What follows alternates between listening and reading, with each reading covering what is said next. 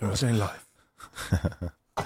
Maar wie het over heel- hebben, jongen? Hij heeft niks voorbereid. Al weet ik niet. Ik heb het niet voorbereid, man. Terwijl ik altijd zo mijn best doe met mijn podcast. Jij zou weer gaan podcasten, toch? Nee man. Ik hoef... Ja, ik krijg nu wel echt serieus zo vaak de vraag wanneer ik weer ga podcasten, dat ik, ik voel me nu wel weer een beetje verplicht om te gaan podcasten. En je voelt je een dikke legend. Dat iedereen het vraagt. Iedereen ook echt, hè? Gewoon iedereen. Zonder uitzondering. Hoeveel luisteraars heb je eigenlijk? Ben je nou serieus een basketbalwedstrijd aan het kijken? Hij is Dus, aan eh het House of spelen. Highlights. Hoeveel luisteraars ik heb, ik weet niet. Minder dan jou nog steeds. Oh. Ik zat dus gisteren en vandaag heb ik denk ik zes afleveringen van 30 minuten naar een dude zitten kijken op YouTube die anno 1800 aan het spelen was. Ik kan het spel niet eens. En een fucking tof spel is dat. Speel jij het nu ook? Nee, want het kan niet op je Mac. Oh. Kutzooi. Speel je al Rise of Kingdoms? Nee. Is dat het spelletje van jou? Ja. Dan moet je echt spelen, man. Zelfs op een festival, hè? Nee, maar wat is er zo vet aan?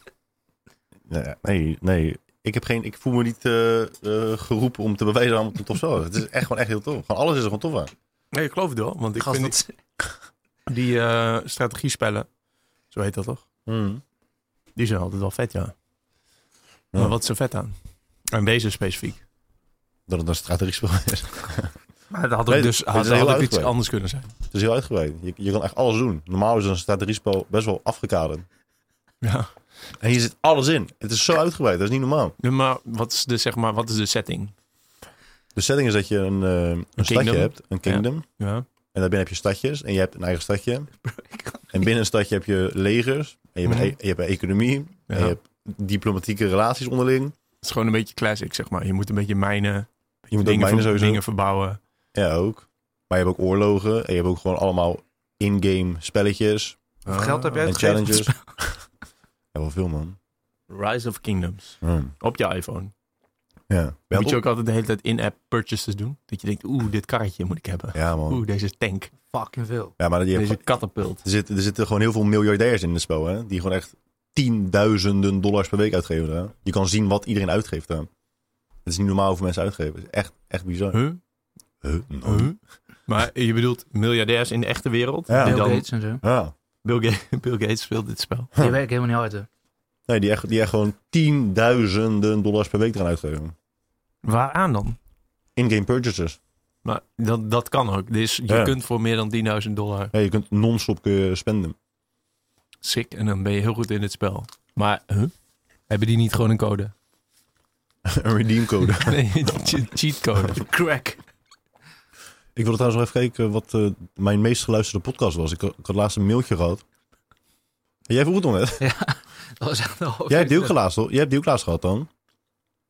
Je meest, geluisterde, je meest beluisterde podcast Oh, van ja, ja, ja. 2019. Ehm, Was die niet met mij zeker? ik denk die met eh Nienke Wijnands. Het Wie? 30 de- Het dertigers dilemma, Die was wel goed. denk ik. Ik, Denk luister, ik. ik heb niet geluisterd, man. Ik luister jouw podcast niet. Nee. Zijn, zijn er wel, zijn meer mensen die het niet luisteren dan die het wel luisteren. Dus je bent in goed gezelschap. Nou, dat weet ik. Ik kan niet vinden. Die van mij was met Chi. Ah ja. Vond ik niks aan, man. Heb je überhaupt geluisterd? Ja, ja, heb ik geluisterd. Vond je niks aan? Nee, ja, ik vond het mooi dat hij het opeens... eh, dat je denkt, ah, Chi weet zeg maar alles. Maar nog wel redelijk een, nou, een beetje afgebakend. En dat hij het opeens heeft over geopolitiek. dat hij daar opeens ook alles van weet. Daar begon het mee, toch? Daar Ja. begon heel gesprek mee. Ja. Jij wilde vitaliteitsvraagstuk horen. Je stelde één hij- vraag en hij zegt, nou ja, bijvoorbeeld geopolitiek. Fucking mooi. Ja. Toen dacht ik... eh, Shit. ja, En wat nog meer vroeg je dan? noem nog, een- nog eens iets. Maar ik heb niet onthouden wat hij er nou precies van eh, vond. Ja, iets met Trump. Maar verder weet ik niet. Toch? Weet jij dat nog? Of Zit je je spelletje? Nee, ik heb hem niet geluisterd. Nee, ik zoek nog steeds wat mijn eh, meest, meest beluisterde podcast is. Die was in ieder geval met Chi. Oh, ja. En ik wil eigenlijk weten of, of die meer is beluisterd dan jouw meest beluisterde podcast. Ah. Denk het niet, man. Denk je? Ja, jammer, is, jammer is populair, hè? Ja. Mijn, mijn meest geluisterde podcast is die met Paul Bosma. Dat is de allereerste. Echt? Ja.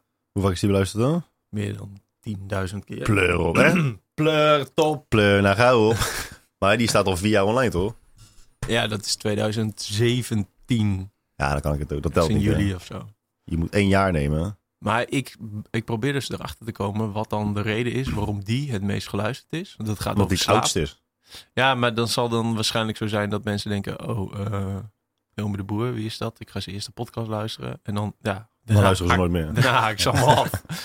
ik zeg, ja, waar slaat dit nou op? Ja, dat ken ik wel, ja. Ben je aan het opnemen al? Ja. Oh, oh dan, dan moet ik, dan moet ik me even anders gaan gedragen. Ga je ons introduceren of eh, denk je gewoon, eh, we beginnen... Ons. Oh, ja, dus- Ma- Michael is. Oh ja, Michael is er ook. Even Michael moet geïntroduceerd worden. Eh, links van mij zit eh, Michael Savino. Ja, tegen- en tego- tegenover mij zit Guy de Roog. En daar weer tegenover zit ik. nou, Ja. zo zijn we het cirkeltje wel rond. Guy, vertel eens, hoe waren je kerstdagen?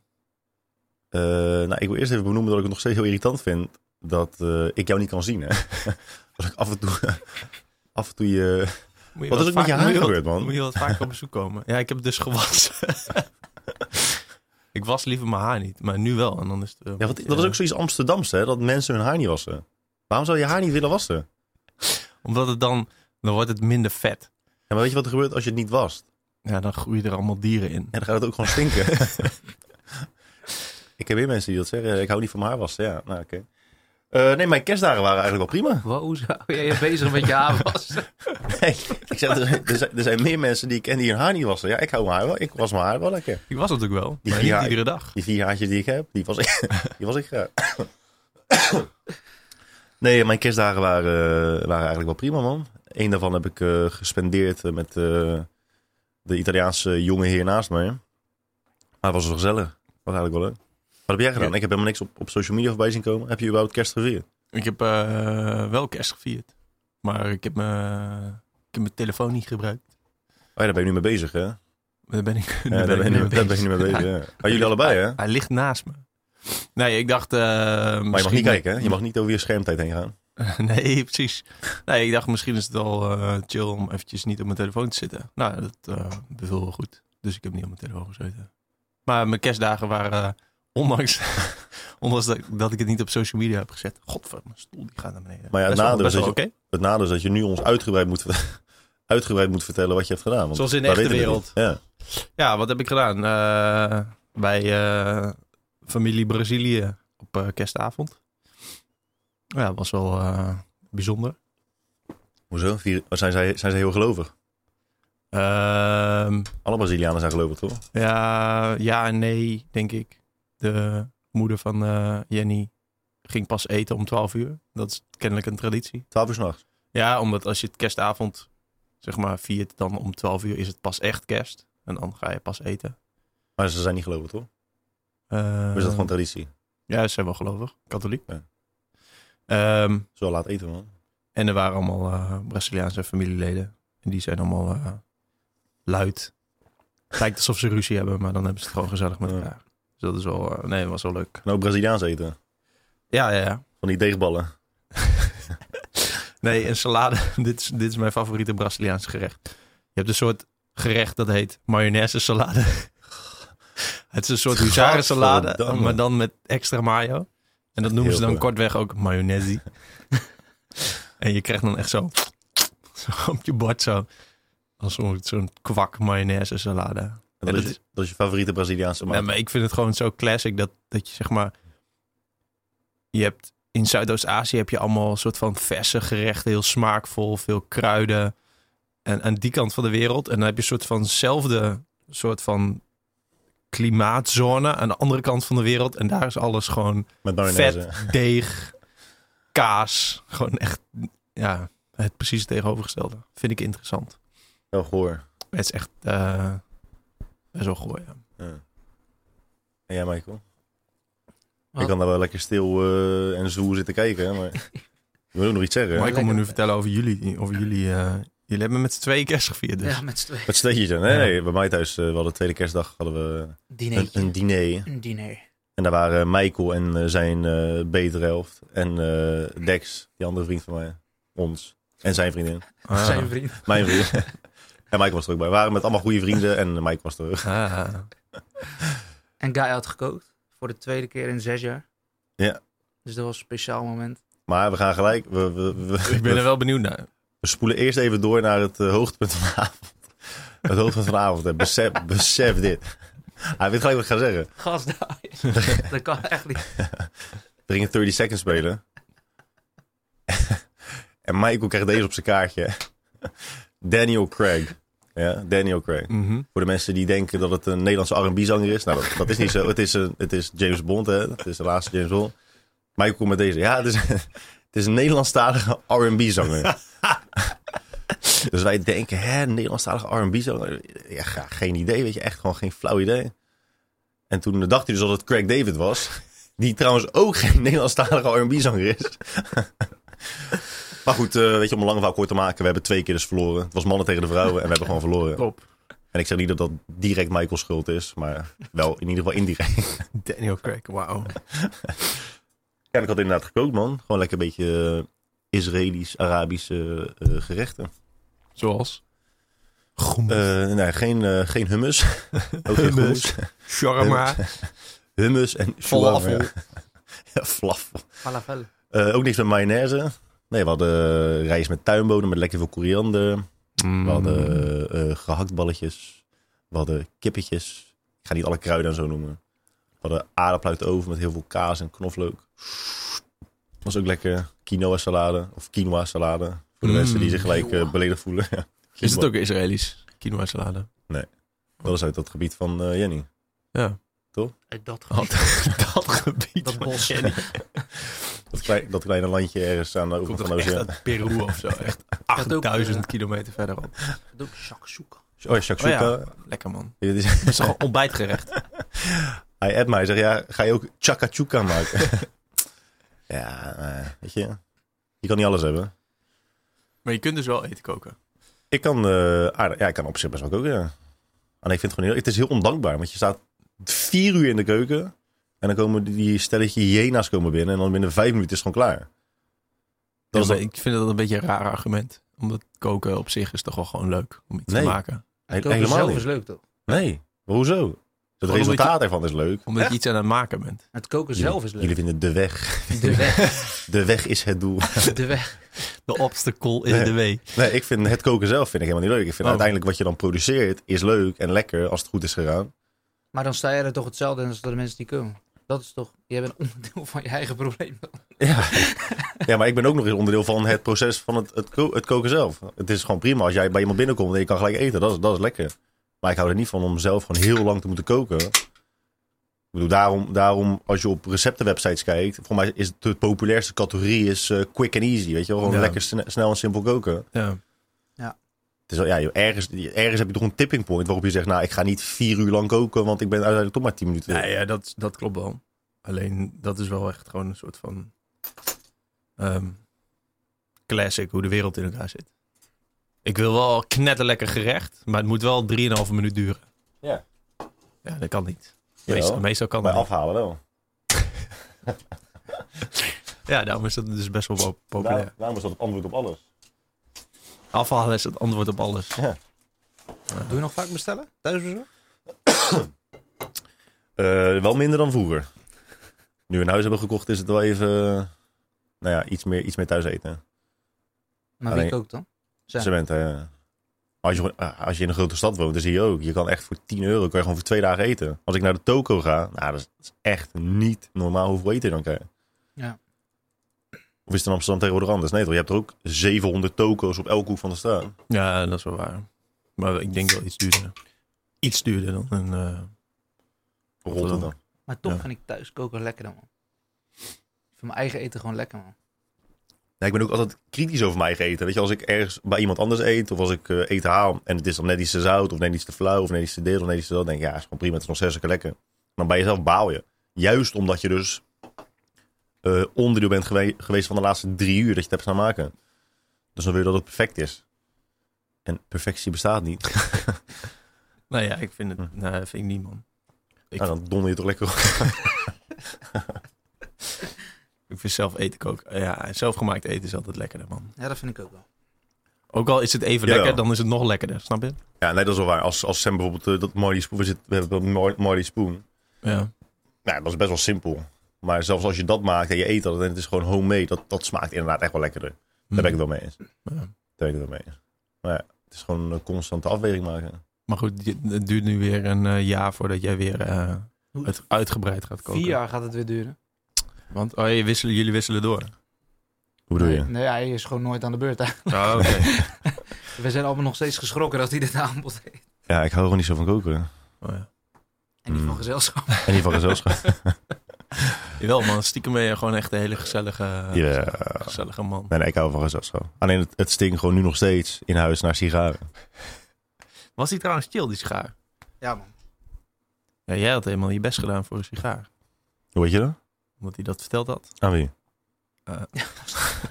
Aan iemand anders, maar En telepathisch die weet ik het vertelde nu ja. ook. Begreep die het aan jou vertellen? Aan mij. Ja, Maar hoezo- dus nu ging hoe- ik weer stoer doen tegen mijn vrienden. Zeg ik van, hey, ik hou wel even eh, lekker. Oh, jullie werken natuurlijk samen. Voor, eh, met Oud en Nieuw, man. Ik weet wel, een goede zaak.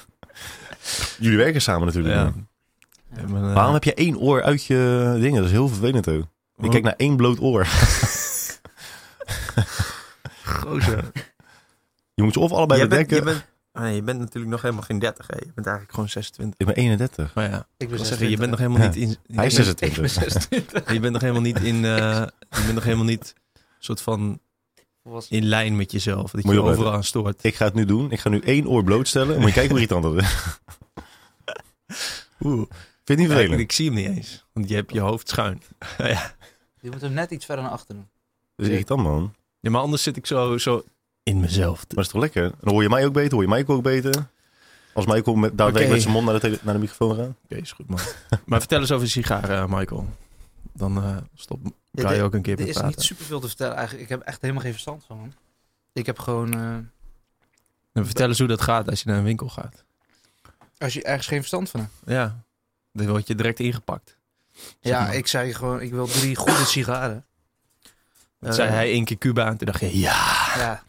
Toen liet hij Deze hele man. dikke zien en hele grote. En toen was ik verkocht. Als jij een dikke, grote, donkere, Sigaar stevige sigaar ja. Nou, Ja. oké. Goed verhaal. Goed verhaal.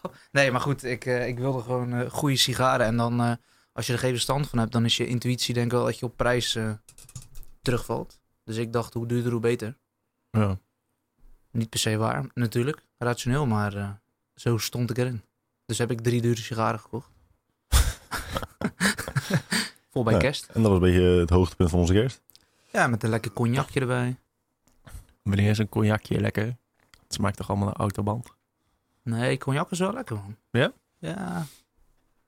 Hij is weer van de wijn, hè? Hadden we ook, Ja, hè? cognac en whisky kan ik, snap, ik, no- 107 snap ik nooit echt. Wat ook goede wijn, hè? Dat is met jouw straatje, toch? Ja, Amarone, Mm. Amarone. Barolo. Oh ja. Maar wel oud, want als het nieuw is, dan is het kennelijk niet lekker. Moet wel oud zijn.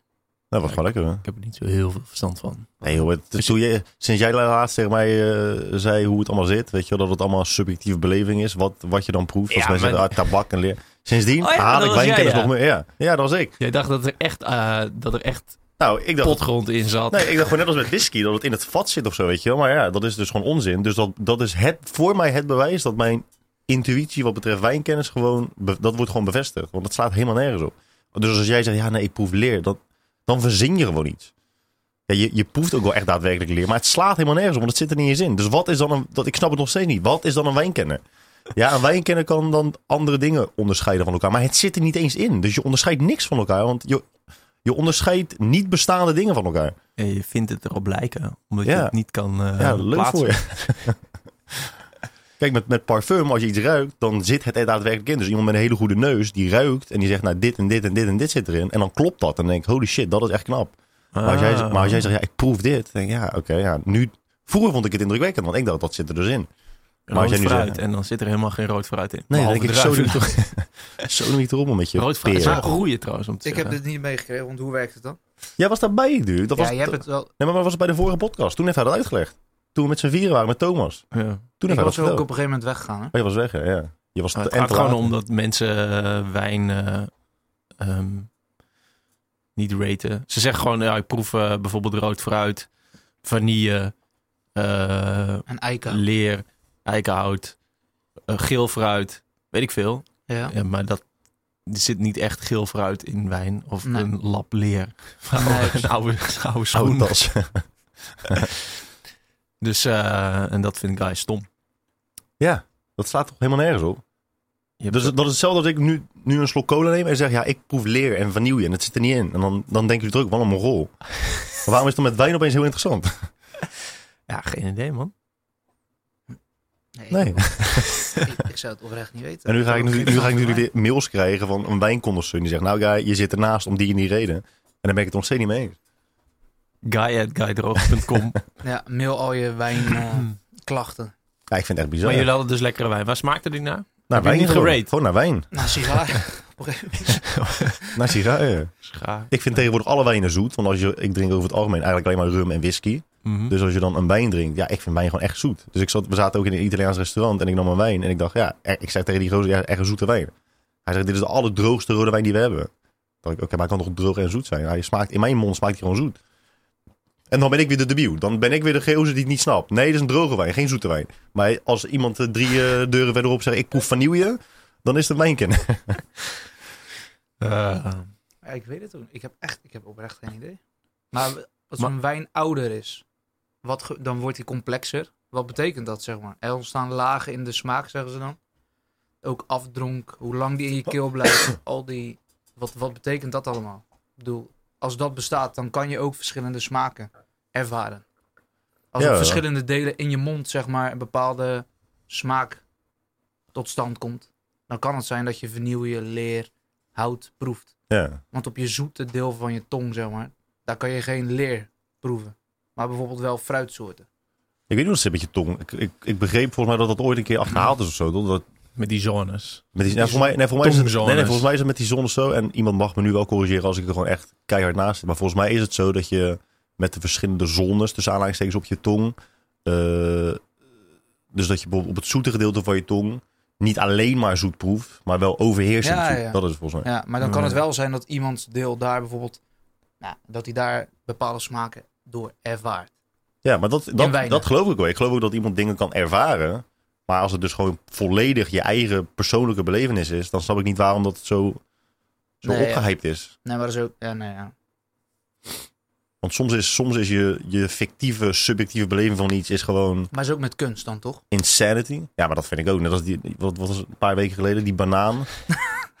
ja, donder. Ja, en ik ken, ik ken echt kunstliefhebbers hoor. En soms snap ik het ook echt wel. Want dan zeggen ze, ja nee, weet je, art is in the eye of the beholder of zo. Weet je, dat, Ja. dit ligt maar net aan wat jij er zelf in ziet.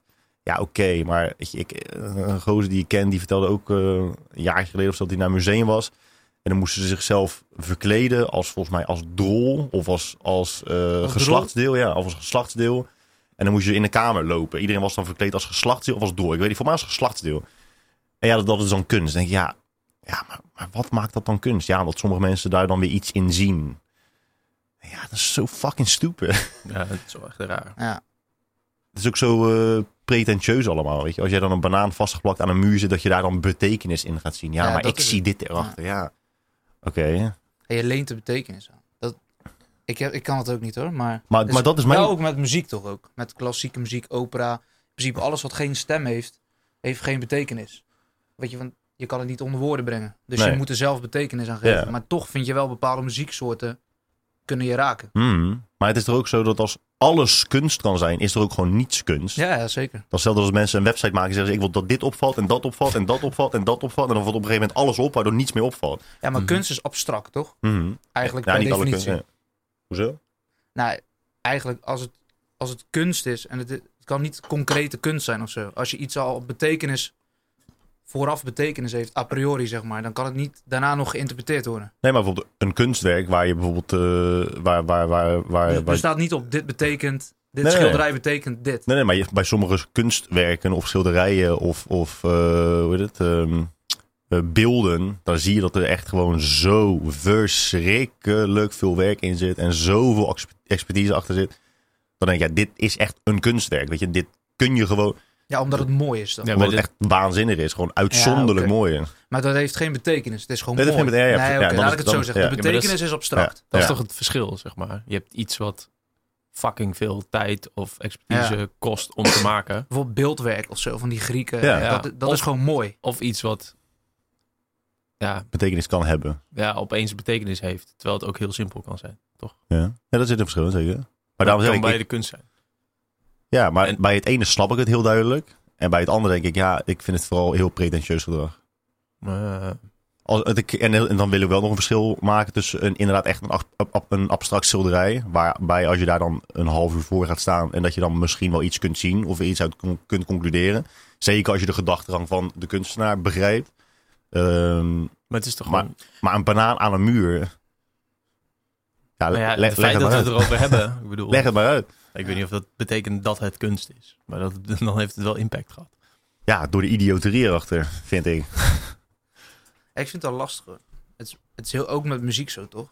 Als je bijvoorbeeld eh, op YouTube kijkt in comments vaak en je hebt een klassiek stuk, dan gaan mensen ook hele verhalen erom. Ja, maar dan nog steeds heb je wel dat de tijd en moeite in zit. Stel je voor, ik, ik neem nu dit geluid op. Dat ik een cola blikje neerzet. En ik zet dit op Spotify en dan zeg ik, ja, dit is, dit is kunst. En dan heb je dus mensen die zeggen, ja, nee, inderdaad. Ja, ik zie inderdaad, eh, eh, de, ik hoor de, de lijdenis van de joden tijdens de Tweede Wereldoorlog. Hoor ik daarin. Oh, dit raakt me zo omdat diep. het, omdat het Guy droog was die het deed. Ja, Op dat moment. Ja, ja. In, de- in, de- in die tijd. ja ik, vind Eind raar. 2019. ik vind het gek. ja, het is ook wel gek. Maar, hoe- Maar dat is dus altijd mijn, eh, mijn argument als er weer eh, wordt ge- gezegd dat ehm, Jay-Z is dan de rijkste rapper ter wereld. Terwijl hij al zijn gelden verdient met dingen buiten het rappen, zo'n beetje. Was niet Puff Daddy dat Puff Daddy de Ja, rijkste was? ook goed. Ja. Maar ja, als Warren Buffett dan nu een scheet in de mondharmonica laat en dat op Spotify zet, dan is hij de rijkste muzikant ter wereld. Ja, als je dat klassificeert als muziek, dan eh, ja. Ja, maar dat slaat er nergens op. Dus dan, Nee. Ja, ja Jay-Z is muzikant en hij is rijk, dus hij is dan de rijkste muzikant ter wereld. ja. Terwijl zijn geld met iets anders is verdiend. Maar met wat heeft Jay-Z zijn geld verdiend dan? Ehm, ja, de- met aandelen. Weet ik veel. Hij heeft er niet, hij heeft er niet Crypto. 800, 800 miljoen met cd'tjes verkopen. Weet ik niet. Nee. Hij heeft ook wel een merk en zo. Rockefeller volgens mij. Rockefeller. Hij is ook producent gewoon van andere dingen. Ja, oké. Maar ook- muzikant, Ah, maar nee, producent. misschien was het wel gewoon Dr. Dre met die, met Dr. die Dre, dat is het. Ja, ja. met Beats. Ja, Ja. ja. Je hebt die documentaire gezien laatst op Netflix. Mm, Of kijk je geen Netflix meer? Ja, ik kijk soms Netflix. Soms. Je hebt die documentaire op Netflix over Dr. Dre. Wel een goede documentaire. Oh, misschien heb ik die wel gezien, ja. Ja, ik denk dat ik die wel heb gezien, ja. Even, ja. Ja. Dat is een goede documentaire. Ja, wat is een goede documentaire? nou, die met eh, Dr. Dre. nee, ik heb laatst dingen gezien. Die was wel echt heel indrukwekkend. Eh The Devil Next Door. Dat gaat over eh, Ivan the Terrible. In, eh, nee? Dat is een van de bekendste, meest beruchte nazi's die ooit heeft eh, geleefd. Ah. En die, eh, die hebben ze dus opgepakt uiteindelijk in, in, in Amerika ergens. En dan zie je, die documentaire is dus heel zijn, ehm, heel de rechtszaak tegen hem. Dus dan zie je gewoon alle beelden van, van destijds die zijn opgenomen. Met alle getuigenissen. Is wel heftig. Want die gozer die heeft dus 850.000 eh, moorden op zijn naam staan. Jezus. En die stond onbekend dat hij gewoon dacht, nou, ik, eh, daar heb je een, die, loopt, die loopt daar een vrouw, laat ik even de tiet afsnijden, laat ik de oren afsnijden. Ja, Kinderen in de gaskamer gooien, omdat hij het leuk vond. Hij genoot er echt van. Oh, dat is wel... Maar het is wel een hele indrukwekkende documentaire. Wel een beetje sick, maar wel goed. Waarom is het... eh, ik weet niet of het goed het goede woord is, maar waarom zou je zoiets kijken? Eh, nou, heb ik, het, ik heb het daar vaak over gehad. eh, Ik Waarom jij dat kijkt, weten weten we wel, denk ik. En de podcastluisteraars ook wel. Omdat ik jook ben. Omdat jij, omdat Nee, maar dat jij maar- bent. Het is wel een goede vraag, want, want Samantha die zat naast me. Die, en bij de openingsbeelden zie je heel veel... Het is grappig dat zelfs in deze tijd mensen die beelden zien van de Tweede Wereldoorlog gewoon denken dat het nep is. Niet, niet dat ze niet geloven dat het eh, is gebeurd. Maar ze zien dat dan voor het eerst. En dan zie je stapels met lijken. Mhm. En dat ze gewoon niet kunnen bevatten dat het echt is. Ja, Want zij, ik- Sam zei ook van, hè, zijn, zijn dit echte beelden? Ja, het zijn echte Ja. beelden. En ik vind wel dat je moet weten dat dat gewoon is gebeurd. Ja, oké. Ja, precies. De ziekte van de mens. ja, dat is wel Ja. ziek, ja. Maar het is echt een hele goede documentaire. Echt heel indrukwekkend. je hebt ook boeken daarvan, toch? De Peloton Horror en zo. Die eh, Jordan Peterson vaak uh, ja, ja, ja. de Gulag Ja. Archipelago en zo. Ja. Ook sick hoor.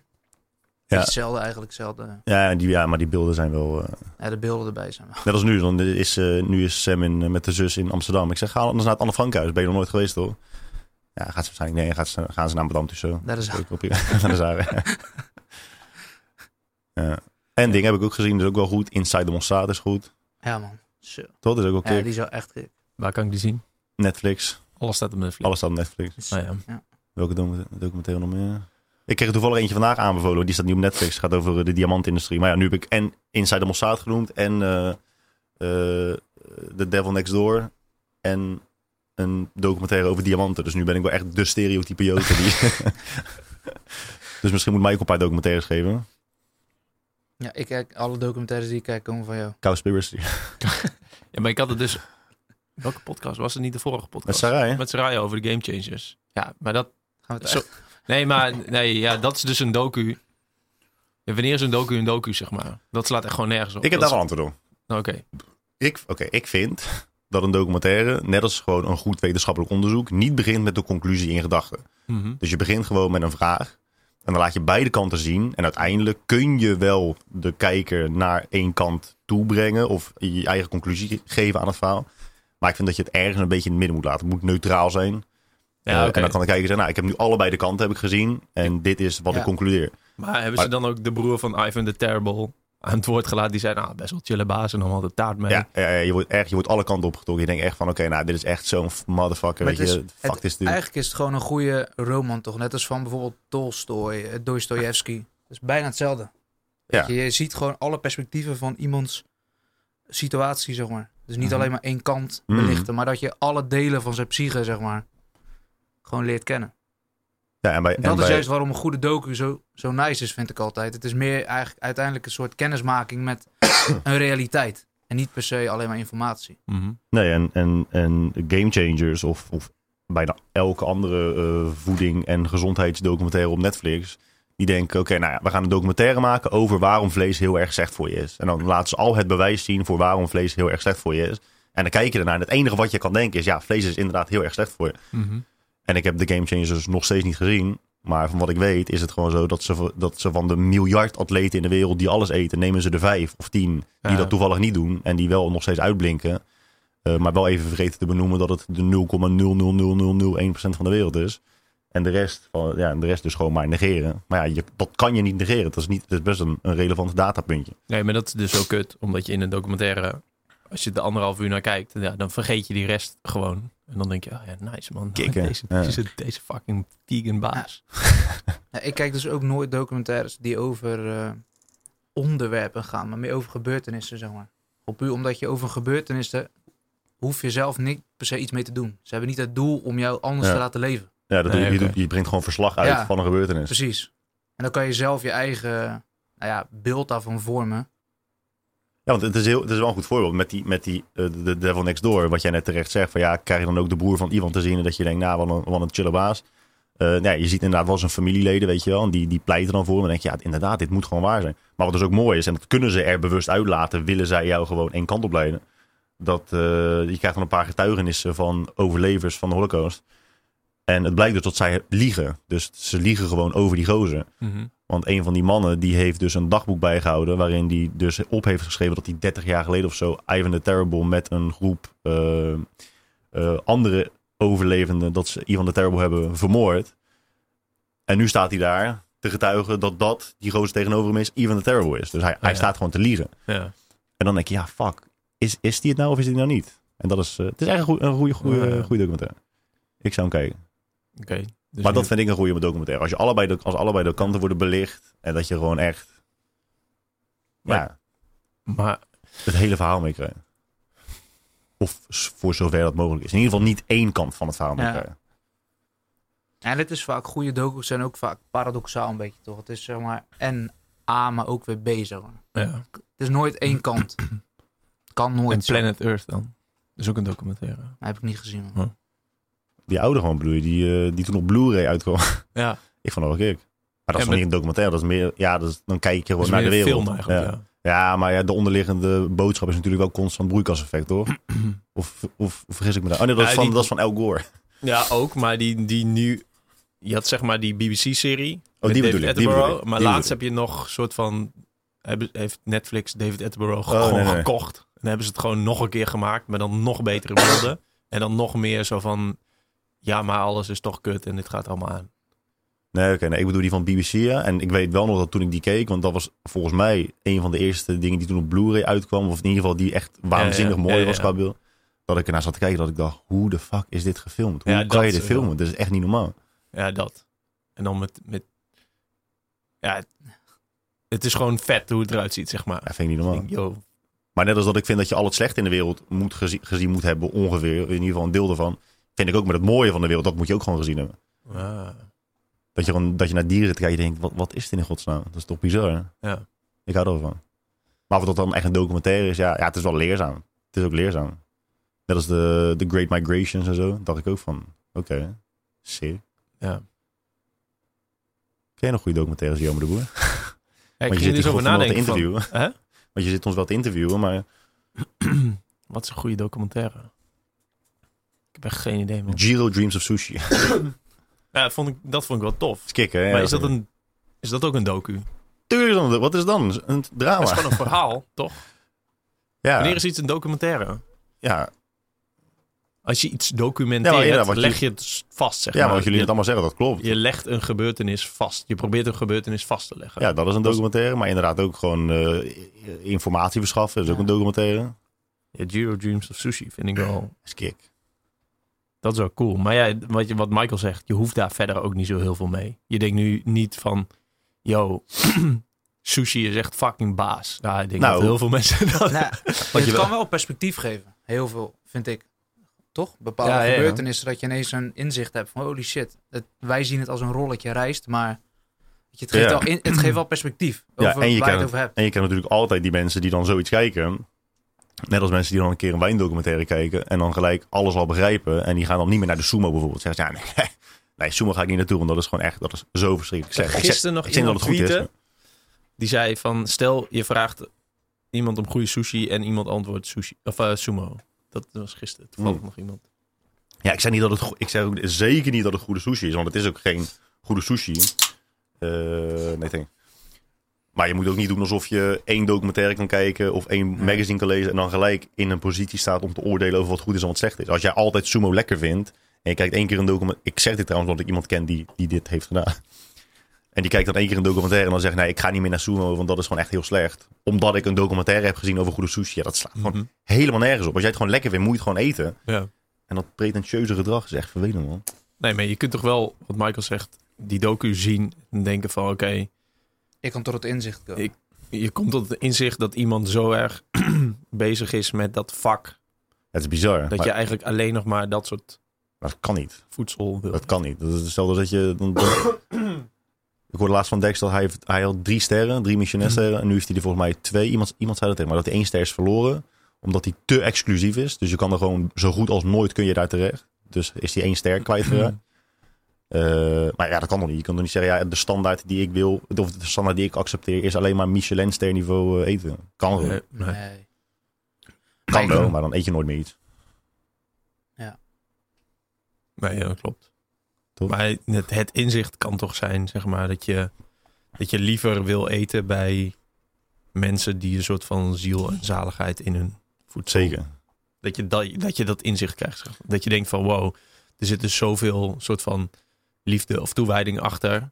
Ik wil meer aandacht besteden aan dat soort restaurants. Zo zou je het kunnen. Want Zeker. ik neem aan dat het zou wel echt cool zijn als Netflix een documentaire zou maken over sumo. Gewoon een dude die in zijn bed ligt te ruften. en dan denkt, oh ja, tyfus, ik moet ook nog werken. Gewoon op zijn fiets naar de sumo gaat. Dat Dat, mooi. alles, dat hij alles uit de paar rollen in elkaar eruit. dat hij alles uit de koelkast haalt. Ja. Sommige dingen in de magnetron, sommige dingen in de frituur. Overal mayo op. Ik denk dat eh, Kleurtje maar. de eigenaar van Sumo verdient meer geld dan de Giro, denk ik. Dan denk ik ook wel, ja. Maar, eh, Maar het mooie wat ik, daar, wat ik daaraan vond, was zeg maar dat, dat als je jong bent, zoals nu zeg maar, denk je dat je eh, fucking veel impact moet maken op de wereld. En je moet alles proberen en weet ik veel wat. Tenminste, dat heb ik. En dan kijk je zo'n docu en dan zie je gewoon zo'n dude die zijn hele leven sushi maakt. En het gewoon allemaal wel prima vindt. En dat, dat is gewoon een soort van in your face, soort van Ja, dat geeft hem gewoon 100% zingeving. Elke dag opstaan en elke dag dat hij ook gewoon zegt: ja, ik wil dat elke dag mijn sushi beter wordt. Mhm. Dat, kan, dat kan gewoon niet. Dat is niet logisch. Als je dat 70 jaar lang achter elkaar doet en elke dag moet het beter worden. Ja, dat is gewoon Sisyphus. Maar dat Ja. een, dat is, een, dat is een doel. Ja, dus dat, ja, dat is inderdaad Sisyphus. Sisyphus. Ken je, ken je die mythe toevallig? eh, Nee? Heb je zo? Ken je die niet? Nee? Dat is, Sisyphus is die gast die een steen Huh? de, berg, de berg oprolt. Tot die steen boven is. En dan rolt hij weer naar beneden. Oh, ja, ja, ja. ja. En dan Ja. eh, rolt hij Hij weer is zeg maar gedoemd door God om dat elke dag voor de rest van zijn leven te doen. Ja, ik wist niet dat het Sisyphus heette. Nou ja, Ja, dat is typisch. eh, dat zijn Zo we sushi allemaal. maken. Ja, Nee, dat is, dat is een goede docu, ja. Het enige inzicht dat het mij gaf was dat ik dacht, ik ben echt een waardeloos stuk stront, jongen.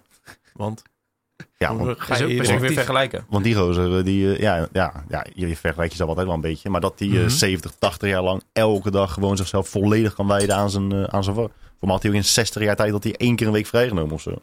Ja.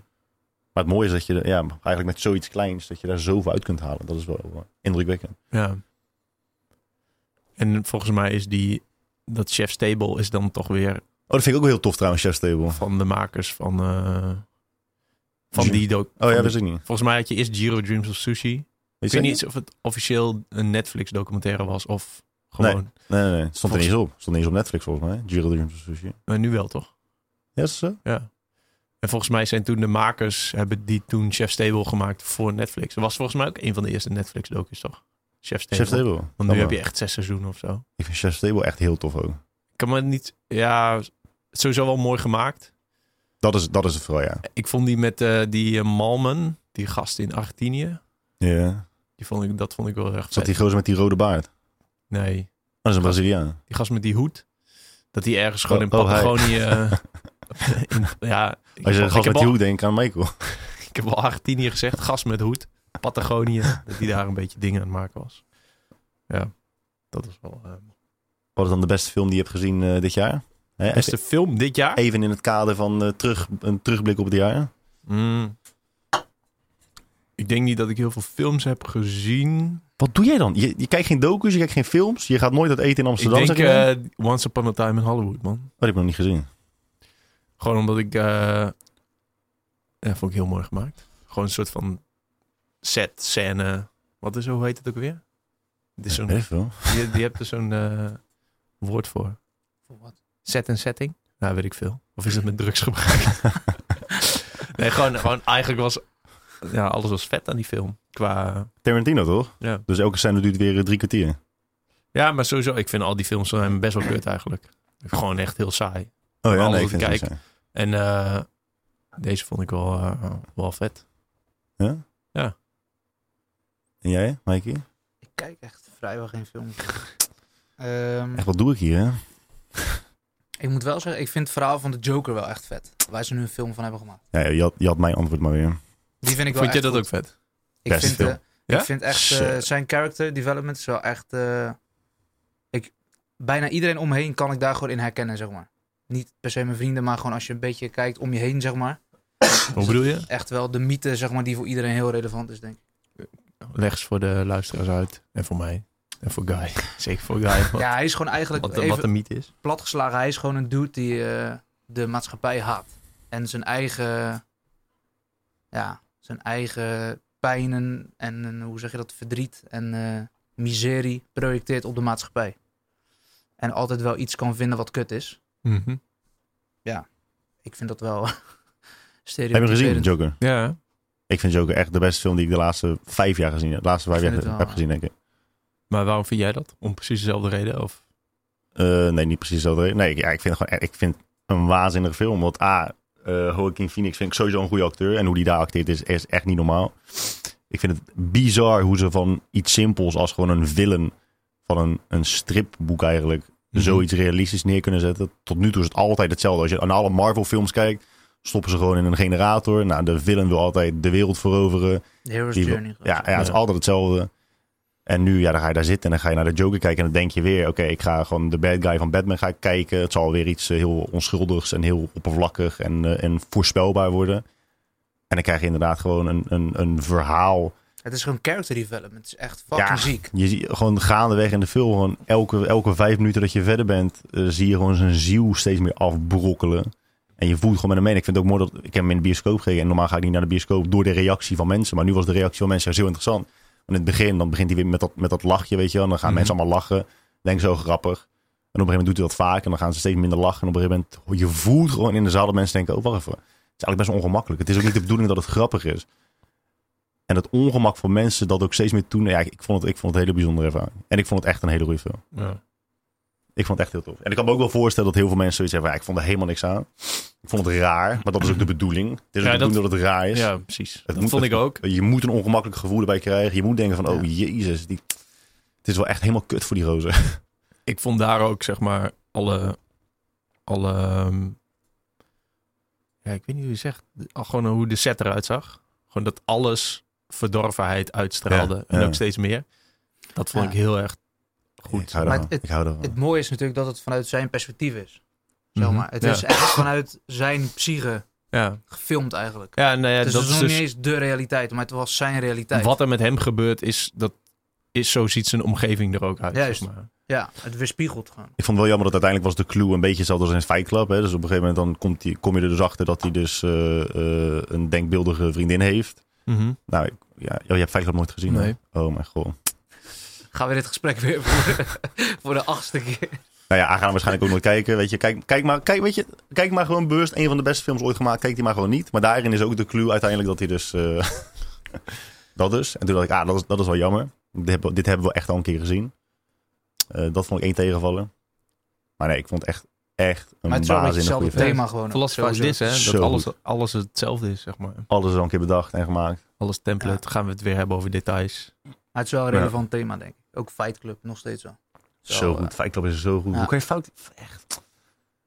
Ja, ik heb steeds geen tijd, man. Dan zit ik weer YouTube-video's te kijken van anno 1800. Van Je, mensen maar kan niet zeggen, hè? Ik heb geen tijd.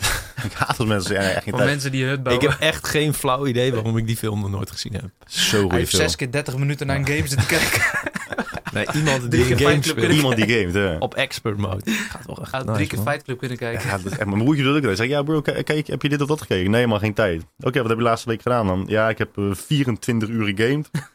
en 33 eh, anime gekeken. Maar eh, nee, voor die film had ik echt geen tijd. Maar het is ook met anime toch? Ik, keek ook, ik had nog nooit anime gekeken tot een jaar terug of zo. Maar ik vind precies hetzelfde met anime zitten ook echt wel thema's in verwerkt. Jawel, die ja, ja, echt ja. ziek relevant zijn Ja, voor ja. de huidige tijd, zeg maar. Maar nu heb ik wel, ik heb laatst gekeken een nieuwe, nieuwe anime, Demon Slayer. Dat is ook wel heel goed. Maar het, ja, weet je, het is elke keer, ja, bin there dan that. Elke keer. Ja, oké, dat kan wel. Dus als er dan een film komt die, waarvan ik vind dat die uniek is, of waarvan die in mijn beleving uniek is, zoals een Joker, Ja. ja, dan geniet ik daar wel echt heel erg van. Wat vind je ervan dat heel veel mensen die mening delen van jou? Een soort van dat ze hem ook allemaal super tof vinden. Wat ik daarvan vind? Ja? Niks. Hoe doe je? Want dan betekent toch dat het soort van eh, appelleert aan de massa. En dat het dan misschien per definitie niet zo tof Ja, is. en dat is dus grappig, want ik, ik vraag me dus af, en Ja. dat- ik snap wat je bedoelt hoor, maar met Joker vind ik dat dus niet zo. En ik, ik vond het ook heel bizar dat, dat ik zag dat Joker zo'n hoog eh, cijfer had. Ja. Eh, ik, kijk dan, ik kijk meestal naar de metascore, dat is dan de, de, de, het cijfer die de professionele critici geven aan de film op IMDb. Dan heb je de metascore en dan heb je Mhm. gewoon de user reviews. Ja, En die verschillen dan best wel vaak van elkaar als het om zulke films gaat. ja. Kijk, met, eh, met wat ik net ook al noemde, Marvel en zo. Iets wat een film die gewoon moet voldoen aan de wensen van de meeste mensen. Ja, dat, dat, dat, dan vallen de metascore en de user review vaak wel ongeveer in hetzelfde straatje. Maar met afwijkende films, dus dat het bijvoorbeeld alleen maar om eh, ehm, ontwikkeling van personages gaat. Of alleen maar om het script gaat. Dat vinden de meeste mensen gewoon saai. En dan een, een professionele criticus, die kijkt daar wel anders naar. Mhm. En ik vond het dus bijzonder dat met, met Joker, dat de normale user reviews gewoon zo, dat het cijfer zo hoog was. Want ik vond het echt een film die niet voldoet aan de eisen en de wensen van de gemiddelde kijker. Er waren niet Mhm. echt plot twist. Er waren niet echt... eh, Nee, het is, het is constant ongemakkelijk. Die film Ja. is constant Ah, ongemakkelijk. ik, heb, ik had zo'n blog gelezen over die film. Dat eh, iemand zei, en de meeste reviews zeggen mensen dat het zo goed is. Omdat, het, omdat je zo goed in hem kan leven. Mhm. Maar de en dat is dan een psycholoog die die blog schreef. En de vraag is dan, ja, kan je in hem leven? Of is het zo herkenbaar, zeg maar, als hedendaags mens, dat het daardoor gewoon heel eh, dichtbij ligt, zeg maar.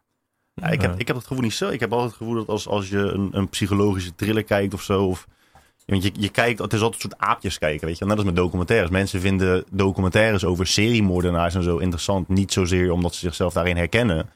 Maar omdat het gewoon aapjes kijken is. Het is gewoon vermakelijk om tussen aanhalingstekens te kijken naar iemand die zo gestoord is. Dat vinden mensen leuk. Ja, ja ik, heb, ik heb het anders. Ik, Ik heb het zelf ook al, maar ik, ik kan Ik me kom- niet... De meeste mensen kijken niet naar Ted Bundy en denken... Zo ja, ik herken mezelf echt wel in die gozer. Nee, maar herkenbaar als in niet per se jezelf, maar ook gewoon als je kijkt om je heen. Is er altijd wel eh categorie aan mensen, toch? Mhm. Ik denk wel dat sommige films, boeken heel goed zijn, omdat je echt wel ziet dat een fictief iets eigenlijk gewoon een weerspiegeling is van wat er echt gebeurt, zeg maar. Ja. Ja, maar dat is een groot verschil toch? Ik bedoel, zo'n Ted Bundy heb ik natuurlijk ook niet gezien. Maar dat is toch iedereen wat iedereen kijkt dat en denkt, oh, wat vreselijk dat dat kan gebeuren in deze maatschappij. Zeg maar, Ja. Dat is eigenlijk Mhm. wat, wat de gemiddelde mens zegt, toch? Ja. Terwijl als Denk, je zegt, denk ik. Ik weet niet wat de gemiddelde mensen zeggen, maar bij dat denk ik. Joker is het gewoon dat je gewoon shit herkent, zeg maar, verdorvenheid. Ja, maar ik weet En de niet... of- meeste mensen zeggen dus dat het zo goed is omdat hij het zo goed overbrengt. Dat zie je in de meeste reviews terugkomen. Ja. En dat blog stelt het dan aan de kaak van, is dat echt Ja. zo? Of kijken mensen niet voorbij de oppervlakte van wat zij ervan denken, zeg maar. Ja, Nou ik, ik, denk, ik zelf denk dat de meeste mensen. eh, de, nee, ik denk dat mensen die blogs schrijven over films en films analyseren. al heel, met een heel ander Ja, oog kijken dan, dan, dan de gemiddelde kijker. Bewuster, sowieso. Ja, ik weet, ik weet niet of het, of het her- heel herkenbaar is. Ik had het gevoel juist, juist niet. Terwijl ik dat vaak wel heb. Niet in jezelf misschien, hè? Nee, nee, maar, gewoon, maar naar de maatschappij. Maar ik denk, Ah. niet- ik denk niet dat de gemiddelde kijk, ik denk niet dat de gemiddelde persoon zich zodanig bewust bezighoudt met de verdorvenheid binnen de maatschappij. We hebben het daar echt al heel vaak over. De meeste mensen weten niet eens wat er in de wereld gebeurt. Dus als jij, ziet dat één persoon zich gaandeweg de film zo verschrikkelijk beroerd voelt en gepest wordt en in elkaar geslagen wordt en je ziet gewoon zijn, zijn, zijn mentale gezondheid afbrokkelen. Ja, ik denk niet dat de meeste mensen denken, oh zo, dit is echt inderdaad eh, een weerspiegeling van, van de wereld van nu. Maar waarom is het dan, Zo'n populaire film. nee, maar waarom is dit dan geen aapjes kijken? Of is het wel Nee, kijken? dat, dat denk ik dus wel. Ik denk dus dat, dat dat het meer is. Ik denk dat Ah, mensen gewoon kijken van ja, ik vind het eh, gewoon ja, net als naar een Ted Bundy of naar een Charles Manson. Van no, het is echt, echt een psycho. Kijk, Ja. hem, kijk hem nou eens. Ja. En natuurlijk, er zijn ook heel veel mensen die er niet zo naar kijken. Maar- In aapjes kijken, ik zie aapjes kijken als in Love Island. oh, dat is ook ja. aan, dat zijn andere, soort kan- aapjes. Ja, oké, maar Ja. dan... Maar het de toch nuance is wel echt heel belangrijk. Want Hmm. het is natuurlijk een totaal ander... eh, ja, totaal ander... Wat is het? Ja, maar Eh, dat is de- doel van wat je kijkt, zeg maar, Hmm. denk ik. Ja, het Het is niet, toch allebei een extreme, zo van... dat is het. Ja, het is Ja, allemaal extreem. Ja, Ja, maar ja. het zijn mythes in principe, toch? Love Island ook. Karikatuur zijn het Ja, gewoon. het zijn karikatuurs. Ja, ja. Dat bedoel ik vooral. Het is, het, ik vind het wel echt een, een karikatuur, Ja. de Joker. Los van of ik me erin herken, Mhm. zie ik wel omheen dat dit soort in minder extreme mate echt wel gebeurt. Ja, ja, En zeker. net als Love Island, hè, precies hetzelfde. Eh, Dat ook weer, zeg maar. Maar zijn er dan ook films of docu's of die gaan over niet-karikaturen? Want nu hebben we eigenlijk, je hebt het over die Ivan the Terrible. Dat is ook een soort van uitvergroting van iets. Love Island Ja, is een dat- uitvergroting van iets. En ik- ik- alle ik- drama's. Ik vind het verschrikkelijk om weer te moeten zeggen. Want echt iedereen die doet het nu. En elke podcast die doet het nu. Maar we moeten elke keer, weet je, oh ja, dat zegt Jordan Peterson ook. En volgens Jordan Peterson. Maar nu e- sowieso één- 16 mensen af. Een van de belangrijkste punten wel van Jordan Peterson vind ik wel altijd. Dat, dat is mij altijd het meest bijgebleven. Dat inderdaad een Ivan the Terrible. Of welke natie. Of welke seriemoordenaar dan ook. Het kan gewoon jij zijn. Hè? Het kan gewoon Michael zijn. Het zijn echt, ze, ze, ze wijken echt niet zo erg af van de gemiddelde persoon die je om je heen ziet. Daarom zijn zulke documentaires ook zo interessant. Want je, je ziet het gewoon echt niet aan ze. Nee. Ehm, dus ik weet ook niet of. Ja, het, is wel, het is wel een extreem in die zin dat zij ernaar hebben gehandeld, uiteindelijk. Maar je kijkt gewoon als je het ziet en je, je denkt heel even de, de, de gebeurtenissen weg. Je kijkt gewoon naar een heel normaal persoon. Zeker met een Ted Bundy bijvoorbeeld. Nou, die heeft meer charisma en karakter dan de meeste mensen die wij allemaal kennen. Maar is het dan, ja, weet ik niet maar is het dan niet gewoon heel menselijk? Dat je gewoon de hele tijd op zoek bent naar een soort van spiegel. Soort van, Ja, en ik, denk- dat is, ik denk dat het ook, het is ook gewoon meegaan. Heel veel mensen vinden een film ook gewoon goed, omdat het door heel veel mensen een goede film wordt Ja. gevonden. Als Ja, je, het- Dat is waarom het erbij staat ook sowieso, toch? Die social Ja, proof. ja, het vergt wel wat persoonlijkheid om te zeggen, nou, deze film heeft een fucking 9,8 op IMDb. En dat jij zegt, ik vind het een kutfilm. Ja. En dan zeg ik niet dat ik nu heel veel karakter en persoonlijkheid heb, maar ik vond bijvoorbeeld The Irishman vond ik gewoon een kutfilm. Ah, die heb ik eh, in drie delen Nee. tot ongeveer Ja. 1 uur en 20 minuten gekeken. En ja, ik moet hem nog afkijken. Maar, Maar- ik heb ook Hij zou niet super keer. zijn geweest als je drie keer Ja, maar ik had ook drie keer gesmokt toen ik ging kijken. Als, ik dat niet goed, als je dat niet Ja, kon ik ik heb één zo'n scène dat ze met elkaar aan het praten waren. Volgens mij heb ik dat verteld tegen jou, Ja. eh, Michael. Dat ging ik de hele tijd op pauze zetten. Omdat ik dacht dat ze het soort van eh, CGI mensen ervoor hadden geplakt, zeg maar. Met, met zo'n gesprek heb je altijd zo'n shot over de schouder. Ja, ja, Dat ja. iemand anders, als we bijvoorbeeld nu mijn ja. camera... Ik zat de hele tijd op pauze. Dat ik dacht, van, is dit nep of niet? Body double. Ja, en dan, en dan zie je die in dat gezicht zo opzij gaan. Toen dacht ik, ja, maar ik heb ook gesmokt. Ja, toch even terugspoelen. En ik heb dat zo lang gedaan. Dat is het enige wat me nog bijstaat van die film. Maar waarom vond je dat een kutfilm? Nou ja, kijk, er zijn heel veel mensen die dus The Irishman geweldig vinden. Mijn broertje is er, is er één van. Ik vind alle films van Martin Scorsese vind ik goed. Ik vind John, eh, Joe Pesci vind ik echt geweldig. Ik vind Robert De Niro waanzinnig. El Pacino vind ik heel goed. Dus ik ging die film en ik dacht, ja, dit, deze film ga ik zo fucking tof vinden. Maar na 6,5 uur dacht ik, ja, ik, ik, ja, ik weet niet meer. Wat, wat, wat, wat, wil die nou, wat wil die nou precies vertellen? Kijk, je gaat het altijd een beetje vergelijken met Goodfellas. Heb je Goodfellas gezien? Nee. Oké. Eh, nou ja, die gaat het dus, ik, ik had de neiging om het een beetje te vergelijken met Goodfellas. Dat moet je sowieso nooit doen. Maar bij heel veel goede maffiafilms, vind ik, heb je the rise and the fall. Dus eh, iemand klimt zich naar boven en die geniet van de top en die stort vervolgens in. Mhm.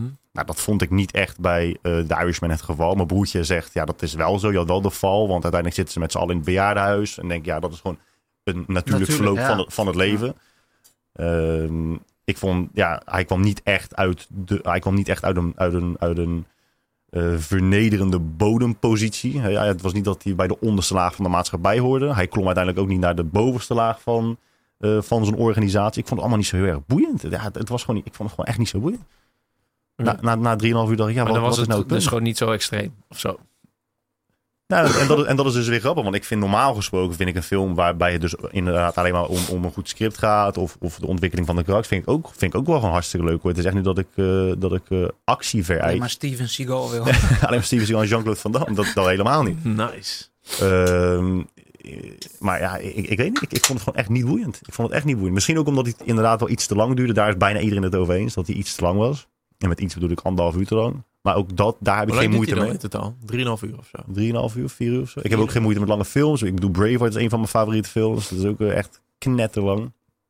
Maar het, het kon me gewoon echt niet boeien. Echt niet.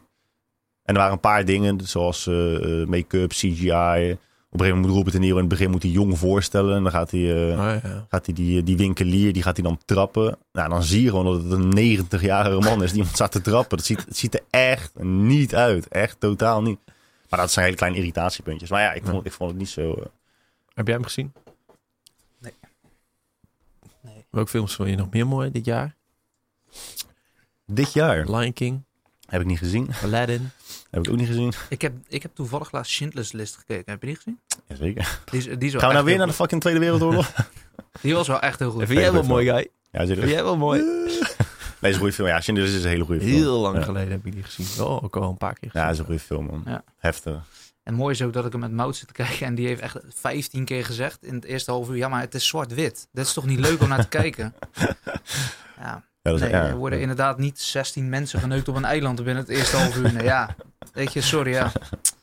Ja, is, eh, is een goede film. Ja, ik kijk eigenlijk ik kijk heel veel films van, dus ik weet niet zo goed eh, wat ik dit jaar heb gezien. En dingen heb ik laatst nog gezien, vond ik ook wel goed. Ik moet nog Eh, steeds een moment to remember kijken. Zo, A Moment to Remember. Koreaanse film, dat is ook echt janken, jongen. Nog niet gezien. Ja. Mijn favoriete film is Okuribito. Departures, een Japanse film. Die moet je zien. Ah. Jij houdt van Japan, toch? ja. Die film moet je kijken. Ja, die heb ik wel gezien. Dat is die muzikant, toch? Ja, die eh cellist. Ja, ja. Ja, die is wel heftig. ja. Waarom is het je favoriete film? Maar je gaat natuurlijk nu plot zeggen. Hoe is de band met je vader? Dat is niet voor deze podcast. Hoezo? Oké. Ja, Departures is echt heftig, man. Ja. Echt. Ja, die is wel heftig. Ja, dat is wel echt eh, dat is pittig. Maar daar gebeurt dus ook niet echt iets. Het is echt niet dat je een fucking keiharde actiefilm zit te kijken. Het is gewoon echt alleen maar de personages. Ja. En hun development ook echt wel. Ja, het is echt heftig, man. Zo. Ja. Departures. Dus niet de Departed. we niet dat je met, echt de eh, andere kant op. Dit gaat stilvallen. ja, niet dat je naar eh Matt Damon en Leonardo, Dica- Leonardo DiCaprio zit te kijken. Nee. Ja. Dat vind ik trouwens mooi, eh, dat eh, nu we het toch over films hebben en, eh, en eh, We hebben het echt al een half uur over films. Ik kijk echt nul films. ja, top. Ja. ik Ik vind dat grappig, als, want dat zie je constant in memes ook voorbij komen op Instagram over Keanu Reeves, weet je wel? Ja. Dat hij dan, eh, dat hij dan zo rijk is, maar dat hij dan nog steeds bijvoorbeeld met eh, het openbaar vervoer reist en zo. en dat vinden mensen dan helemaal bijzonder, helemaal geweldig. Maar dan denk ik, ja, het is... Je snapt toch wel dat als je, als je zo beroemd bent... Kijk, het punt is wat mensen, zo, wat mensen zo interessant vinden, wat mensen zo opmerkelijk vinden... dat ondanks dat je zo rijk bent, dat je dan met het openbaar vervoer gaat. ja, maar het gaat Maar- gewoon om dat, dat helden eh, normale dingen doen. Dat is dan opeens ook weer bijzonder. Dat ja, is, maar, maar wat, wat mensen vaak vergeten is, is, die gasten die gaan niet met het openbaar vervoer, of die ga- de meeste acteurs gaan niet, niet met het openbaar vervoer omdat ze alles kunnen betalen, maar omdat je gewoon niet normaal over straat kan. ja. Als, je, als, als, als Keanu Reeves drie haltes met de metro gaat, dan is hij daar vier en een half uur mee bezig, omdat hij met 700.000 mensen op de foto moet. Ja. Dus het is helemaal geen kwestie van geld, maar gewoon, je kan niet normaal functioneren als je als, als beroemde acteur over straat gaat. Gewoon echt totaal niet. Nee. Als uh, Najib Amhali in Amsterdam loopt, dan wordt hij al eh, 12.000 keer aangesproken. Moet je eens nagaan als je een van de bekendste acteurs op aarde bent. Dan kan je gewoon, je kan nergens heen. Nee. Je kan niet normaal door het leven. Dat is ook met voetballers zo, toch? Sporters. Dat is echt niet normaal.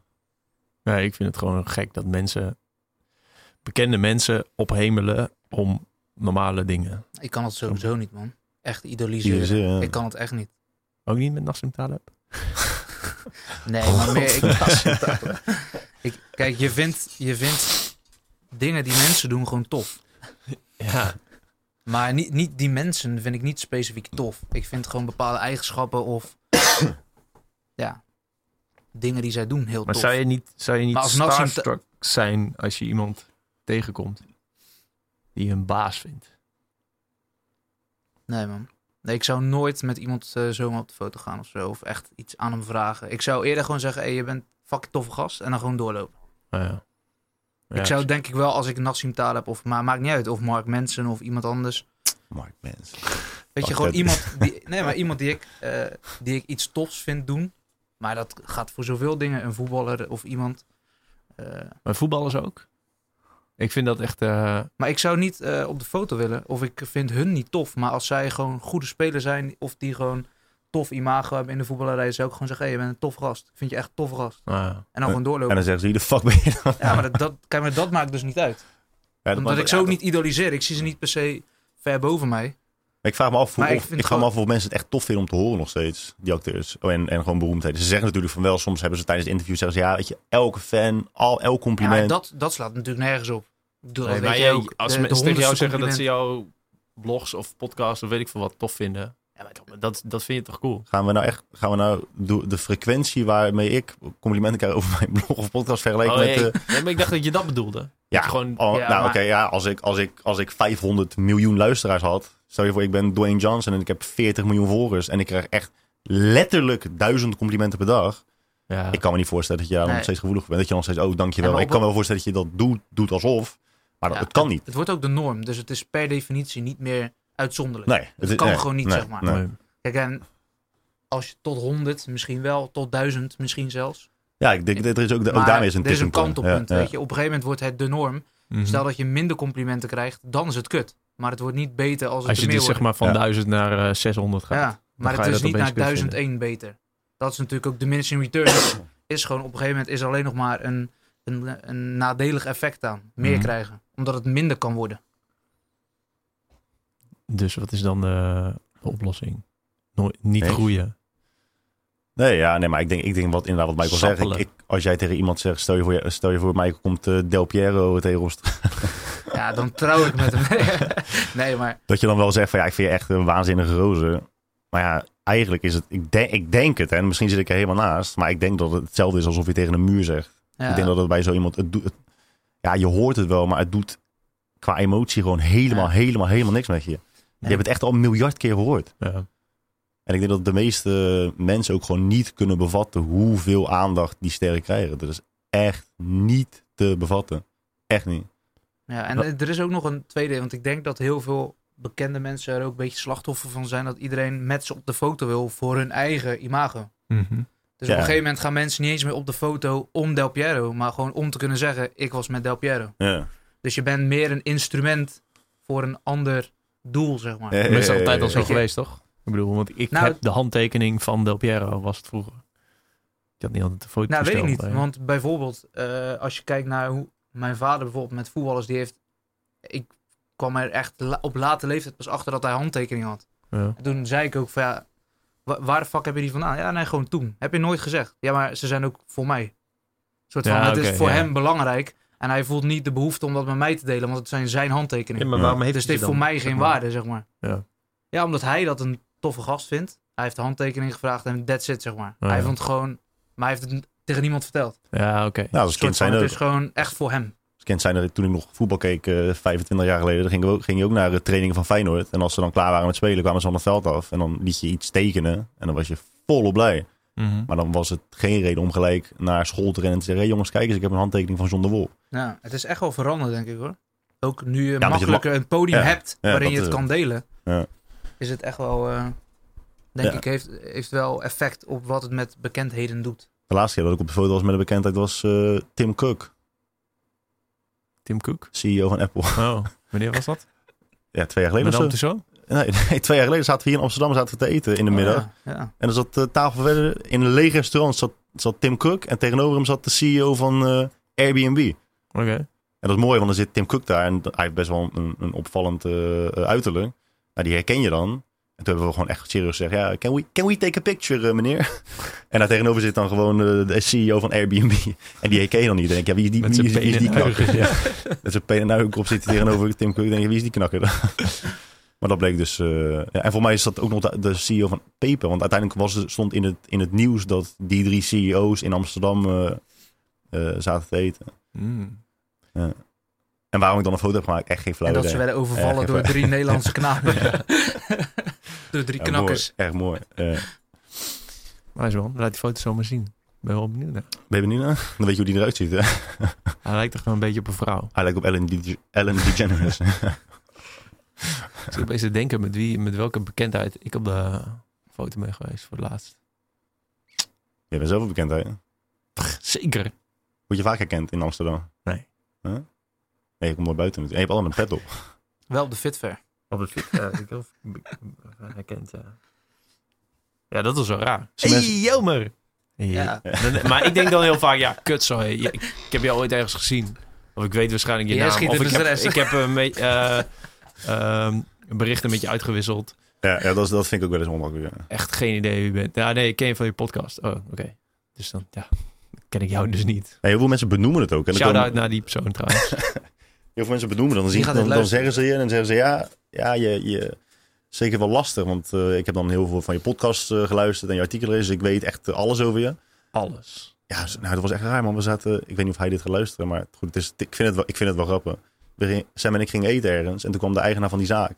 En die zei, ja, ik weet natuurlijk alles over je. hè. Jullie hebben een huis gekocht, maar dat duurt nog een paar jaar. En toen zijn jullie daar en daar geweest, toen dit en toen dat. En jullie zijn in dit land geweest, jullie hebben dit gedaan. Ik dacht, oh mijn god, dat is echt heel creepy. Maar aan de andere kant, ik post het zelf. Dus ja, dat is Ja. wel, Oh, je vond het wel creepy. Ja, ik denk steeds van, ja, hoeveel, omdat- hoeveel vertel je nou? Omdat hij- Van je... omdat hij gewoon tot eh, twee, drie jaar geleden gewoon nog eh, allerlei gebeurtenissen wist van eh, mijn leven. Oh, ja. Ja. ik, ja, dat is wel... heb ik, misschien heb ik gewoon heel goed geheugen. Dat kan. Of hij heeft een tijdlijn van mijn leven in zijn. Van die rode, van het rode garen Ja, met van die ja. punaise. Ja, damn. Ja, net. Maar dan heb ik waarschijnlijk ook een fotootje bij jou op je, of, of op zijn wand. denk het wel. met Jij- een lijntje. Ja, ja. Zo raar dat wij elkaar Zo vaak zien. Want we hebben niks gemeen met elkaar. Je kijkt geen films, je kijkt geen documentaires, je eet niet buiten de deur. Je hebt goed haar. Godverdomme. Een beetje weinig vet in. Ja, je moet wel iets meer vet erin hebben. Ja. Ja, dat is raar, man. Ja. Ja, ben, je bent de, eh, voor de zesde keer te gast in deze podcast. Ja. hè? Aflevering 60 is dit volgens mij. Dit is mijn podcast. Dus 1 op de 10, 1 op de 10 ben jij gewoon aanwezig. Dit is mijn podcast. Maar Michael noemde net eh, Mark Manson. Toen dacht ik, hey, zou Jelmer al mijn grap hebben gemaakt in een van zijn podcast? Heb je mijn grap al gestolen van Mark Manson? Dat hij, eh, wat was het ook alweer? Shit, laat me even, laat me even denken. Slechte zaak. Fuck, nee, ik weet het niet meer, man. Ik ja, ja. versie van, de Disneyland versie van... Nee, helemaal niet, man. Echt, je, hebt, he- je hebt het nu al gezien. Nu is het al niet meer Kut. grappig. Als ik Oké. het nu noem, is het al niet meer Oké, grappig. zeg, maar, zeg maar gewoon. Nee, Deze hele podcast is al niet Ja, maar ik had het laatst over, eh, over eh, Mark Manson. En toen noemde ik Mark Manson de Andy M.G. Schmid van de psychologie. Ja, maar het is wel waar. Het Het is wel 100% echt een het goede duiding. Ja, Omdat het denigerend en een soort van Correct is. complimenteus is. Toch? ja, het is het, alle, ja, het is het allebei. Ja. Ja, ik, dat- ik vind helemaal nee. Dat is wel... eh, Wat hem, Ja. of wat hij doet. Hm. Het is gewoon een succesvolle wat- guy. erop. Wat die, ja, wat, nee, nee, ja, nee, laat ik het anders zeggen. Ik snap waarom die zo succesvol is. Maar wat ik vervelend vind, is dat, we hebben het er vaak over gehad. Hè? Iemand leest een Men's Health magazine, ehm, haalt er tien tips uit en is vervolgens fitness-expert. Ja. Mark Manson schrijft gewoon kinderpsychologieboeken. In die zin dat het psychologieboeken zijn van kinderniveau. Ja. Het is echt zo bazaal, het is zo oppervlakkig. Ja. Nou, en mensen lezen dat. Die lezen The Subtle Art of Not Giving a Fuck. En die denken, ja, ik snap precies hoe het leven werkt. En ik ga gelijk allemaal Instagram-posts vertalen naar het Nederlands. Of, nee, dat hoeft trouwens niet meer, want je hebt de boeken hier in het Nederlands. En dan krijg je van die captions. En het is allemaal zo, ja, het is allemaal zo... Ja. Nou, en, dat, en dat halen ze bij hem vandaan. En dan denk ik, ja, dude, als jij, als je, of je bent, of je wil echt gewoon serieuze psychologische boeken schrijven met diepgang, of je houdt het gewoon echt fucking oppervlakkig. En doordat je oppervlakkig schrijft, is, is gewoon prima. Maar hij geeft dus heel veel mensen heel snel het idee, zoals een fitnessmagazine of een fitnessboek. eh, hij geeft mensen het idee dat ze direct expert zijn op het gebied van bijvoorbeeld psychologie. ja, Ik ben dat ook niet echt verre, verre, verre, verre van. Ehm, maar ik weet genoeg om te weten dat ik geen expert ben. En dat je dat ook echt niet wordt als jij de solo art of, of not giving a Nee. fuck leest. Nou ja, wat ik van hem vet vind, is dat hij moeilijke dingen makkelijk maakt. Want om het zo makkelijk te schrijven, moet je er gewoon wel veel van af weten. Nou, en dat vind ik dus heel interessant. Dit is vind ik een interessant onderwerp, want dit wil ik eigenlijk in mijn eigen podcast eh, Dat eh, vind ik gaan wel. bespreken. En Nee, dit is jouw podcast. dit is mijn podcast. Dus ga je Nou, welkom bij Omdat het kan. Aflevering. Even de tijd komen. Ja, een van, een van mijn grootste irritatiepunten van dit jaar. En ik heb mezelf er ook heel vaak op betrapt. Maar daarom doe ik het nu ook niet meer. Oh ja, het is een terugblik natuurlijk. Ja? Ja, Ah, is dat mensen dus zeggen... ehm, ja, hey Michael, wat is eh, eh, quantum physics? En dan zeg jij... Nou, oké, eh, simpel gezegd is het dit en dat. Dat simpel gezegd, of als mensen zeggen... Nou, ik ga het even simpel uitleggen. Of bijvoorbeeld inderdaad Mark Manson. Ik maak complexe dingen makkelijk. Ja. Ja, ik val daar niet meer voor. man. Want de meeste mensen die zeggen... Nou, het is simpel gezegd. Of de mensen die zeggen... Ik ga het even simpel uitleggen. Kunnen het ook niet complex uitleggen. Ze kennen de simpele uitleg. Ze kunnen het simpel uitleggen aan je. Maar dat is dan ook gelijk de enige uitleg die ze kennen. Maar Michael is wel... Als hij zegt van Mark, Mark Manson legt het simpel uit. Dan is Michael wel de uitzondering. Omdat hij op, Nee, nee, ik zou op, niet- vrijdag, op vrijdagavond eh Nietzsche zit te lezen. Ja, nee, maar de Nee, vraag is dus, de vraag is inderdaad, oké, zet, maar, zet maar een Mark Manson bijvoorbeeld weer naast een, een Jordan Peterson neer. Of iemand Ja. die, die wel echt eh, verstand heeft van, eh, van psychologie. Hoeveel diepgang kan Mark Manson dan daadwerkelijk opzoeken? Dat is de vraag. Want je kan wel zeggen, ja, ik leg het simpel uit. Maar als dat de- daarmee impliceer je meerdere dingen. Eén, je, het is heel irritant als jij tegen iemand zegt, nou, ik ga het simpel uitleggen. En dan leg je het uit en dan snapt die persoon het niet. Die voelt zich dan echt een fucking dweep. Eh, en je suggereert dat je ook de complexe uitleg kent. Maar hij doet, hij doet eigenlijk gewoon toch precies hetzelfde als een personal trainer. Alleen dan heel abstract. Want als jij als trainer exact alle mechanieken moet uitleggen zoals wij weten dat het in elkaar steekt, is het niet bij te houden voor je klanten. Dus je bent een soort vertaalslag Ja, maar, van iets wat praktisch is. ja, maar dan moet je niet zeggen, ik ga het simpel uitleggen. Maar dat doe je wel. Maar je zegt het er alleen niet bij. Nee, want Kijk, jij laat iemand een stap vooruit zetten van de muur.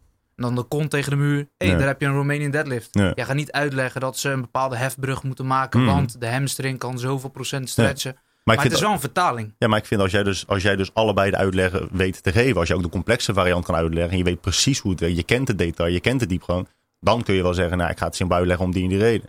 Maar wat ik net zeg is dat ik heb het idee dat de meeste mensen die zeggen, nou ja, simpel gezegd, of eh, eh, ik leg het even simpel uit, dat ze ook geen andere Nee. vorm van uitleg kennen. Ja, dus dat, dan- dan, dan is de kennis die je hebt, is gewoon een beetje, is, is de basiskennis, is Ja. de oppervlakkige kennis van het onderwerp. Maar dat is het Ja. enige wat je wil weten. Dus dan moet je niet zeggen, ik ga het simpel uitleggen. Nee, dat klopt. En kanttekening is daar wel van, vind ik, dat de simpele uitleggen dan vaak ook slecht zijn. Dus dat je er heel makkelijk... Ja, maar dat is, dat is dus per definitie zo. Dit is, ik ga nu wel zeggen dat ik, een, zelf, dat ik mezelf een enorme baas vind. Maar dit is dus heel vaak wat er gebeurt als je interviews, als ik interviews moet doen over mijn boeken, dan is er altijd, kun je even in drie tips uitleggen Ja, wat er in je boek staat? Ja, nee, daarom heb ik dus fucking boek geschreven. ja. fucking. Maar ja, het is wel, zeg maar, je moet wel een soort van die interviews doen om een soort van teasers te geven aan mensen. Ja. Geef even de drie beste tips in je plantenboek. Ja, ik heb dus een boek geschreven, omdat je zegt, je moet een soort onderdelen snappen om je plant te kunnen verzorgen. Geef even de beste drie eh vliegticket tips. Nee, ja, nee. Ik heb dus een boek met deze indeling, omdat je, je moet eerst dit snappen en dan dat snappen en dan snap je die tips. Ja. Ik kan ze nu wel geven, maar dan heb je een soort van wat, alle, wat er allemaal online al staat. Ja. Ja, en omdat mensen dus een constante behoefte hebben aan hele makkelijk behapbare informatie. Dus Ja. Die je dus inderdaad in twee, drie, vier tips kan, eh, kan eh, verwerken. Maar goed, er is, een- is nog een stap. Want mijn boeken zijn best wel sim- simpele boeken. Maar nog steeds kan het complex zijn. Nog steeds kan het veel detail kennen. Nee, je moet...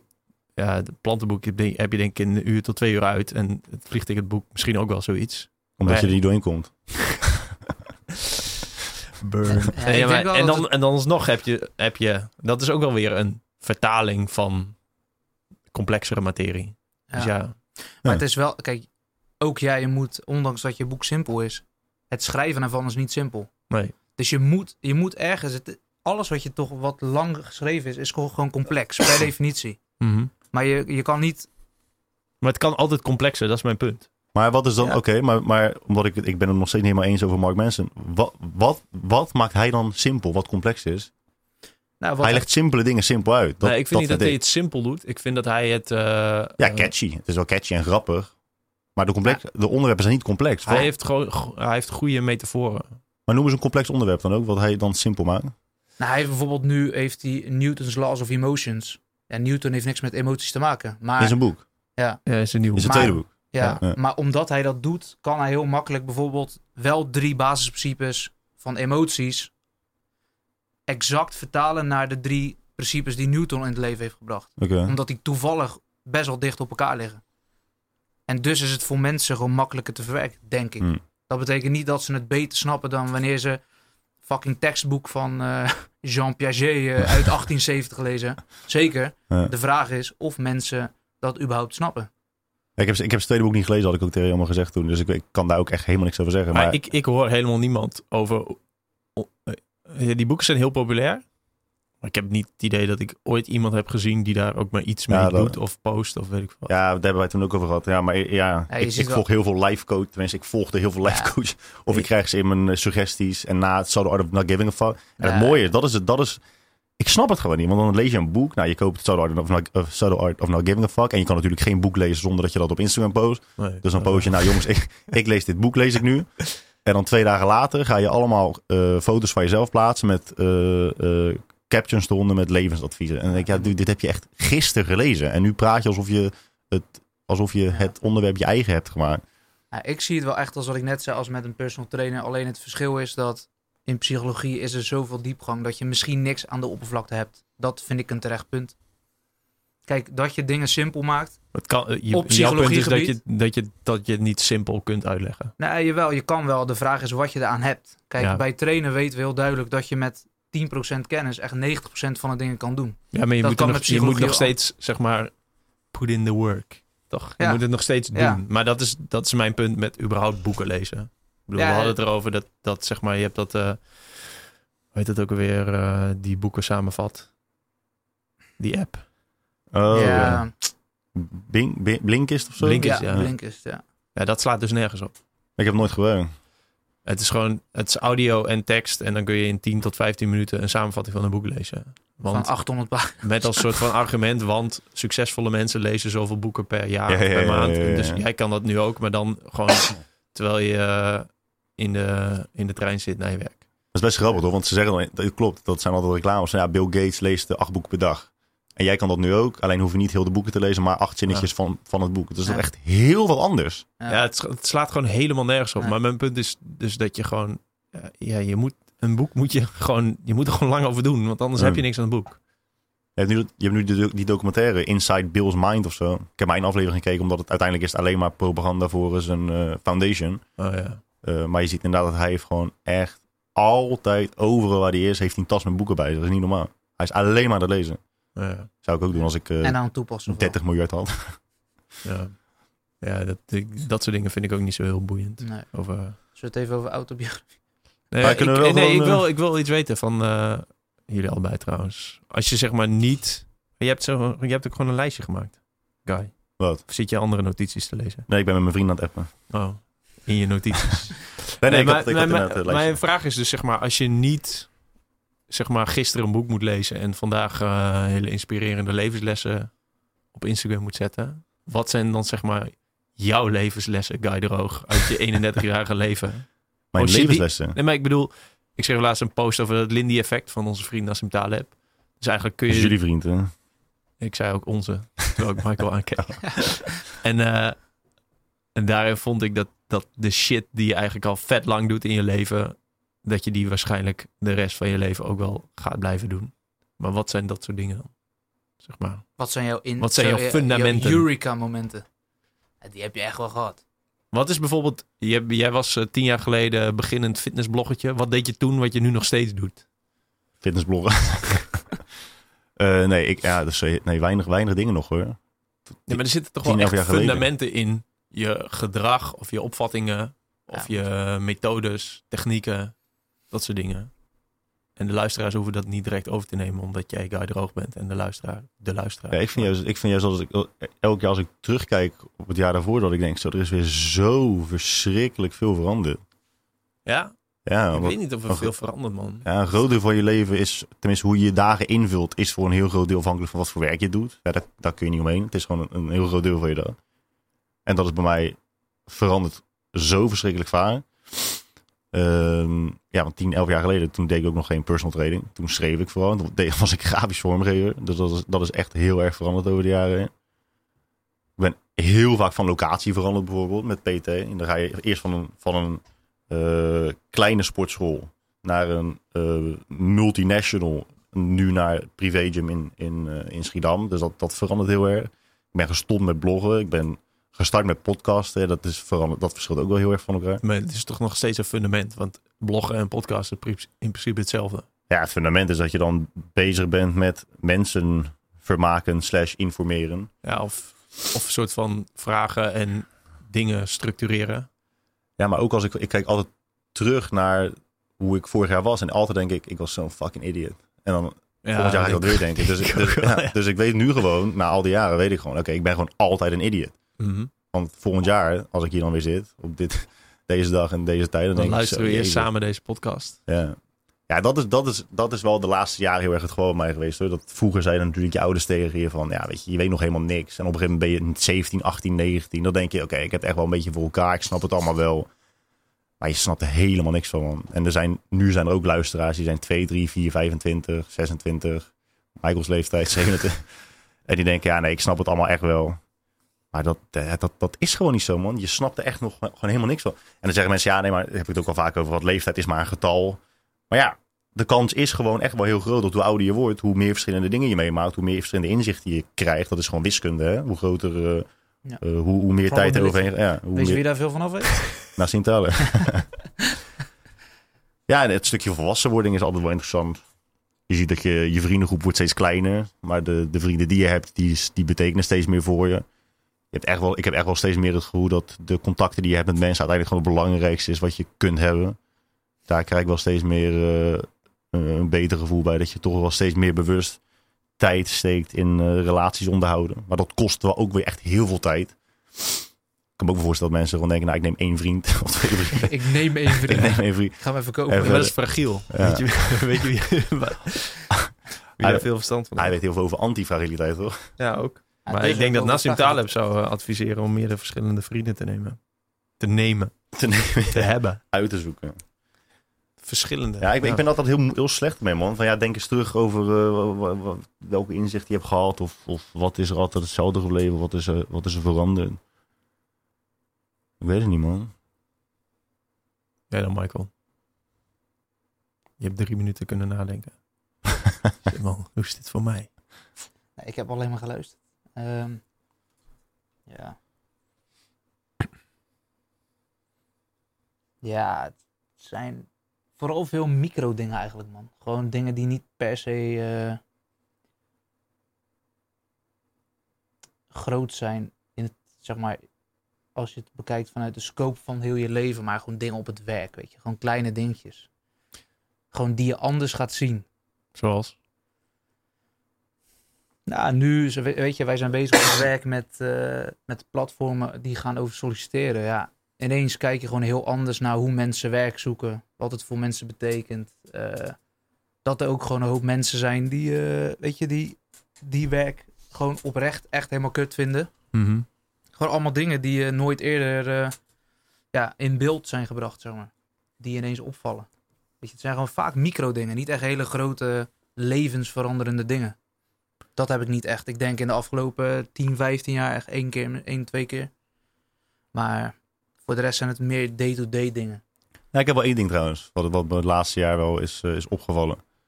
Dat eh, dan het gaat ook over relaties, ofwel met je vriendin of met gewoon eh, vrienden of, of, of klanten. De aanname die ik altijd deed is, ze zeggen toch dat, dat als jij een bepaald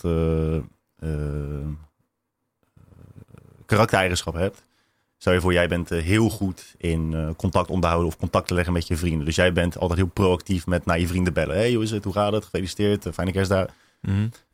de aanname die mensen dan vaak doen is dan oké, nou als ik, als ik vrienden word met jou, dan leer ik daar misschien een beetje van. Dus dan word ik ook proactiever naar mijn vrienden toe. Want ik zie hoe jij je gedraagt. En zo wil ik ook meer zijn, want ik vind dat een goede eigenschap. Mhm. Dus ga ik dat ook doen. Dat is altijd een beetje de aanname. Dat de goede, het goede gedrag eh ja, dat het doordruppelt. zeg doordruppelt maar, naar, naar, naar de, Ja, zo je, met, je slecht bent, gedrag. je bent de gemiddelde van je... Ja. Weet, maar- maar weet Michael nog. Maar, wat, wat- maar wat ik dus achter, waar ik dus achter ben gekomen, dat is misschien voor de, voor de meeste mensen heel vanzelfsprekend, maar dat was het voor mij niet, is dat het ook, het kan ook makkelijk de andere kant op gaan. Hè? Ja. En dat zie, dat zie ik nu dus heel dat je vaak. slechte eigenschappen overneemt, bedoel je? Ja, dus dat jij, dus dat ik niet meer proactief word, maar dat jij in mij ziet van oké, nou deze gozer is helemaal niet proactief. Ik word ook minder proactief. Mhm. Dat zie ik wel met eh, niet per, se dat, maar, Maar, bijvoorbeeld. eh, maar je zegt het nu in het kader van het kan ook de andere kant op gaan. maar de maar aanname is altijd dat het Maar je positief. zegt nu alsof het negatief is. Nou ja, ja, dat, dat, zou, ja, dat zou je wel. Ja. Maar dat is weer een aanname. Terwijl ik denk dat het helemaal niet negatief is, eerlijk gezegd. Wat je nu vertelt. Nou ja, het ligt natuurlijk aan de eigenschap waar je het specifiek over hebt. Maar stel je voor, als, ik, denk dat, ik denk dat de meeste mensen, als we toch wel even dit, dit als voorbeeld gebruiken, proactiviteit naar eh, je vrienden toe. Want Ja, het, is toch leuker om een vriend te hebben die proactief jou benadert en zegt, hey gozer, hoe is het? Moet je aan mij vragen. Dan dat je iemand hebt waar je nooit van ik kan hoort. het wel vertellen. Dan dat je waar je nooit, toch? Maar dat, dat is in, ja, in de algemene zin is dat wel, het ene is wel iets meer een voordeel dan het ander. Ja. Nou, we hebben een leuk clubje zo met z'n drie bij elkaar. Ja, als je, als je drie vrienden neemt die nooit het initiatief nemen om, eh, om eh, Ja. eh, de andere een bericht te sturen. Ja, hoe, hoe kan je een vriendschap hebben als je nooit van elkaar hoort, bij- wijze van. En dan, heb je natuurlijk mensen die zeggen, ja, maar als wij elkaar zien, dan zien we elkaar maar één keer in het jaar. Het is alsof we elkaar gisteren nog nee, hebben gezien. nee, nee, zeker. Nee. Ja. Maar zo kan je nog honderdduizend verschillende andere... Je, neem, neem bijvoorbeeld, je, hebt- je, hebt een, je hebt een vriendin. En de man of de vrouw in de relatie is heel goed in het uiten van liefde. Of het nou verbaal is of fysiek. Ja, hè? Je bent heel, heel veel Ja. affectie tonen. Iemand die moeite heeft met affectie tonen, die hoopt of die denkt dat als hij een relatie neemt, of als hij een relatie neemt met een partner die daar heel goed in is, dan denk ik, oh, daar leer ik misschien wel van. Hè? Dan leer ik ook, word ik ook beter in affectie tonen. Maar het kan ook gewoon zijn dat de persoon die al heel goed is in affectie tonen, dat steeds minder gaat doen. En Mhm. de Ja, algemene aanname, ja. dat, dat had ik altijd. En dat zie ik ook gewoon bij mensen omheen. Het, de, de aanname is altijd, oké, het een is goed en het ander is slecht. En de persoon die er niet zo heel goed in is, die leert dan van de Ja, persoon. die, gaat, die drive mee, zeg maar, op. Ja. Ja. Maar het gaat net zo makkelijk andersom. Ja, en daar, moet je, daar moet je voor waken. Ja, het, is een, het is afhankelijk van wat je dan goed en slecht definieert. Ja. Want jij vindt minder contact misschien goed. Dus ja, maar ik, snap, ik vraag me af hoe je, hoe je kan beargumenteren dat minder contact voor een vriendschap goed is. nou, Of een ja, relatie. Ja, Nee, dit is ik toch weet niet wel wat de baseline is. Ja. Dus wat is de baseline? En vanaf daar, zeg maar, hoeveel meer is beter, hoeveel minder is slecht, zeg maar. Hmm. Kijk, de- Nee, het is, het is niet je- te jij kunt mij kwantificeren. ook iedere, iedere dag drie keer bellen. Yo, goedemorgen. Heb je een beetje lekker geslapen? Kijk, dat is super overdreven. Ja. Maar ja, dat is op een gegeven moment... Oké, dan moet het dus minder. Maar hoeveel minder dan? Nee, dames, het, het, het is niet te kwantificeren. Uiteindelijk is het Nee, gewoon een ja. gevoelskwestie. Maar gewoon, als we gewoon logisch beredeneren. Je, je, je, kunt, je kunt wel denken dat het zo is. Maar je kunt geen kwalitatieve relatie hebben met iemand die je nooit spreekt. Nee, nee. Nee, ja. Of die je bijna nooit spreekt. Nee. En daarom vind ik altijd de mensen die dan zeggen wat ik net zei. Ja, nee, als, als zie ik je maar één keer in het jaar. Het is alsof het nooit anders is. Als, het is alsof ik je gisteren nog zag. Ja. Ja, oké, dat- zo voel je je wel. Maar je weet niet wat die persoon de laatste half jaar heeft gedaan. Ja. Nee, precies. Ja. Dus je- je kan geen binding creëren Nee, je als bent- je geen contact hebt. Dat, Dus, dat eh, is geen voor mij wel... eh, Ja. ja, het, is, het klinkt echt heel surf, maar dat was Het, is voor mij wel, het ja. kan twee kanten op, toch? Je kan of inderdaad het ook laten versloffen, maar het kan ook zijn dat je extra je best gaat doen. Hmm. Kan twee kanten op wel. Ja. Maar, da- maar en dat is het dus. En dat is dus het gevaar. Dat de aanname is altijd dat, dat het toch wel de goede kant op gaat. Omdat, de, omdat het goede gedrag Ja. meer aanstekelijk is dan het slechte gedrag. Nee, oké. ja. En slecht als in destructief voor de relatie. Bijvoorbeeld. En een heel simpel voorbeeld. En dat, daar, daar is het, kan het wel duidelijk allebei de kant op gaan. Stel je neemt gewoon iemand die is fucking drugsverslaafd zoals Jelmer. en iemand die nooit drugs gebruikt zoals, zoals ik. Eh, ja, dat kan ook allebei de kant op gaan. Als wij dan een vriendschap zouden krijgen, dan zou ik heel makkelijk mee worden, meegesleurd kunnen worden in zijn, eh, in zijn constante drugsgebruik. Ja. Eh, of hij zou kunnen leren van iemand die het niet doet. Hey, goedemorgen guy. Wil je nog een grammetje? ik heb nog wat liggen. maar met, met subtielere dingen, gewoon zoals bepaalde gedraging, bepaalde karaktereigenschappen, Ja. is het, eh, kan het ook altijd allebei de kant op gaan. Ja, ja. Ja, nee, klopt. Ja. maar de relatie is natuurlijk nooit het doel. Dus ja, dat, is- dat is ook Ehm, weer een lastige, hoe zeg je dat? Component de relatie nooit het nee. dit vraagstuk. Het behouden, het behouden van de goede kwaliteit van de relatie. Ja, maar dat doel. maakt het dus zo kut. Oké, stel jij, eh, ik eh, wil jou iedere dag, eh, of ik bel jou iedere dag. En jij doet het nooit. En dan een soort van, er is een soort aanname dat wij een vriendschapsrelatie moeten blijven behouden. Dus dan, Omdat, maar- omdat, hij ooit, omdat hij ooit is geweest, moet je hem blijven. Dat ja, je maar toch? wat Eh, is, wat is er dan goed, zeg maar? Wat Nee, moet er dan gebeuren? Nee, ik vind, ik vind ook dat een relatie moet alleen in stand worden gehouden als beide mensen vinden dat de relatie nu al goed is. Ja, precies. Goed, ge- goed genoeg om te blijven behouden. Ja. Maar niet van ook, oh ja, we, zijn, we kennen elkaar al vanaf groep drie. En het is nu 25 jaar later. Dus het is echt wel belangrijk dat wij een vriendschap blijven behouden. Want we kennen elkaar al 25 jaar. Dat ja, staat en, maar- en dan daarnaast is het ook nog zo dat je iemand kunt waarderen om be- dat soort bepaalde goede eigenschappen. Jazeker. Als ik bijvoorbeeld jij mij kan waarderen omdat ik altijd een grammetje bij En dat is wel En ik jou kan waarderen omdat jij eh, mij gewoon lekker met rust laat, zodat ik mijn shit kan doen. Dan Ja. is het ook prima, zeg maar. Dat Ja. kan natuurlijk ook. Ja. Ja, dus, dus, dus eh, wat jij zegt van het relatie is, eh, is eh, niet per se het doel. Eh, dat, dat is het wel, maar niet... Niet Ja, acceptatie of waardering van elkaar. Een soort van, dat is dan het doel. Ik weet niet of dat een doel kan zijn. Ja, het is, wel, het is heel moeilijk, denk ik. Ja, vind ik wel. ja, Nee, maar als de relatie zelf niet het doel is, dan wil het zeggen dat je zeg maar geen, de relatie niet instrumenteel gebruikt. nee. Nou ja, dat net over Maar dan- baseline. De baseline moet goed zijn. Dus Ja. als als je een relatie hebt, de baseline is gewoon, oké, het is gewoon goed. Het is waardevol voor beide partijen. Ja, En dan is het waar om in stand te houden. En dat is dan wel het doel. ja. Maar het hoeft niet per se waardevol te zijn. Zoals jij het schetst. Hoezo moet het niet waardevol zijn? Zoals jij het schetst. De, ja, maar de, er zit in een relatie zelf geen waarde, toch? In jouw- Behalve- ja, Ja, behalve, dan, behalve dat wat je er, Nee. zeg maar... Jawel, maar, dat is, maar dan, is de, dan, is de relatie, dan is de relatie toch wel de essentiële basis. Je kunt Ja, niet alle... ik vind dat dus fucking lastig. Vooral ook bijvoorbeeld met liefdesrelaties. Als één persoon ehm, zich niet chill voelt en dan chill, of niet chill is dan een beetje eh, nog ook weer weer lastig te definiëren in zo'n relatie.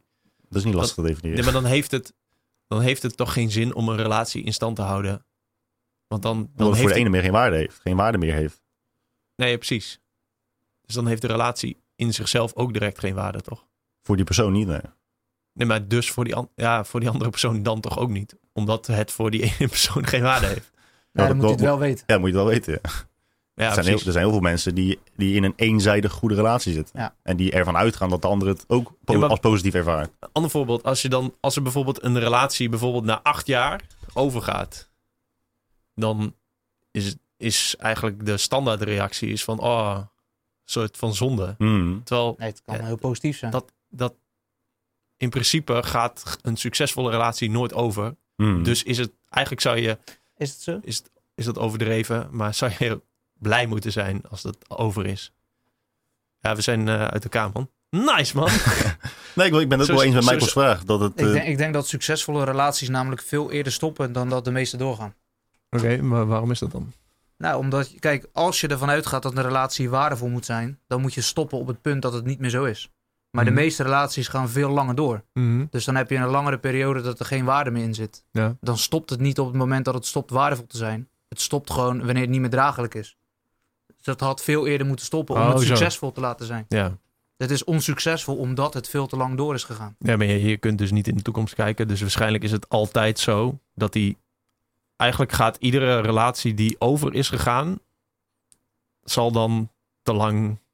Nee, nee, dat is, want ik vond toen Michael die vraag stelde van, eh, is dat zo? Daar, ben ik het ook mee eens. Ik heb ook vriendschappen gehad met, met mensen eh, waar, waar, dat was een, het was een hele goede vriendschap.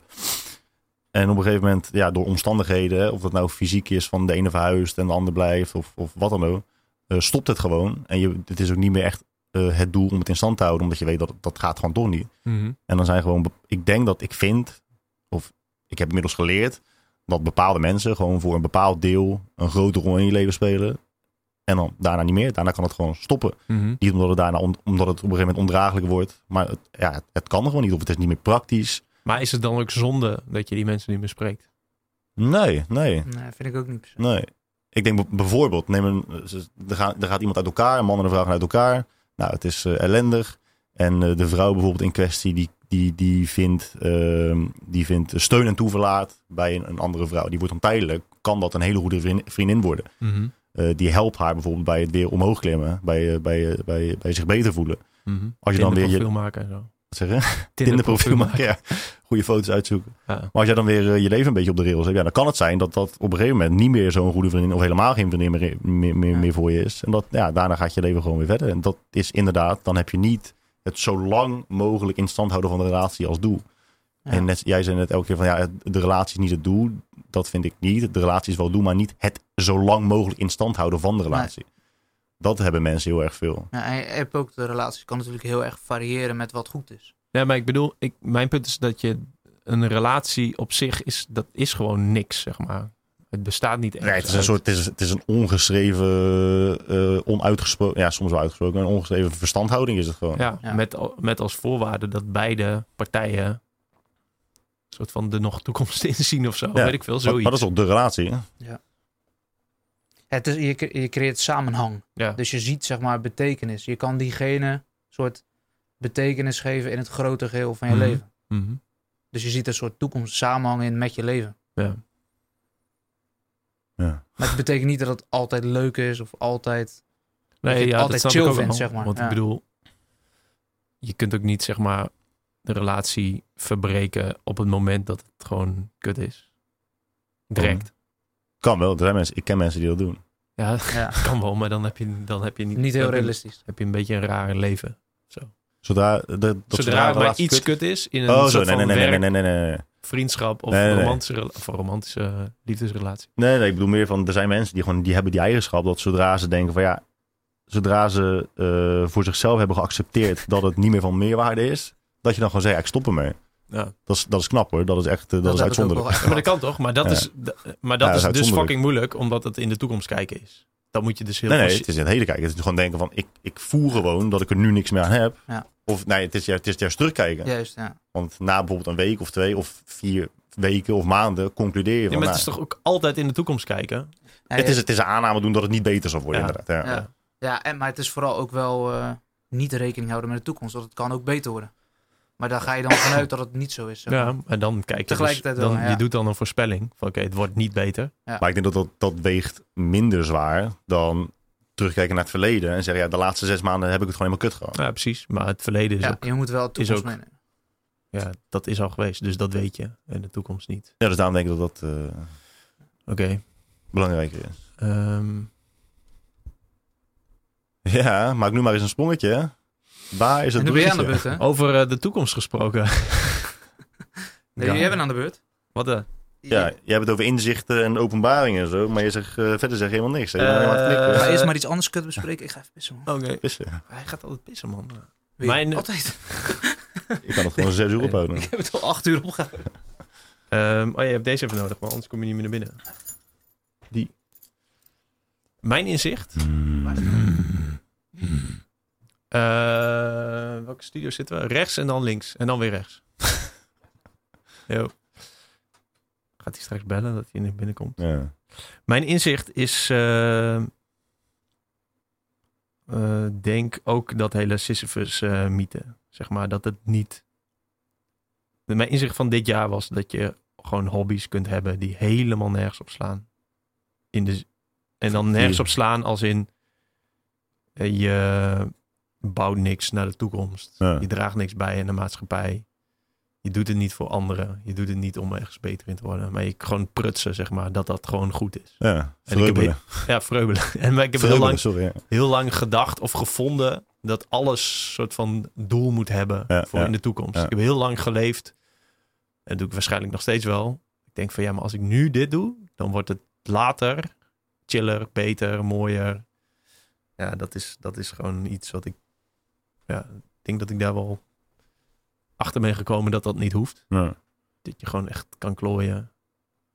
Ja, ik, ben, ik ben het laatste jaar meer in, eh, in bakjes gaan denken. Daar heb ik ook een, een podcast over gehad. Van als je, je, hebt- je hebt verschillende bakjes. Hè? Je hebt je, je werkbakje, je relatiebakje, je hobbybakje. eh, of emmers, laten we emmers zeggen. En die kun je met water vullen. Maar je kunt niet constant nieuw water produceren om al die emmers maar te blijven vullen. Nee. Als jij zegt ik wil meer gaan reizen. Of la- laten we zeggen ik wil meer gaan reizen met vrienden. Dan moet je water halen uit, eh, het bak, uit de emmer reizen met je vriendin. Mhm.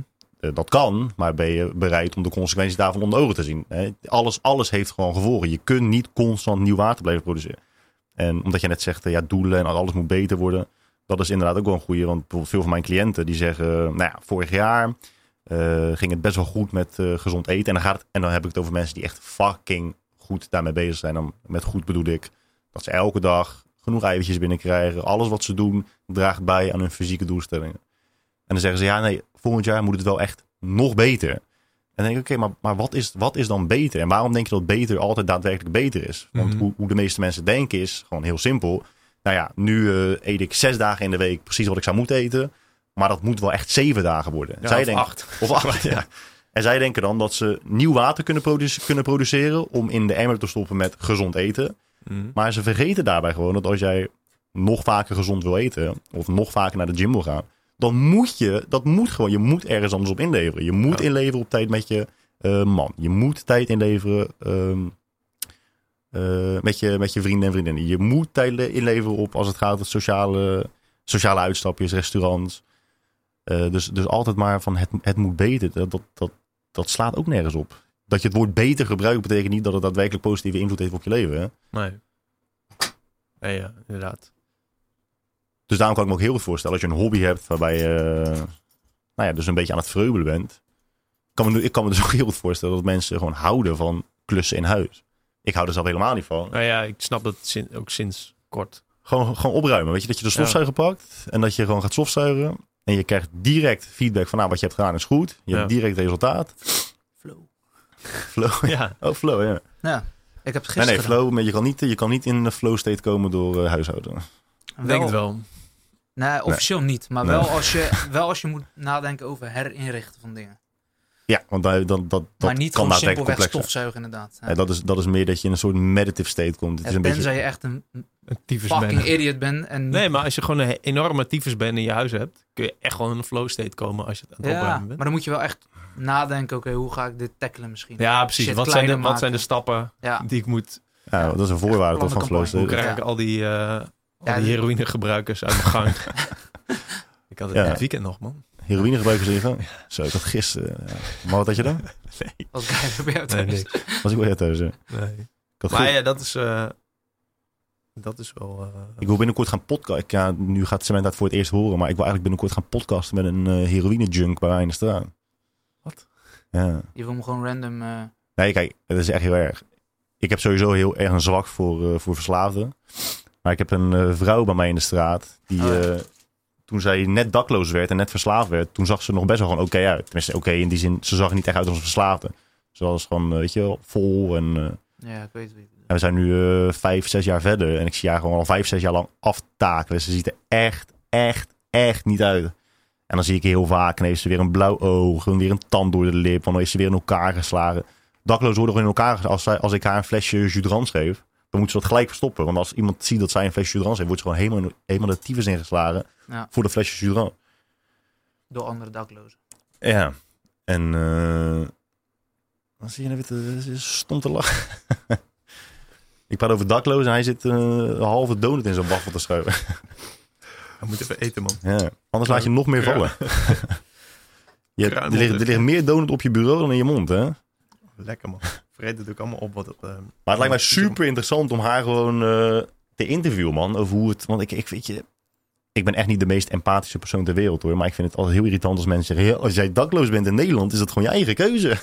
Nee, maar dat is sowieso... Echt irritant. Ja, jij kiest er toch zelf voor dat je drugs gebruikt. Ja, gozer. No shit, jij kiest er ook zelf voor dat je Maar- 7200 calorieën per dag eet. Maar dat betekent niet dat het makkelijk is om ermee te stoppen. Ja. Maar dat is natuurlijk ook zo dat mensen heel vaak zeggen: ik zou nooit die mensen vermoorden in de Tweede Wereldoorlog. Ik, zou dat Dat is- nooit, ik zou nooit verslaafd worden. Dat is waar we het Ja. eerder natuurlijk over hadden. Dat je gewoon de condities zijn gewoon Het punt is dat, je, dat jij waarschijnlijk dat wel zou doen. 100%. Ja. Ik kan me dat echt wel heel goed voorstellen. Ik moet nu mijn best doen om niet Maar een mitrailleur naar kantoor mee te nemen. Er zijn natuurlijk gewoon te, veel- er zijn te veel mensen die denken dat ze eh, het dieptepunt hebben bereikt. Omdat hun. Ik zeg niet dat het niet erg is, hè, maar heel veel mensen denken dat ze het echt het absolute dieptepunt hebben bereikt. op het moment dat hun relatie na twee jaar voorbij is. Eh, dat ze even een maand zonder werk zitten. En dat ze een ingegroeide teennagel hebben. Maar je kunt je gewoon niet voorstellen hoe het is als jij drie kinderen in een auto-ongeluk verliest. En je verliest je baan en je, en je man. En je huwelijk gaat naar de kloten na 24 jaar. En je belandt op straat. En je hebt geen enkele vriend of familielid die je daarbij kan ondersteunen. Eh, en je probeert eens een keertje door een, eh, door een hele ongelukkige samenkomst van omstandigheden. Probeer je heroïne of wat dan ook. En je voelt je weer even vijf minuten. eh, Een mens. fantastisch. Ja, ja, een mens inderdaad. Ja, ik denk dat de meeste mensen daar gewoon echt, waaronder ik, gewoon totaal geen besef van hebben hoe dat, eh, hoe dat is. En hoe je daar dus in belandt. Ja, dat, komt, dat is omdat je, als je zeg maar op dat dieptepunt zit met die ingegroeide teennagel, dat is gewoon het kutste wat je ooit hebt gevoeld. Dus Ja. je, je kunt dan ook niet voorstellen dat, er, dat het nog dieper kan. Nee, omdat, je, omdat, omdat die Het mensen is een mooi beetje zoals crypto. Zeg maar. Ja, nu is het de top. Ja. Nu is het Ja. de- Maar het kan zeg maar nog beter. Of het kan nog slechter. ja, het kan, dat is het. Ja. Het kan altijd slechter. Maar ik denk dat eh, heel veel mensen onderschatten hoeveel slechter het nog daadwerkelijk kan. Als jij, eh, als, ik, ik weet nog, eh, een paar jaar geleden, toen zei ik, ik zeg ja, heb je, heb je misschien eh, een paar euro voor me? Want ik, ik wil echt eh, een sigaretje roken. Ik zei, wat kost een pakje sigaretten? Dus ik geef haar vijf euro volgens mij. Zegt ze, ja, moet ik daar iets voor bij je doen? Ik dacht, ja, god, moet je, weet je, dat, dat het gewoon een soort van de standaard voor je is. Dat als iemand jou geld geeft, dat je denkt, ja, daar moet ik natuurlijk wel een handeling voor verrichten. Mhm. Dat je gewoon helemaal naar de tering in wordt geslagen omdat je een, een pakje chocolademelk krijgt van iemand. Ja. Dat is natuurlijk ook een beetje zelfverheerlijking van ons, eh, van de mensen. Natuurlijk als je iets goed doet, dan hè, heb je het zelf gedaan. Maar Ja. als iets kut gaat, dan komt het door omstandigheden. Ja. Weet je wel? Ja, ja, het is ja, ja, natuurlijk ja. ook, wij doen gewoon, wij schieten niet mensen neer omdat we het gewoon goed hebben. Dat is wel echt de realiteit, hè? Ja. De condities waarin we leven zorgen ervoor dat je geen rare shit doet. Nee, klopt. Weet je, maar je kan je niet voorstellen dat de condities ook gewoon 100% andersom kunnen zijn. En dan doe je gewoon exact het tegenovergestelde van wat je nu doet. Maar is het niet zo dat als de dat we dat iedereen nu zo geconditioneerd is door dat het gewoon best wel goed gaat, dat zodra het ook maar klein beetje minder gaat, dat mensen direct. Ja, het is heel moeilijk om het minder te laten gaan. Hè? Het is natuurlijk ook eh 80-20 principe, zeg maar. Wij, wij zitten bij de 20% die het goed heeft. En het zal steeds beter gaan waarschijnlijk. Mhm.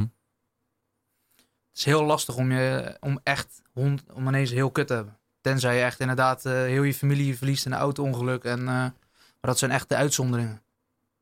Ja. In- in hoe, Nederland? Hoe kan jij nu, ja, in Nederland. Ja, daarom ja. zeg ik, de mensen die het echt goed hebben. Hoe kan jij bijvoorbeeld nu, stel, zonder echt incidenten, et cetera, zonder ziektes, het echt heel slecht gaan hebben? Kun je eens bedenken, je kan overal werken. Mhm. Met je intelligentie, dingen die je kan, eh, alles. Weet je, je kan overal werken, je zal altijd geld hebben, je kan overal een huis huren. Genoeg fastfoodketens waar je terecht kan. Ja. Weet je, het, het is heel lastig Om om, te werken, je, je fundament onderuit te trekken, zeg maar. Ja. Dus je kan je niet voorstellen. Daar is echt een oorlog voor nodig. Of, of ja, iemand die overlijdt. Meerdere zelfs. Ziektes. Maar waarom eh, is die heroïneverslaafde dan daar? Zeg maar, dan, dit zijn toch precies argumenten zo van hoe, hoe Nou ja, juist door Ja. een incident. Juist door een jij weet uitzondering. incident al Wat zeg je? van, van die vrouw. Nee, nee, weet ik. Dus Oh. daarom- dat lijkt mij gewoon heel interessant Ah, om haar een keertje eh, om haar te interviewen. Ja. Omdat net als, met haar, net als met dus de Joker, zie je haar, ik zie haar de laatste gewoon jaren zo verschrikkelijk aftakelen. Is echt, eh, is echt sneu. man. Ja. Echt sneu. En ik vind, ik vind het interessant, want ik vind verslaving heel interessant. En iemand daarover horen praten is... eh, alleen ik weet dus niet of zij gewoon twee uur lang een fatsoenlijk gesprek kan voeren. Weet ik niet. We hebben ook Ja. bijvoorbeeld een dakloze bij ons in de straat, die, eh, in de straat, in de wijk. Die is helemaal verminkt. Echt, die is zo verschrikkelijk verbrand. Dus als zij dan de hand uitsteekt voor, eh, voor losgeld, dan... Het zijn ook gewoon stompjes. Maar die is, is echt... Als je haar aankijkt, het is, je schrikt gewoon. Ja, dat is dan, je weet ook, je komt, ja, als, jij, als jij zo verschrikkelijk verminkt bent, nou ja, dat is echt niet omdat je een keer eh, eh, te lang hebt doorgehaald op een barbecue. Dus waarschijnlijk is het hele huis afgefikt, is de halve familie afgestorven. Mhm. Waarschijnlijk. En die, die is trouwens echt heel eh wel bespraakt. Een stuk meer dan wij drie. Nee, dan is het wel een goede podcastgast. Ja, ik vind het interessant. Maar ja, dan denk ik ook weer, ja, weet je, dan zit je toch wel een paar uur lang met een zwaar, zwaar, zwaar verslaafd in huis. Het is ook niet dat ze heel betrouwbaar zijn, hè? want het maakt echt niet uit waar ze het moeten. Ja, nee, Ja. het maakt niet uit waar zij moeten, tussen, tussen moeten kiezen. Ze kiezen altijd voor drugs. Altijd. Echt tot hun allerlaatste ademhaling zouden ze voor drugs kiezen. Dat vond ik ook wel heftig toen eh, Russell, eh, hoe heet je, Russell Brand, Russell Brand daarover hadden. luister je zijn podcast? Ik weet niet meer waar ik dat hoorde zeggen, maar dat hij, eh, hij had het over, over zijn verslaving. En dat hij ook zei van, nou op een gegeven moment eh, kies je tussen, eh, tussen een blikje cola of een blikje bier. Nou, dan kies je altijd een blikje bier. Op een gegeven moment kies je tussen, tussen een sigaretje of een crackpijp roken. Dan kies je altijd voor de crack. Nou, op een gegeven moment kies je voor geld uitgeven aan je huur of aan drugs. Nou, dan kies je altijd voor de drugs. Op een gegeven moment kies je voor, moet ik geld stelen van mijn vrienden of van mijn familie? Nou, maakt niet als je maar gewoon geld hebt om, om, om drugs te roken. Nou, dat ging maar door en door en door en door. En op een gegeven moment zei ja, op een gegeven moment kies je echt voor je leven of voor drugs. Dan kies je drugs. Ja. En op een gegeven moment stond ik voor een keuze. Nou, ga ik gewoon dood? Kies ik echt voor de dood of kies ik voor drugs? Ja, je kiest gewoon nog steeds voor drugs. Hij zei, je kiest echt tot aller, aller, aller, allerlaatste moment. Kies je gewoon voor je verslaving. Nou ja, dat is het dus. Het is inderdaad uiteindelijk, het is uiteindelijk je eigen keus. maar dat betekent niet dat de keus makkelijk is. Nee. Nee, de vraag is of het een keuze is. Keuze impliceert dat je ook zeg maar anders kan kiezen. Dat je gewoon kan afwegen. Ja. dat je kan, gewoon dat je vier kan dingen zijn. afwegen. En keuze is ra- rationeel, zeg maar. Dat je, dat je ook zeg maar.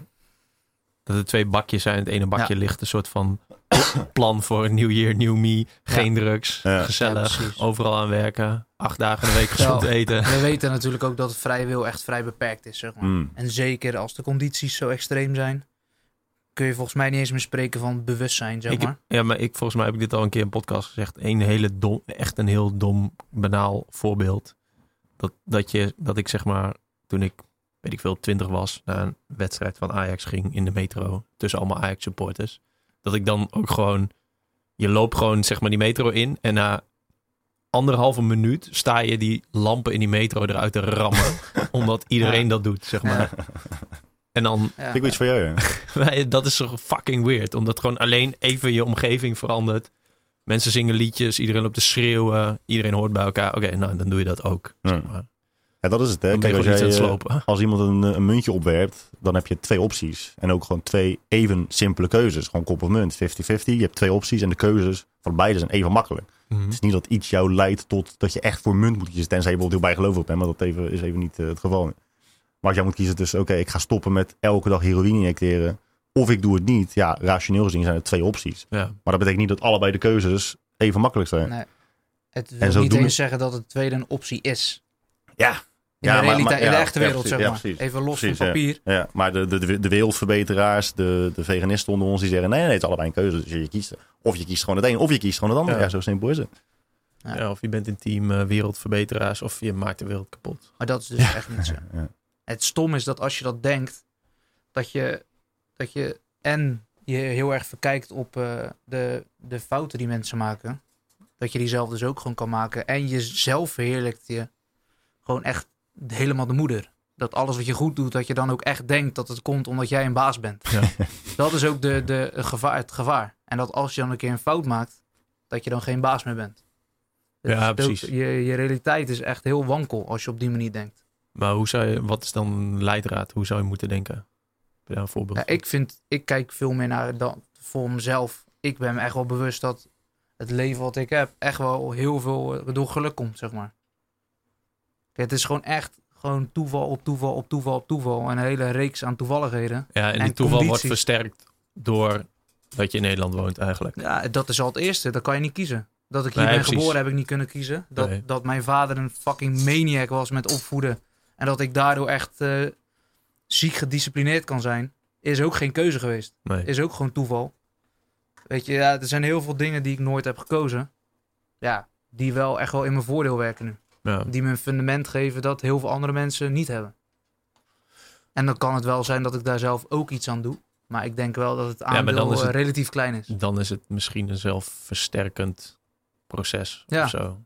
Ja. Dat de keuze je heel makkelijk wordt gemaakt. Ja. Kijk, Omdat de condities er zijn. Precies. En dan het, is het dus niet meer 50-50 keuze. Nee, het is gewoon niet 50-50. Nee. Lekker man, kwarkje. Weer vervelend, hè, bij mijn, po- po- bij mijn podcast. Wat? Dat ik af en toe smack en eh, drink en zo. Af en toe.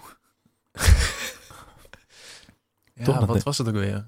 Hoezo? Dat- dat- Ik vind het vooral fijn dat je soms ook praat door het smack heen. Ja, ik heb altijd een halve liter eh, drinken. Zo. Dat, dat, ja, Een inderdaad. Dat er in één keer een halve liter door Ik je heb- slok daar Ik moet. heb toch gewoon oprisping? Ik ben toch gewoon een mens? Ja. Oprisping. Oprisping. Heb je dan ook wel eens een maagzuur? Ik had vroeger heel erg maagzuur. hè. Maagzuur. Heb ik heel Heb lang niet wel eens hartkloppingen? Nee, nee, nee. Dat van die domme dingen. Maags Iedereen heeft toch fucking maagzuur? Maagzuur krijg je, of tenminste, als mensen zeggen, oh, ik heb last van mijn maagzuur. Dat is als je, als je, Als eh, als die klep, hoe heet die klep ook alweer? Mij is dat ook gewoon een sluitspier. Die heb je bij, heb je bij je anus, maar ook bij je maag. Ja. Ja. Je maagklep, die functioneert dan niet goed. En als je dan bijvoorbeeld gaat liggen, dan komt letterlijk je maagzuur door je maagklep gewoon omhoog. Echt, een- ik kan me echt geen voorstelling bij maken. Ja, heb ik ook Ja, maar nu klink je zoals mijn vader. Weet je wat mijn vader altijd zegt?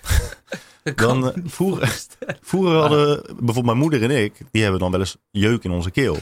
En dan ga je, dan ga je, ga je of, of- dan ga je jeuken in je keel. En dan zegt mijn vader, jeuk in je keel, dat kan niet, dat bestaat niet. Ik heb het nooit gehad, ik ben het 40. kriebelhoest? Nee, geen kriebelhoest. Nee, gewoon jeuken je keel. Ken je dat gevoel dat je dat, dat, je dat wil doen? Nee. Oké. Ja. Nou, dan ga je toch lekker met je maagklep. en je- Maar je kan dus gewoon. Ik heb, ik heb, ik heb fucking lange medicatie daarvoor gestekt. Om, dat die klep weer een beetje functioneerde. Dan sluit hij gewoon niet goed. En Ja, ik, ik eet gewoon gezond. En dan eh Gezond. Wiet is niet gezond, hè? Hippocrates. Eh, maar eh, ik vind verslaving wel een interessant onderwerp. Guy. Wat, wat, eh, waar ben je verslaafd aan? Behalve gamen. Ik ben wel uh, verslaafd. Nou, ik had laatst een gedachte. Ik weet niet of het klopt hoor. Maar ik denk dat heel veel mensen die... eh, ik denk dat je makkelijk... Ik weet niet, het is zo dubbel. Enerzijds denk ik dat heel veel drugsverslaafden eh, verslaafd zijn aan drugs. Omdat ze zich weer mens willen voelen of gewoon weer goed willen voelen. Omdat ze dus echt in, in barre omstandigheden leven. Mm. Maar ik kan me ook voorstellen dat als jij het altijd goed hebt gehad. En je hebt even een keer een tegenslag. En dus niet gewend bent aan bijvoorbeeld gevoelens van depressie, eh, van neerslachtigheid. Dat dat zo onwennig voor je is dat je dan maar snel naar de drugs grijpt om weer uit, die, uit dat Ja. eh, tijdelijke Ja, dat is het punt dat ik net probeerde te maken. Zeg maar dat we het zo goed hebben dat zodra je het, zodra het ook maar een beetje kutter gaat, dat je al heel snel in Eh. verval treedt. Want Ja, een hele lange geraakt. haar, mijn microfoon man. Die zat denk ik in mijn kwark ook net. Gadverdamme. Ja, maar dat is dus dat is dan wel heel, heel lastig. Want dat, Is dat zo? Nou ja, dat betekent dus dat, oké, je, kan het, je kan het echt heel erg slecht hebben, waardoor de kans toeneemt dat je eh, aan de drugs gaat. Aan de andere kant kan je, kan je het ook zo goed hebben, dat je zo niet gewend bent aan tegenslag, dat je zelfs bij de kleinste vorm van tegenslag al snel naar drugs grijpt, zodat je je heel snel minder slecht voelt. Ja. En ik denk dus, ik denk dat de, de voorwaarden, nee, dat mensen die het over het algemeen goed hebben, maar ook wel gewend zijn aan genoeg tegenslag, eh, zelfs wel eens naar gevoelens van depressie hebben geneigd, dat zij het minst vatbaar zijn voor drugsverslaving. Maar dat is de toespraak van eh, de ik. koning. Van de koning? Ja, die had een kersttoespraak. Over dat het wel goed is als je gewoon eh soort neerslachtig, soms neerslachtig voelt. Of eh je Ja, kut voelt of zo. Ik, het heb het niet gehoord, maar ja. Ah ja, ik had dus een, een eh, stukje van één minuut geluisterd. Dacht ik, Maar dat bedoel ik niet alleen tegenslag. Kijk, dat tegenslag noodzakelijk is voor eh, eh, goede ontwikkeling van de mens, daar, daar, daar, ja, daar is geen spat tussen te krijgen. Alleen, eh, ik, denk dat je, ik, denk dat je, ik denk dat je het nog slechter moet hebben gehad dan alleen maar tegenslag in die zin van, oh, ik ben mijn baan verloren. Maar Of- moet het dan zich afwisselen? Of moet het dan een soort van... Nee, nee, het moet zo afwisselen. Je moet, Ja. je, moet, je moet gewoon beide echt hebben meegemaakt en daar doorheen zijn gekomen en dat het niet onwennig voor je is. Dus als je dan een keer een periode hebt van dat Ja. je je echt slecht voelt, dat je denkt, oh, dit is zo onwennig voor me. Ja. Ik moet hier echt zo snel mogelijk iets aan doen. Ja, dat is het. Mensen zijn heel reactief op, eh, op, op oncomfortabele Maar gevoelens. is dat dan ook de reden waarom mensen altijd van die domme quotes posten op Instagram? Zeg maar over dat het goed is als het gewoon ik denk zelfs dat je nog verder kan trekken. Dat mensen op Instagram posten. omdat ze zich oncomfortabel voelen. Ja. Weet je, kijk, het is wat, wat Guy natuurlijk ook heel vaak heeft gezegd. Is als jij iets op Instagram post, je miserie. Dan dan krijg je 9000 reacties over hoe kut het voor je is. Mhm. Maar als je het niet post, dan moet je het alleen verwerken. Ja. Dat, dat is veel enger. Dat is veel moeilijker. Maar wat is, is er een, is het iets beter dan het ander?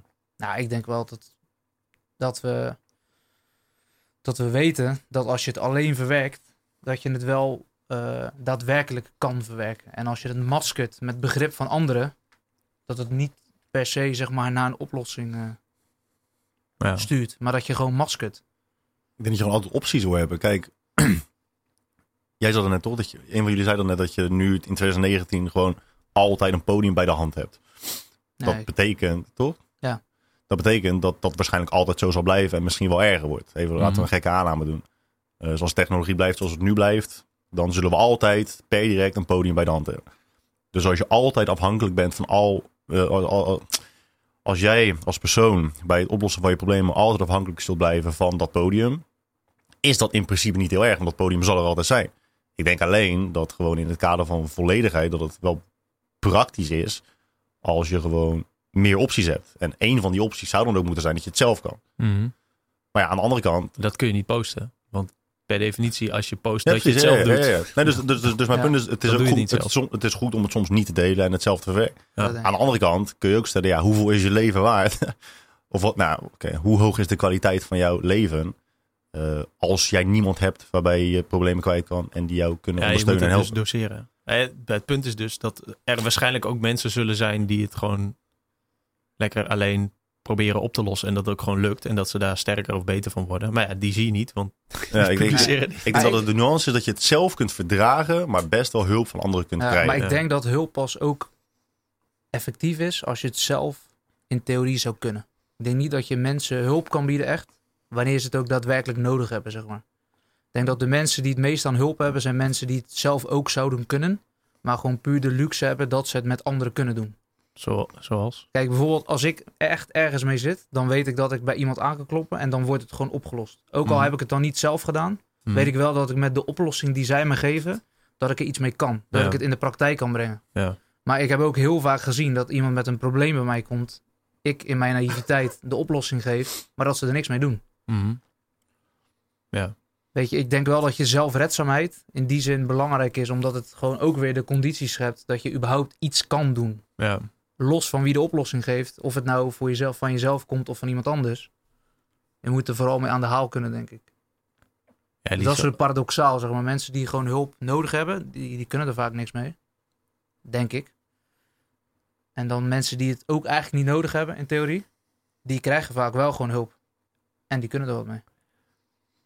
Ik denk dat ik iets gerelateerd is dat ik een eh, artikel moest schrijven voor het AD. Volgens mij heb ik jou ook wel verteld. En Guy in ieder geval ook wel.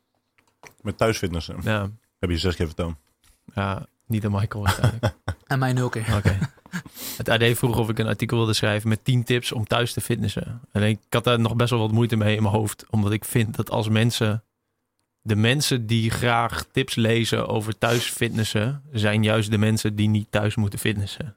Ja. Beetje zo van... Die, dit is een soort hulp die je ze geeft. Maar ze doen er toch niks mee. Nee, omdat ze die ook niet nodig hebben waarschijnlijk. Nou ja, omdat... Ja, Kijk, je wil een oplossing voor een doelgroep die dat probleem niet heeft, zeg maar. nee. Dat is een beetje lastig. Weet je, het is ook heel vaak dat mensen jou de vraag stellen, hoe val ik af? En dan gaan mensen intuïtief uitleggen hoe je afvalt, maar ze stellen de verkeerde vraag. Wat is dan de goede vraag? Ja, dat is specifiek voor hun, zeg maar. Voor hun probleem. Ja. Kijk, in, het, in vragen zitten vaak toch al vaak een beetje antwoorden. Ja. Heel vaak als iemand echt goed snapt waarom die dik is, dan stelt hij ook niet de vraag hoe val ik af. Maar dan zeggen ze bijvoorbeeld, ja, hoe zorg ik ervoor dat ik s'avonds niet elke keer die zak chips leeg eet? Mhm. Ja, het, het deel van je vraag, het antwoord zit er al in. Ja. Je moet in ieder geval die zak chips niet meer eten. Ja, En is- dan kan je heel specifiek advies geven. Ja. Ik denk in, eh, in dit geval, met dat thuisfitness hebben wij het ook over gehad, is als mensen denken van oké, ik heb een probleem. Het probleem is dat ik te weinig beweeg en waarschijnlijk te veel eet. Maar daar denken de meeste mensen niet zo over na. Het is vooral bewegen, denken ze. Ik beweeg te weinig, dus ik moet meer gaan bewegen. En als jij ze dan tegen ze zegt, nou ja, hè, als je deze tien oefeningen thuis doet, dan doe je meer aan lichaamsbeweging. Het gevaar is niet, dat is helemaal niet erg. Het is prima als mensen thuis fitnessen en jumping jacks doen en push-ups tegen de bank aan. Daar is niks mis mee. Het enige wat er voor de- mis mee is, Behalve voor de onderburen. Behalve de onderburen. Zeker als je met klomp aandoet. Het, eh, het probleem is dat de meeste mensen zichzelf dan wijsmaken dat ze inderdaad de oplossing hebben. Ja. Zeker als het in de krant staat. Ja. Oh, dit is, dit is de oplossing voor mijn probleem. En dan gaan ze vervolgens fitnessen thuis. En het is niet eens fitness, het is gewoon meer lichaamsbeweging. En nogmaals, daar is niks mis mee. Maar als je dan meer aan, meer lichaamsbeweging doet. En na drie maanden gebeurt er natuurlijk niks. Want daar Nee. gebeurt, er- er gebeurt niks door. Het- Ze gaan het ook niet drie maanden doen. Nee, maar Dus zelfs, dat- zelfs je gaat van het extreem uit. En je hebt iemand die, die het leest. Die leest het artikel van Jammer de Boer. En Jammer de Boer zegt je moet jumping jacks doen zonder klompen. En dan ga je dat doen. En na drie maanden gebeurt er niks. Wat je dan krijgt in de praktijk is mensen die zeggen. Maar ja, ik heb nu echt alles geprobeerd. Dus ja, het, Ja. Ik, het, ik kan gewoon niet afvallen. Mhm. Omdat ze denken dat het de oplossing is. Ja, maar dat is ook weer die reactiviteit, vind ik. Eh, elke keer als iemand een, nee, niet, niet zo generaliseerd, maar als iemand een probleem heeft, zie je vaak dat ze direct ergens anders naar oplossingen zoeken. Dus er is geen zelfreflectie, er is geen moment dat ze in zichzelf kruipen en zelf gaan bedenken waarom dat probleem een probleem is. Weet je, wat zorgt ervoor dat dat probleem er is? Als, daar, als mensen iets langer daar stil bij staan, dan kom je tot hele andere vragen. Ja. Jij zou nooit de vraag stellen: hoe kan ik een goed boek schrijven? Snap je? Dat is niet. Er is geen. Die major vragen, dat zijn vaak veel meer kleine vragen. Die, Ja. de, de som daarvan, die leidt tot één grote vraag. Maar je gaat nadenken: oké, wat waar bestaat een goed boek uit? Ja, onderwerpen, eh, oké, taal, weet je, gewoon heel veel verschillende kleine dingen. Hoe kan ik, hoe kan ik goed worden in taal? Hoe bedenk ik Mm. goede onderwerpen? Je komt, je ontleedt het probleem. Ja. Ze zeggen ook wel dat als je... voordat je, voordat je goed... voordat je een goed boek schrijft, moet je eerst heel veel slechte boeken schrijven. ja, is wel waar. Daar ben ik toch nu mee bezig. Hoe gaat het, hoe gaat het met anatomie? Anatomie. ja, dat ligt een beetje stil, man. Wij hebben zo'n goed idee eh, klaar liggen. Heel Nederland zit erop te wachten. Hoezo? Huh? Hoe bedoel je? Excuses voor het ongemak. Oh, ja, ja, ja. Ik heb nog Moeten, we daar nog over hebben? Dan moet- Weer? Nee, Huh? Dan moet je wel de echte wereld noemen, vind ik nu. Wat? De echte wereld? Ja, met, ja, ik weet niet. Misschien is dat een hoofdstuktitel. Ja. Excuus voor... Eigenlijk is dat wel wat iedere keer terugkomt, toch? In jouw voicebericht wel, ja. Ja. ja.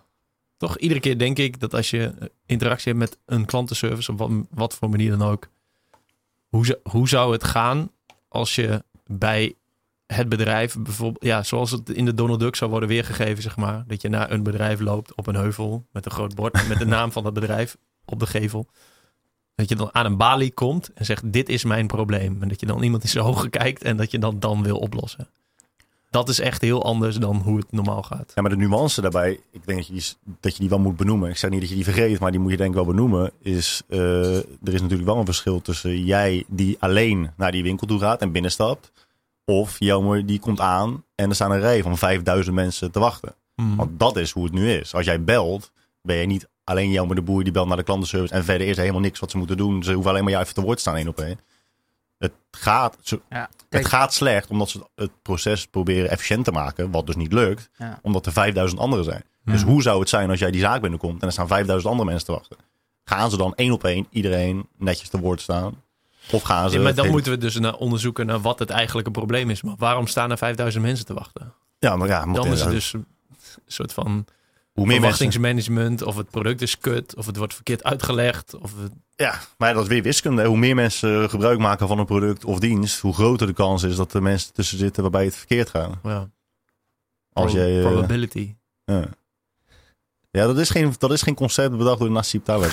Nee. Hoe heet die? Nee. Nassim? Nassim. Nee, maar hij snapt het wel goed. Ja. Huh? Hij snapt het wel goed. Hij snapt het wel goed. Dat kan Michael zeggen, omdat Michael de nog meer weet. Wet van de grote getallen, toch? Ja. Heeft hij niet bedacht. Nee. Nee, Nee, ja, ja, dat is wel goed. maar ik vind eh, wel dat hij eh, het goed... eh, Ja, het is heel simpel. Maar, ja, ik, ik heb hem nooit het fijn uitleg gelezen, maar het is, ja, het is heel simpel. Je kan het overal toepassen. Echt op alles in het leven kan je dat toepassen. Ja. Ehm, nee, je moet, hem, je moet zijn boeken maar eens lezen. Ja. Niet helemaal. Hoezo niet helemaal? Omdat ehm, je, je weet namelijk als iets bijna nooit voorkomt, dan moet ik het goed uitleggen. Je weet namelijk niet wanneer eh, Black Swans, dus eh, hele gebeurtenissen, gebeurtenissen met hele grote impact die heel weinig voorkomen. Je weet niet wanneer die gaan voorkomen. En dan kun je wel de wet van de grote getallen doen, maar dan weet je het nog niet. De wet van de grote getallen in dit, in dit voorbeeld zou gewoon zijn... hoe langer jij leeft, hoe groter de kans is dat jij zulke momenten Ja, maar je weet niet wanneer. Nee, dat klopt. Maar dat, dat, is ook niet het doel. Het doel, alleen de kans. ja, het doel is niet bepalen wanneer het gebeurt. Want we zijn geen waarzeggers. Het, doel is, het is alleen maar zeggen, maar ja, hoe, hoe ouder jij wordt... hoe groter de kans is dat jij een wereldoorlog mee zal maken. Ja. Dat is het enige. Dat is Ja. de wet- van de getallen. Niet wanneer. Dan zou je En ook, waarzegger zijn. en ook niet hoe groot Ja, de aan de andere kant ook is. weer niet, hè? Want hoe langer er geen oorlog is in de wereld, hoe kleiner de kans is dat er nog één gebeurt. Ja. Dus het is ook relatief aan waar je het mee... Hoezo is dat zo? Wa- Waarom, waar- waarom is dat een vanzelfsprekende conclusie? Het is dezelfde conclusie die jij trekt. Alleen Mhm. de andere kant op. Dus hoe langer ik leef, hoe groter de kans is dat ik er een meemaakt. is hetzelfde dat hoe langer er geen oorlog is, hoe kleiner de kans wordt dat er een komt. Dat is dezelfde logica, maar dan de andere kant op. Dus als je die twee dingen tegen elkaar weegt, wat is dan de probability? Dat is waar het boek over gaat. Dat het nooit, het is een complex systeem. Hmm. Dus alles heeft, alles is relatief aan de factoren waar het mee te maken heeft. Er zijn geen causale verbanden, maar altijd, eh hoe heet die? Correlatie. Correlatie. Er zijn alleen correlaties. En er is nog iets. Coherencies volgens mij. Maar in ieder geval, dat is waar het een beetje over gaat. Ik zit om na te denken over die logica. Kijk, in principe, als je alleen naar oorlogen kijkt en je doet probability toepassen, dan is het hoe langer het niet gebeurt, hoe kleiner de kans is dat het nog een keer gebeurt.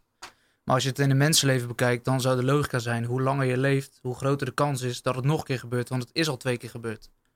En bij de ene hou je daar wel rekening mee, want je, het is in het verleden, maar bij de andere niet, want je kijkt alleen maar naar de toekomst. Ja. Dus dat is waar zijn boek over gaat: dat het niet zo makkelijk is als dat het lijkt, omdat het altijd afhankelijk is van het systeem waar je het in meet. En in principe, als je goed probability of statistics wil doen, dan heb je alleen maar complexe systemen. Dat is wat hij zegt. Dus de, dit soort probabilities bestaan dus eigenlijk niet, of ze zijn waardeloos, zegt Ja. hij. En je kunt ze alleen als, ze Niet zijn, alleen ge- hij, maar. als ze zijn gebeurd, kun je er iets over zeggen. Maar goed, dat is. Maar goed, nu hebben jullie dus gezegd wat hij zegt, maar dat betekent nog steeds niet dat ik het snap. Dus ik ga Ja. zijn boek lezen, kijken, of ik, kijken of ik dat snap. Dat is wel een goed voornemen voor 2020. En dit is, 20, gelijk, dit, is gelijk, dit is dus ook gelijk een goed voorbeeld waarom dus wat Mark Manson doet ook gewoon nergens op staan. Want dan lees je het. Of dan zeggen mensen, ja, Mark Manson zegt dit. En dan zit iedereen, oké, oké, oké, oké, oké. Dat betekent niet dat je het snapt. Nee. Want nu, ik hoor dit nu en dan denk ik, ja, ik snap het niet. Nee, dus maar ik ga, het is, Nee. het is gewoon een mooie eh, introductie tot op in bepaalde onderwerpen. Ik moet zeggen, ik lees Taleb's, ik heb ze allemaal twee keer gelezen en ik snap ze nog steeds niet helemaal.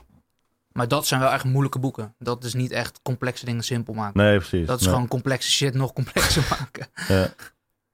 ja, en ik vraag me dan af of, hij of- zou Mark Mensen sowieso haten. ik vraag me dan af of hij Ja. kijkt dan naar maar hij de... haat Jordan Peterson Hij haat Jordan Peterson en Bill Gates. Ja. En Steven Pinker. Als je puur, ik, snap, ik, ik snap het inderdaad als je puur kijkt naar statistiek. Maar dan denk je, ja, het is toch eigenlijk alleen maar relevant voor de persoon in kwestie en zijn of haar leven. Als je gaat kijken naar kansberekening. Ja, ja hij, zei, hij ne- geeft bijvoorbeeld ook het voorbeeld dat eh, stel je vraagt aan mensen ehm, hoe groot is de kans dat er een aardbeving in Californië is. Dan zeggen ze ja, vrij groot. Maar hoe groot is de kans dat er een aardbeving in Amerika is? Dan schat ze die heel klein. Dus het is afhankelijk van zeg maar het systeem, de, de variabelen die je meeneemt, hoe, hoe mensen kans berekenen. Oké. Omdat het complexe systemen zijn. Dus Californië is een onderdeel van Amerika. Amerika is een onderdeel van de wereld. Maar als je de aardbeving schat in de wereld, dan schatten mensen het kleiner dan weer heel specifiek in bijvoorbeeld Californië. Maar, dat, maar dat klopt gewoon niet. Nee. Nee. Dus dat, maar dat is hetzelfde als dus het voorbeeld wat jij geeft. Als je het bekijkt vanuit de mens, dan klopt het. Maar als je het bekijkt vanuit de wereld, klopt het weer niet. Dus dat betekent dat die waarde die je dan hecht aan die probability berekening, is eigenlijk nutteloos. Omdat het alleen maar klopt vanuit een specifiek eh, perspectief. Ja. En dat, dat probeert hij in die boeken uit te leggen. Dat die specifieke scenario's eigenlijk nutteloos zijn. Dus ook de kans dat iemand iemand anders vermoordt, is eigenlijk altijd. kan je niet berekenen, zeg maar, volgens hem. Daarom is psychologie bijvoorbeeld geen wetenschap volgens hem, maar astrologie. Nee, het is, het is, je kunt het inderdaad niet berekenen. Maar je kunt wel weer zeggen, oké, eh, de kans dat jij vermoord wordt als je elke dag eh, of elke nacht alleen door Kaapstad gaat lopen, dan is de kans dat je vermoord wordt groter dan als je dat niet doet. Toch? Ja. Los van je referentiekader, los van de, de, de, de complexe systemen die je wel of niet gebruikt. Ja. Dat, dat is gewoon zo, toch? Waarschijnlijk wel. ja. En waarom zou dat dan niet relevant zijn? Nou, omdat, kijk, hij zou dan zeggen, dan moet je dus ook berekenen hoeveel mensen er in Kaapstad vermoord worden. Hmm. En hoeveel mensen zijn er op dat moment. En Ja. hoe groot is jouw aandeel in dat aantal. En dan met die berekening, die ga je naast die andere berekening leggen. Ja, dus wat hij zegt is tuurlijk, in theorie Dus klopt het wel, maar de praktische relevantie is laag. Klopt, Ja. ja. En hij is ook niet met praktijk per se bezig. Maar gewoon met...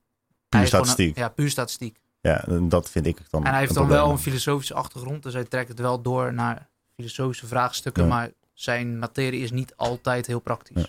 Nee, maar ik, ik snap het ook. Ik snap, ik jullie punt ook. Ik Anders bedoel, kan eh, je geen psychologie eh, nee, studeren. ik bedoel het feit dat jij in Irak woont, betekent niet dat de kans opeens heel groot wordt dat jij eh, eh, slachtoffer wordt van een, van een aanslag. Nee. Maar wel een heel stuk groter dan als je in Nederland woont. En dat betekent niet dat je niet in Irak moet gaan wonen. En ook niet dat je naar, niet naar Irak op vakantie moet gaan. En ook niet dat je er bang voor moet zijn. Ehm, maar ja, de kans is wel gewoon groter. En dat betekent nog steeds niet dat het heel veel praktische relevantie heeft. Nee, maar... Ik snap wat je bedoelt. Ben je van plan om naar Irak te gaan? Baghdad. Nee. Nee, man. Nee, ik denk dat ik dan eh, binnen een week eh, gelyncht ben. Als ze erachter komen. Als ik als, als, als ze Ik ging erachter met ik, naar eh, Israël, dat was wel een probleem. als ze ja, dat was dat het eh, probleem? Zo. Nee joh. Ja, het is eh, hè, kansberekening hè. Hoezo was het geen probleem? Ik had, Kan je, het ook op de, kan, je, kan je het exact hetzelfde zeggen hè? Doan die eh, denkt ja door mijn achternaam en mijn vader. En nu kom ik elke keer kom ik Turkije wat, moeilijk is er, in. wat is er met zijn vader? Wat is er? Ja, gewoon Turken toch? Ja. Maar zijn vader had ook specifieke achternaam, toch? Ja, voornaam. Nee, hij vroeg, ze vroegen gewoon ja hoe heet je vader? Ja, eh, gewoon, ja Turkse naam. Ja, kom maar mee. En nu heeft hij dus het idee dat elke keer als hij in Turkije komt, dat hij wordt gecontroleerd. Maar je kan toch, kun je aan dat iemands paspoort zien? Nee, ook nu in Turkije, dat zegt hij nu ook. Dus als hij Ja. naar Turkije in wil, dat, dat het een probleem is. Ah. Maar kun jij, als jij naar het land komt en ze scannen je paspoort, zien ze dan precies waar je bent geweest en wanneer? Sowieso niet binnen Nee. Europa, want je hoeft je paspoort niet eens... eh, Nee, en er staan ook geen stempel. Als, ja, als, je, Stempels, ja. als je in Israël komt, krijg je geen stempel om die reden. Omdat je anders heel veel andere landen niet in komt. Ik had wel echt gewoon ieder, ieder eh, land waar ook maar één moslim woont, ging in Israël. Hey, eh, je bent in Marokko geweest, ken je de mensen? Nee. Hey, eh, je bent in Indonesië geweest, ken je de mensen? Nee. Hey, eh, je bent in Sri Lanka geweest. Dude, ga je nou serieus dit doen? Maar je gaat natuurlijk ook niet stoer doen daar. Dus die gasten. Maar dat is, ja, dat is wat ze doen natuurlijk. En ik word elk jaar uitgeplukt, hè. Elk jaar gaan ze mijn koffers helemaal... Ik zeg, gozer, mijn moeder werkt bij de fucking luchtvaartmaatschappij waar jij voor werkt, hè. die, heb, die heb ik gebruikt toen, hè? Bij de dingen. De oh ja, dat was gelijk goed, hoor. Ja, toen noemde ik zijn moeders naam. Toen zei ze, eh ken je die, ken je die? Ja, ja, dat is eh, de moeder van mijn beste vriend. Oké, loop maar door. Wat was het? Bij El al. Ja, maar Oh. bij mij, eh, elk jaar gaan mijn koffers open, alles gaat eruit. Ja. Weet je wat ze dit jaar me voeren? Zei, oké, als jij, eh, want dan halen ze mij en Samantha natuurlijk uit elkaar. Zoals als jij, als jij uit, je, uit, je, uit het raam kijkt bij jullie thuis, wat zie je dan? Hoeveel televisies heb je thuis? Welk merk zijn ze? Ja, ik denk, tief naar gauw op met je kutvraag. Dat zijn wel goede vragen trouwens om, om dat soort shit te, checken, zeg maar. Ja, ja dat, eh, dat kan je echt niet met elkaar afstemmen. Je Nee, kan echt niet met elkaar afstemmen wat je ziet als je het huis uitkijkt. nice. Maar ik vind het dus raar dat ze in Israël juist bij het verlaten van het land dat ze vraag stellen. Dat is er bij mij. Overal, elke, ook als je erin komt. Ja? Oh, dat was wel best wel chill. Maar we, vanuit, vanuit welk vliegveld vloog je dan niet vanuit, niet vanuit Amsterdam? Parijs toen. Oké. Ja, nee, het ding is, ding is in ieder geval heel erg. Am Schiphol. En, Schiphol was ding van is een uur in de rij ook, man. Ja? Weet je nog? Ja, is heftig. Ja, ja. Allemaal in, individueel geïnterviewd ook. Ja, Geïnterviewd. maar, ja, dat. Oh, individuele podcast. je moet een podcast opnemen als je in Israël, Ja. Israël komt, hè? Ja. Nee, ik heb dat bij Amerika wel heel vaak, zeg maar, al die interview eh, dingen en zo. En dan daar nog eens een keer. Waarom beweeg je zoveel? Ja, bro. Ik heb dus net zeven uur in een vliegtuig gezeten. Maar je lijkt ook weer op een terrorist. Ja, sowieso. Alleen met een backpack. Ja. Met vijf boeken erin van Nassim. Ja. Wie is nou, kan je Nassim? Ken Nassim? Wat is je relatie met hem? Ja, Nassie. mooi. Ehm, dit was, dit Maar moest een soort eindejaarspodcast Maar zijn. ik was plassen. Heb jij inzichten gedeeld? Mijn inzicht was eh, hobby's, man. Ah, ja. Ik zei dat Ja, ik, eh, dat ik eh, heel lang vond dat zo'n beetje alles wat je doet op de wereld een soort doel moet hebben. Voor een grote geheel of voor de toekomst van jezelf. Ja. Of- Of een soort van stap in een betere, be- betere versie van jezelf. Maar mijn inzicht is wel, eh, niet alleen dit jaar, maar ook wel nog wel langer, dat je gewoon ook dingen gewoon kan prutsen, zeg maar. Zonder dat het ook maar enige betekenis heeft. Ja. Ik zou het ook mooi vinden als in 2020 dat eh, we met z'n allen een beetje stoppen met zo erg ons best doen om onszelf uniek te maken. Wat ik daarmee bedoel is, we willen zo graag speciaal zijn, dat zelfs nu op Instagram, heb ik toevallig eh, genoteerd, zag ik net. dat Oh, je had wel ik- notities. Natuurlijk. Oh, ja. Ik weet dat jij het niet doet, dus iemand moet het op doen. Dat, eh, iemand, dat, dat mensen tegenwoordig hun hele zwangerschap ook op, op Instagram Ja. eh, documenteren. Dan denk ik, oké, nou, we, eet, we kunnen wel echt, echt constateren dat zwangerschap niet uniek is. Mhm. Eh, het is niet dat we een tekort hebben aan mensen. Dus jouw zwangerschap, er is echt niks boeiends aan. Eerlijk is eerlijk. Misschien vinden je neefjes, nichtjes en je ooms en tantes het leuk. Ja. Maar Ik heb dit gesprek gehad met iemand die dat doet. En die zei, ja, maar het is voor mijn vrienden. Ja, gewoon Karin, Ja. prima. Maar dan hoef je niet 98 hashtags te gebruiken. Ja. Want je vrienden die zien jou sowieso. ja, dus maar- het is natuurlijk gewoon bullshit. Het is voor mijn vrienden. Eh, voor de meeste mensen. En dan doen mensen Q&A's. Ja, hebben jullie vragen over mijn zwangerschap? Maar kijk, en ik, en ik, die hebben het ook al zo vaak over gehad. post, ja. Wat- Die hebben het ook al zo. Kijk, het, is niet, het, is, het probleem is niet eens dat mensen het posten. Het probleem blijft bestaan omdat mensen daadwerkelijk vragen aan stellen. Dan denk ik, Ja. hoe, waarom heb jij nou zoveel interesse in de zwangerschap van iemand die je alleen maar, tussen aanhalingstekens, kent via Instagram? Ik snap het niet. Ik snap het gewoon echt niet. En wat ik nog erger vind, en sorry, want mijn zwager heeft het ook gedaan, maar dat, dat, ik, ik snap het niet. Ik vind het niet eens per se vervelend, maar ik snap gewoon niet waarom het gebeurt. Is als je een zwangerschapsfotoshoot doet, waarom moet de man dan altijd zonder shirt op de foto? nee, maar eerlijk. Ja, Je ziet, je, ik zie zwangerschapsshoots voorbij komen. En dan, gaat het altijd ook- hebben gedaan. en dan gaat het om de buikspieren van de man. Die gaat dan zo zitten, weet je. En die zit dan precies met het goede licht. Dat, eh, dat zijn buikspieren gruwelijk zijn. En dat, is wel, dat heeft wel een reden, hè? Wat hè? Nou, volgens mij, ik heb het een keer opgezocht. En het is dus zo dat, zeg maar, de man natuurlijk eh, van oudsher de beschermer is van het gezin. En een gespierd lichaam, eh, dat illustreerde vroeger een... eh, Bescherming. Ja, een beschermen. Een Beschermen. grotere kans op Ja. goede bescherming. Ja, Dus voor het plaatje, zeg ja, dat is maar, voor het het- plaatje gewoon. Dus een vrouw is altijd heel kwetsbaar en een man is altijd heel krachtig. En dat, Zo dat, dat beeld, dat doen ze nog steeds.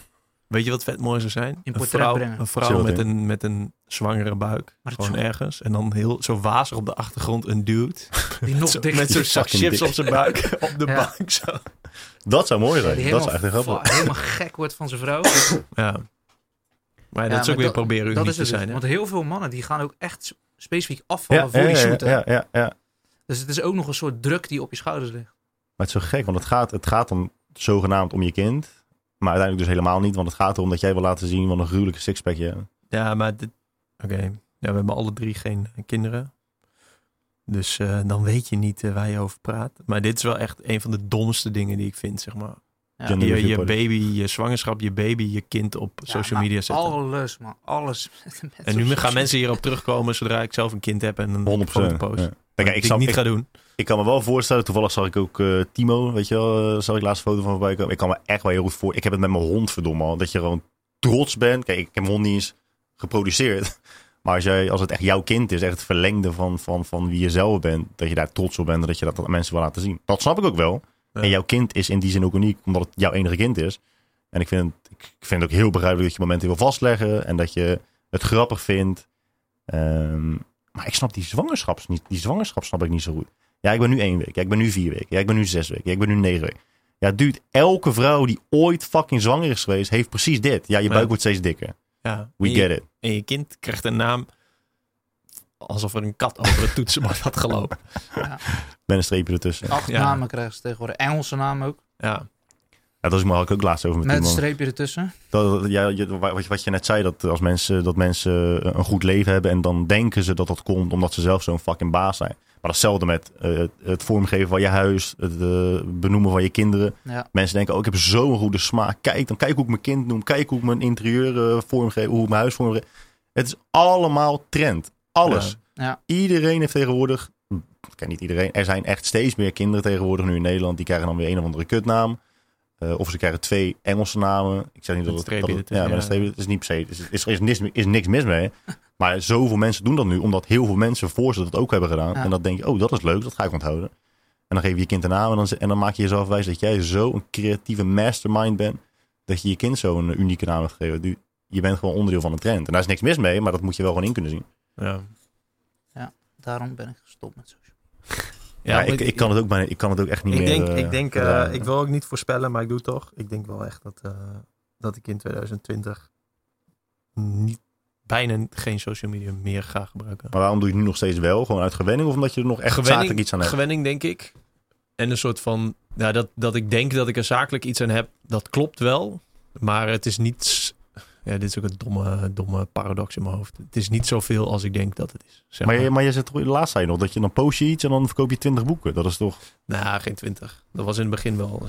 Maar dat soort, ja, al zijn het er vijf, dat zijn toch vijf boeken die anders hadden verkocht. Nee, maar je kan ook Ja. posten zonder erop te zitten. Weet je. Je, je, hebt Ja. tool- je hebt apps waarmee je kan posten. ja. Dat, dat ga ik gebruiken gewoon. Als ik ooit weer ga posten.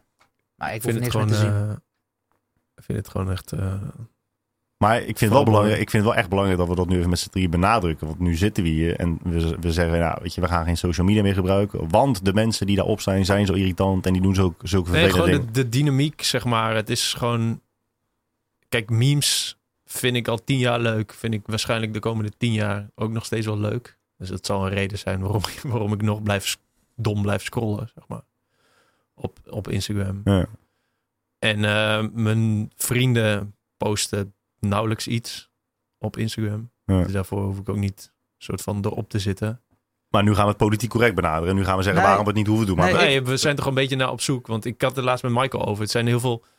Het is een soort frustratie. En ik weet nog steeds niet waar het aan ligt. Ook al heb jij het er in je podcast heel vaak over. Denk, oh ja, inderdaad, dit is ook zo. En, maar nog steeds kan ik niet echt duiden. Ik Kijk. zeg van oké, hier, hierom is het stom.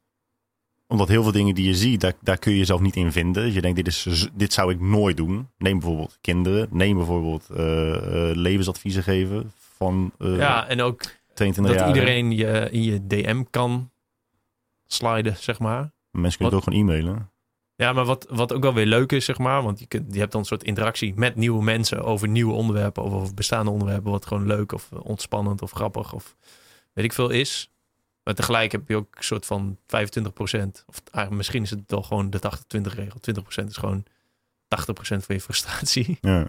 Ja, dat kun je ook niet tegenhouden. Je kunt dat niet filteren. En voor mij is het vooral... eh, ik denk dat social media echt gewoon in heel je realiteit geëmbed zit. Je doet op een gegeven moment altijd relatief aan social media. Ja, En Ja, ik, dat is dat wilde ik kut. gewoon weg uit mijn realiteit. Het is gewoon cultuur voor mij. Het was cultuur voor mij. Dus alles wat ik deed, was gewoon altijd vanuit die social media bril. Mhm. Dus als je shit eet, dan maak je bepaalde foto's. Als je shit schrijft, dan gebruik je bepaalde taal.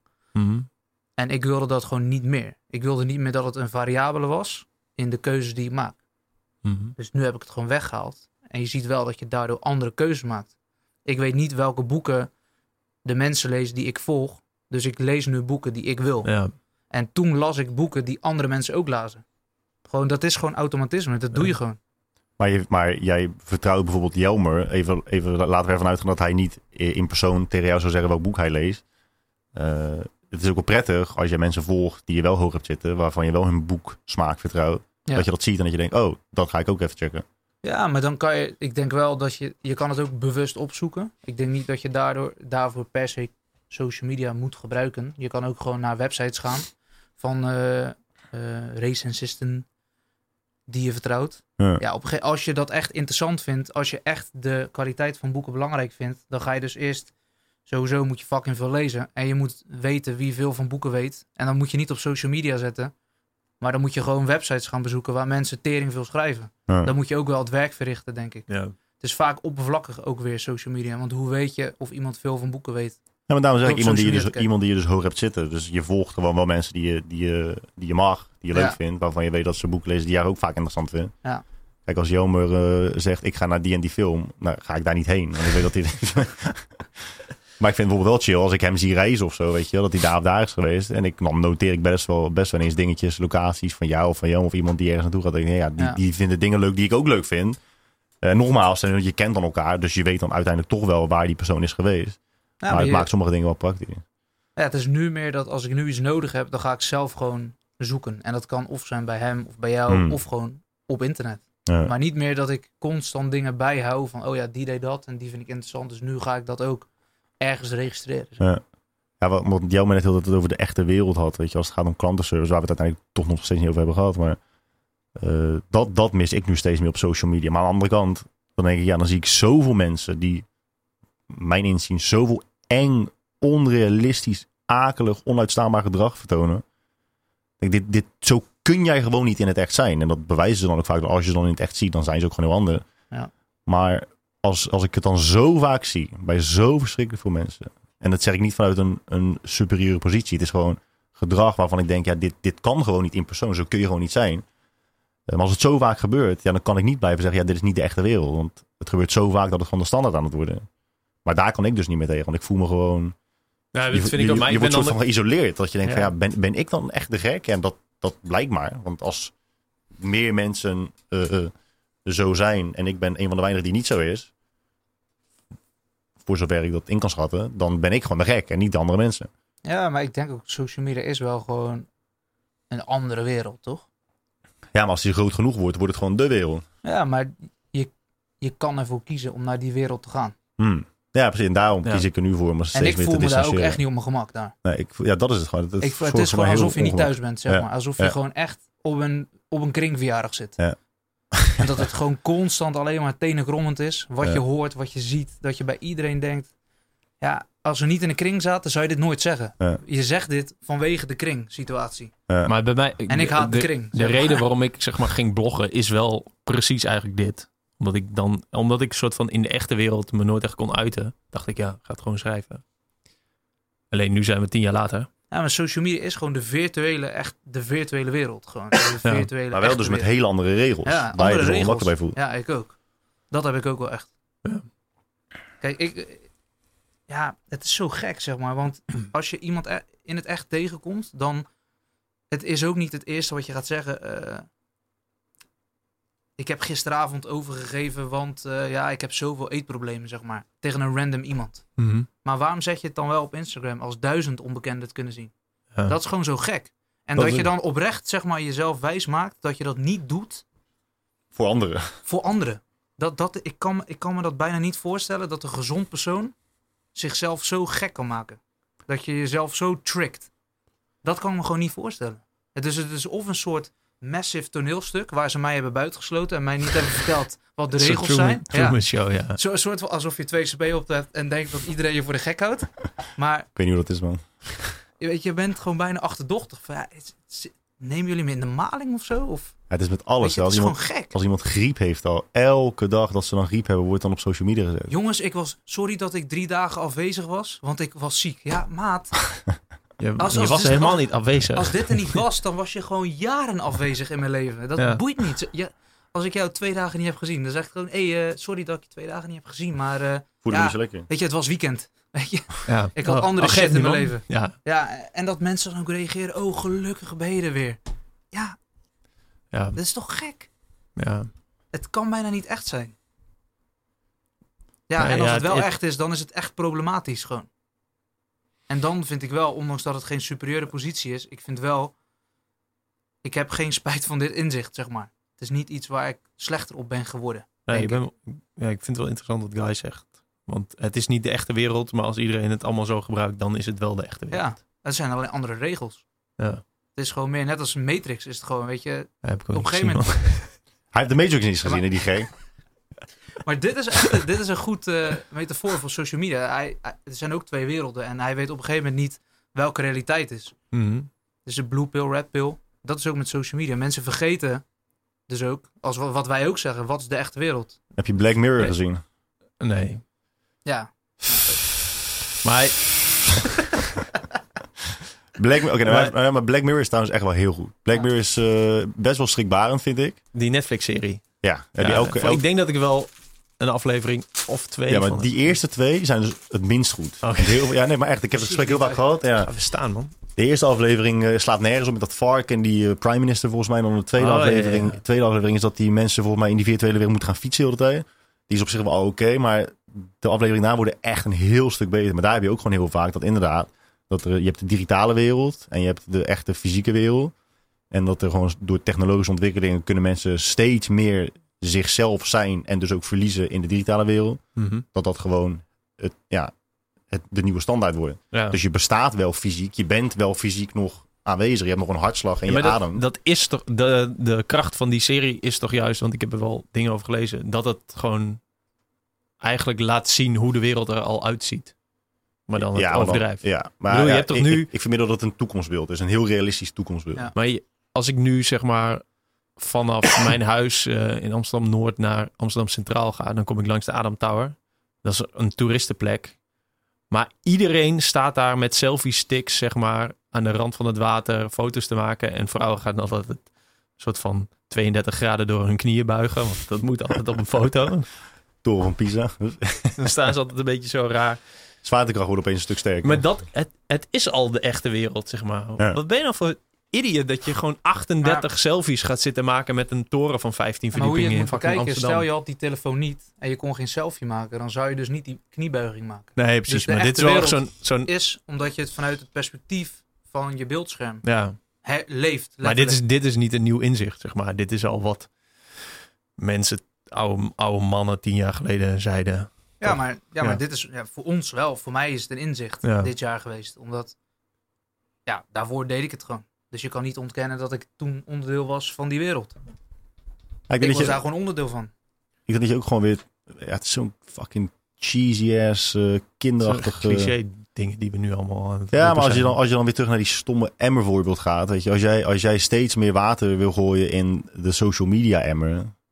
Daar is op zich niks mis mee. Hè. Het is, Nee, het is nee. helemaal niet erg dat jij selfies maakt bij een gebouw. En jezelf dan vertelt. Ja, voor als ik dat over twee jaar weer een keertje terug wil kijken. Dat ga je niet doen. Want er staan al 25.000 foto's op je telefoon.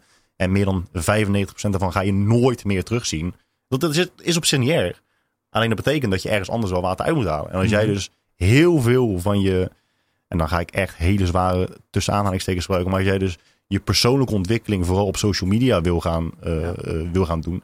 Dat kan, maar dat gaat echt wel heel erg ten koste van je zelfontwikkeling in, dus nogmaals, de echte wereld. Mhm. Kijk, Want het vind- kan niet allebei. Je kan niet, je kan niet een uur van je tijd nemen en dan zeggen, nou, ik ga en een uur lang hier met zitten en met Jelmer kletsen. En tegelijkertijd mijn 15.000 fictieve vrienden op social media Ja. eh, entertainen. Dat kan niet. Kijk, ik vind zijn inzicht bijvoorbeeld ook wel mooi dat hij is dan. Hij heeft het over relaties net gehad. Maar ik zie het altijd zo: als je social media veel gebruikt, dan is het gewoon een bepaalde bril waar je de wereld door ervaart. Mhm. Maar dat kunnen ook relaties zijn, dat kan ook je werk zijn. Dat kan ook eh, je relatie met je partner zijn. Er is gewoon altijd iets wat je wereldbeeld domineert. Ja. En ik denk dat bij veel mensen social media is. Maar dat heeft grote gevolgen. Want als ik dat nu ook zou hebben, zou ik misschien iets meer mijn haar hebben gedaan. Ik zou misschien andere dingen hebben gedaan. Of ik zou iets voorbereid hebben, zodat ik een goed verslag kan uitbrengen straks op social media. Want als ik die dingen niet doe, wat ga ik dan melden? Mhm. Dus het, Ja. het druppelt heel erg door in andere aspecten van je leven. Het is niet per se alleen social media. Het is gewoon het construct, de realiteit die je creëert. Waar heel veel andere dingen, denk ik, slachtoffer van worden. Ja. En dan kunnen we wel zeggen, ja, het is een keuze. Maar ik denk niet dat social media hoger op de hiërarchie staat dan relaties. Nee, als en- bril nemen om de wereld te ervaren. Maar kan het Ja. er niet naast staan dan of zo? ja, dat denk ik dus niet. Nee, dat, denk, ik ook niet. niet. Ik denk het niet, omdat... Kijk, als je relaties bijvoorbeeld weer als, als vertrekpunt neemt... dan ben je juist veel meer bezig met... oké, hoe kan je een fijne ervaring hebben met degene met wie ik ben? Mhm. Dat, dat is, kan gewoon niet samengaan met social media. Want jij hebt niks te maken met wat ik als verslag uitbreng op social media. Die dingen, dat zijn gewoon tegenpolen. Ja.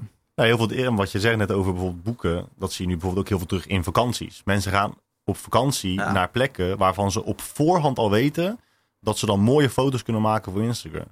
Ja, Ja. Ik, wil naar, ik wil naar Bali en dan specifiek naar die plek Met die waar, met die schommel. Ja. Want je weet gewoon, zij die hebben al duizend influencers gezien eh, die daar die foto's maken. Dan willen ze naar die plek, zodat ze daar een foto kunnen maken. Ja. Ik ken nu mensen die gaan naar Israël en dan gaan ze, eh, willen ze niet het land verkennen, maar dan willen ze naar een specifiek hotel eh, bij de Dode Zee, die ze Ja. naar een stukje grond brengt, waar dan één boom met allemaal zout eromheen in de zee staat. Iedereen maakt daar foto's. Ja. Dus het doel van de vakantie wordt niet, nou, ik ga een land ervaren, ik krijg nieuwe culturele inzichten.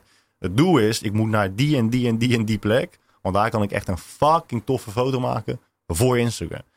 En nogmaals, zelfs dat is niet erg, maar het erge is dat je jezelf iets anders wijs maakt. Ja, Dat je precies. zegt, nee joh, tuurlijk niet, hè, het is toch gewoon leuk voor later. Nee, je vindt het gewoon heel erg belangrijk dat heel veel mensen jouw foto liken. Ja. En dat is niet erg, maar dat moet je wel gewoon toe kunnen geven. Maar is het niet iets dubbels of zo? Ja, ik probeer... Ik denk dat ik het gewoon wel met je eens ben. Maar je hebt toch ook heel vaak... Als ik naar een plek ga... Je, je wil dan een soort van highlights. Of je wil, je wil weten wat daar te doen is. Hmm. Toch? Dus dan heel vaak heeft het ook overlap. Dus dan wil je naar... Het is, de volgorde, Ja, die is heel precies. belangrijk. Ja. wij, wat wij zeggen is natuurlijk, als ik voetbal tof vind, dan kan ik zomaar naar Brazilië gaan, omdat daar het grootste stadion van de wereld staat. Ja. Maar ik ga niet naar dat stadion, omdat, zeg maar, om- omdat dat specifieke stadion, zeg maar, door heel veel mensen bezocht wordt. Het is ook meer de volgorde, Mhm. denk ik. Dus als jij bijvoorbeeld eten heel lekker vindt, dan ga je gewoon googlen. Dat is hoe het vroeger ging nog, voor social media. Waar kan je het lekkerst eten in de wereld? Ja, En dan ga je die reizen maken. ja. Dat is denk ik een hele andere volgorde, omdat je begint bij wat je zelf wil. Wat je zelf tof vindt. Maar je kan mij niet vertellen dat een chick van 18 fucking schommel in Bali tof vindt, zeg maar. Nee, Weet je, dat, het omdat kan je daar gewoon in, niet. Dat, in de st- staat en je moet even scooteren. ja, je kan gewoon niet dat jezelf wijsmaken. Dat kan gewoon niet. Nee. Ik geloof het, ik geloof het echt niet. Dat kan ik niet geloven. En dat is het meer. Of dat elke chick nu ineens Ibiza tof vindt. Wat is Ibiza? Het is gewoon een eiland met een gemiddeld strand, slecht eten, je betaalt veel. Ja. Dat is letterlijk Ibiza. Ja, je wil kunnen zeggen dat je in Ibiza, op Ibiza bent geweest. Als weet ik- je, dat is het gewoon. Als social media niet bestond, was Ibiza gewoon misschien gezonken, weet je. Het is gewoon, het is oprecht. Er is gewoon verder niks wat uitblinkt ten opzichte van andere eilanden die veel goedkoper zijn. Ja, het nachtleven zou je nog kunnen zeggen. Weet je, Ja. de clubs. Nou goed, nachtleven. Maar je hebt heel veel andere plaatsen waar het ook kan. Maar het is, dingen zijn alleen maar zoals ze zijn, omdat het vanuit social media heel vaak aantrekkelijk is. Ja, social media zorgt ervoor dat, dat, de, cult, dat de culturele norm sneller wordt eh, bepaald. Het, het is een variabele in de cultuur nu, social media. Waar voorheen hele andere dingen, denk ik, overheersend waren. Zoals binding. eh, ja, en sociale status is nu echt omhoog aan het kruipen, nog steeds. Dus, No pun intended. dus 2020. Geen post meer. nou ja, nee, ik, Daar is hij al mee begonnen en alweer Nee. ik vind ook niet dat wij, wij, wij zijn ook echt zeker niet van extreme. We kunnen hier ook alle, niet allebei allemaal zitten en zeggen, ja, social media is, alleen, is alleen maar slecht. Ik ga het nooit meer doen. Het heeft ook echt wel goede, eh, goede eigenschappen. Ja. Ik vind alleen dat je, ja, je moet gewoon uitkijken. Je moet ervoor waken dat het niet zodanig veel invloed heeft op wie, wie, je, wie je bent. Ja. En dan heb ik het over wie je echt bent. En het is altijd heel moeilijk om te definiëren wie je dan echt bent. Want je wordt altijd beïnvloed door van alles en nog wat. En je kan altijd, je kan altijd eh, beïnvloed blijven worden. Dat is niet erg. Maar volledig gestuurd worden door wat andere mensen wel of niet van je vinden. Dat is gewoon, eh, ja, dat is gewoon eng. Je bent gewoon, je bent gewoon een op afstand bestuurbare robot. Ja. Door mensen die je niet eens kennen. En, En- dat is dan een stukje volwassenwording ook hoor, denk ik. Ik denk dat, dat, dat je jezelf nu op deze leeftijd heel makkelijk kan wijsmaken hoe belangrijk het allemaal niet voor je is. En over tien jaar denk je, jezus, waar was ik nou mee bezig? Maar wat- waarom post ik nou weer elke week een foto van mezelf? eh, met mijn vetrolletjes en mijn putjes in mijn benen. En wilde ik iedereen Twee laten foto's. weten. Ja. Eentje, eentje, zeg maar, waar Ja, het allemaal Good lightning, lijkt. bad lightning. Ja. This is me, this is also me. Denk ik, ja, waarom vind je nou zo belangrijk om mensen wijs te maken dat je zelfvertrouwen hebt? Want je hebt echt geen zelfvertrouwen. Als, En- als die persoon tegen, en dat is ook weer het verschil tussen de echte wereld en social media. Je weet dat iemand, dat iedereen gaat zeggen, oh je bent een lekker wijf, je bent een lekker wijf. Als je die persoon tegenover je zet en je zegt, eh, nou lieve schat, ik wil je niet eh, beledigen, maar ja, je ziet er gewoon echt niet uit. En niemand trapt erin dat jij zelfvertrouwen hebt. Je bent één stuk verlammend eh, Verdriet. verdriet en, en, en, en gebrek aan zelfvertrouwen. En je bent een kind en je weet echt niet waar het over gaat. Denk ik niet dat zij zeggen, "Ah, dat doet me niks. Want ik heb gewoon zoveel zelfvertrouwen. En eh all I care about is self-love. Me. Ja. Ja. En, en ook, kan je je voorstellen dat jij zeg maar op straat loopt en tegen iemand zegt, wist jij dat als je zit, dat je dan meer vet lijkt te hebben, maar eigenlijk heb je net zoveel vet als dat je staat, maar je ziet het gewoon meer. Ja, als je dat tegen mijn ouders zou zeggen, die zouden je echt uitlachen. Ja. Want dat weet iedereen. Ja. Het, maar ineens kan het op social media. Zijn er mensen die dat toejuichen, want je bent real. Nee, je bent real in een wereld die gewoon niet gemaakt is om real te zijn. Ja, ja, de wereld is niet real. Ja, maar ja, Weet je, het gaat er niet om. Het is zo gek. Het kan niet, zeg maar, bijna. Dat mensen, dat het, dat het een inzicht is voor mensen. Want je zit iedere dag. Je weet dat je dan meer vet hebt voor het zicht. Maar je weet ook dat er niet zittend meer vet je lichaam nee, genereert, zeg maar. ik snap hem. Maar Ja. en mensen zijn echt- over het algemeen niet stom. Super stom. Maar, en, Ja, hoe bedoel je? Re- eh, mensen die reageren. ja. Ja, En toch doet iedereen alsof het een verademing is. Maar het ja feit dat je reageert met is... bro, dit slaat nergens op, doe even normaal. Ja, dan is het... Dan ben je een doemdenker en dan ben je negatief en dan moet je lekker je spullen pakken en wegwezen. ja. Ja, wordt gewoon verwijderd, toch? Ja, je houdt gewoon een, Ja, een echo chamber. Dus iedereen ja. je verwijdert gewoon de slechte reacties. Ja. En Dat is zo gek, weet je. Ik denk echt, en nogmaals, het is weer echt een, eh, een hypothese. En misschien achter, over 30 jaar, dan krijg ik gelijk en dan zeg ik, zie ik altijd voorspeld. Maar dat kan ook net zo goed niet waar zijn over 30 jaar. De tijdcode Maar 244, ja. Maar dat iedereen zichzelf gewoon probeert te overtuigen van heel veel dingen. En ja, dat heel erg gewoon... eh, Wat zijn die nou echo's weer nodig. De tijdcode, zodat we het kunnen onthouden over 30 jaar. Oh. Ja. Ja, nee, dat klopt. Maar dit is, dit is toch ook een echt echo chamber. Ik krijg heel vaak, of heel vaak, ik krijg er nu en dan een bericht van mensen van ja, nodig eens iemand uit in de podcast die, waar je het helemaal niet mee eens bent. Maar ik weet niet of dat tof is. Dat Ja, is ook helemaal niet gezellig. Nee, Het is, ook, het is ook maar net de vraag hoe ver je wil gaan. Ik bedoel, met Jan Kooijman was ik het met sommige dingen gewoon echt fundamenteel oneens. Dat ik echt, ik ben het echt totaal niet met je eens. Maar als je, als, als Kiba, je, pak hem! als je te, als de, de. Verschillen te groot, als het gat te groot is, dat vul je ook niet op Nee. tijdens zo'n gesprek. Nee, En dan is het weer in het kader van eh, documentaires maken, is het gewoon leuk voor de luisteraar om twee extreme te horen, zodat ze zelf ergens een antwoord in het midden kunnen, kunnen kiezen. Maar het is heel moeilijk om een gesprek op. Dat is laatst, dan, dan gaat het opeens over, eh, eh, omdat we het er net over hadden, over vliegvelden en dan controles. En toen ging het dus over eh 9-11. En ik sprak gewoon over 9-11, alsof eh, dat wat ze zeggen dat er gebeurt is, alsof dat ook gewoon de waarheid is. Maar ik kreeg dus de reactie gelijk van, oh, ben jij zo iemand die gelooft dat wat er op tv was, dat dat ook echt gebeurd is? Dus ik zei, ja, ik heb een beetje het idee dat jij eh, meer neigt naar de eh, complottheorieën. Ik zei, dat is niet echt een gesprek eh, eh, dat ik nu wil voeren. Ja, dat gesprek moest dus wel, wel gevoerd worden. Maar dan heb je zo een groot eh, meningsverschil. En dan ga je het alleen maar hebben over het meningsverschil. Ja. En het is best wel moeilijk om daar een hele podcast mee te, te vullen. Het is wel leuk om gewoon iemand zijn woord, dat deed ik ook dus met Jan, dat je laat iemand gewoon zijn woord doen. En je hoeft niet per se met hem eens te zijn, maar laat hem gewoon zijn woord doen en vraag door en vraag door en vraag door. Ja. Ehm, maar het is aan de andere kant ook lastig als, als iemand waarmee jij, waar jij het echt heel erg mee oneens bent, als jij die te gast hebt. Dat mensen een soort van de aanname doen, oh dat denkt jou, maar misschien ook wel. ja, maar het, het gaat dan vaak... Ja, wil je dan een discussie hebben over waarden of over feiten, zeg maar? Dan, Precies, heb, je, dan heb je natuurlijk ook ja. nog... Want als an, iemand andere waarden heeft, ja, Maar wat zijn feiten? prima. Wat feiten Ja. bestaan niet. dat zijn jouw feiten. Feiten, dat, is jouw, ja, dat is jouw realiteit, dat is jouw wereld. Nee, ja, dan, als iemand andere waarden heeft, ja, waarschijnlijk vind ik die waarde dan stom. Ja, en dan stopt het daar. Van ja, ik heb dan zijn, Stom. ja, dan heb ik het waarschijnlijk ook. Waarom zou ik Ja, maar- dan iemand moeten overtuigen dat mijn Ja, maar dan dat weer is- belangrijk Die zijn? vraag heb ik. Dan willen mensen die polariteit zien, maar met welk doel? Het is altijd as via dem een beetje. Ik denk dit, hij Ik- denkt dit. ik, ja, eh, boeien. Ik postte dat ik, eh, dat ik een podcast ging opnemen met Sarai over de Game Changer. Toen reageerde iemand. Nou, eh, dat is alsof je een christen de Bijbel laat reviewen. Stuur ik een vraagteken. Ja, zo'n pro. eh, je, je moet niet met een pro-vegan die documentaire gaan reviewen, want dat slaat nergens op.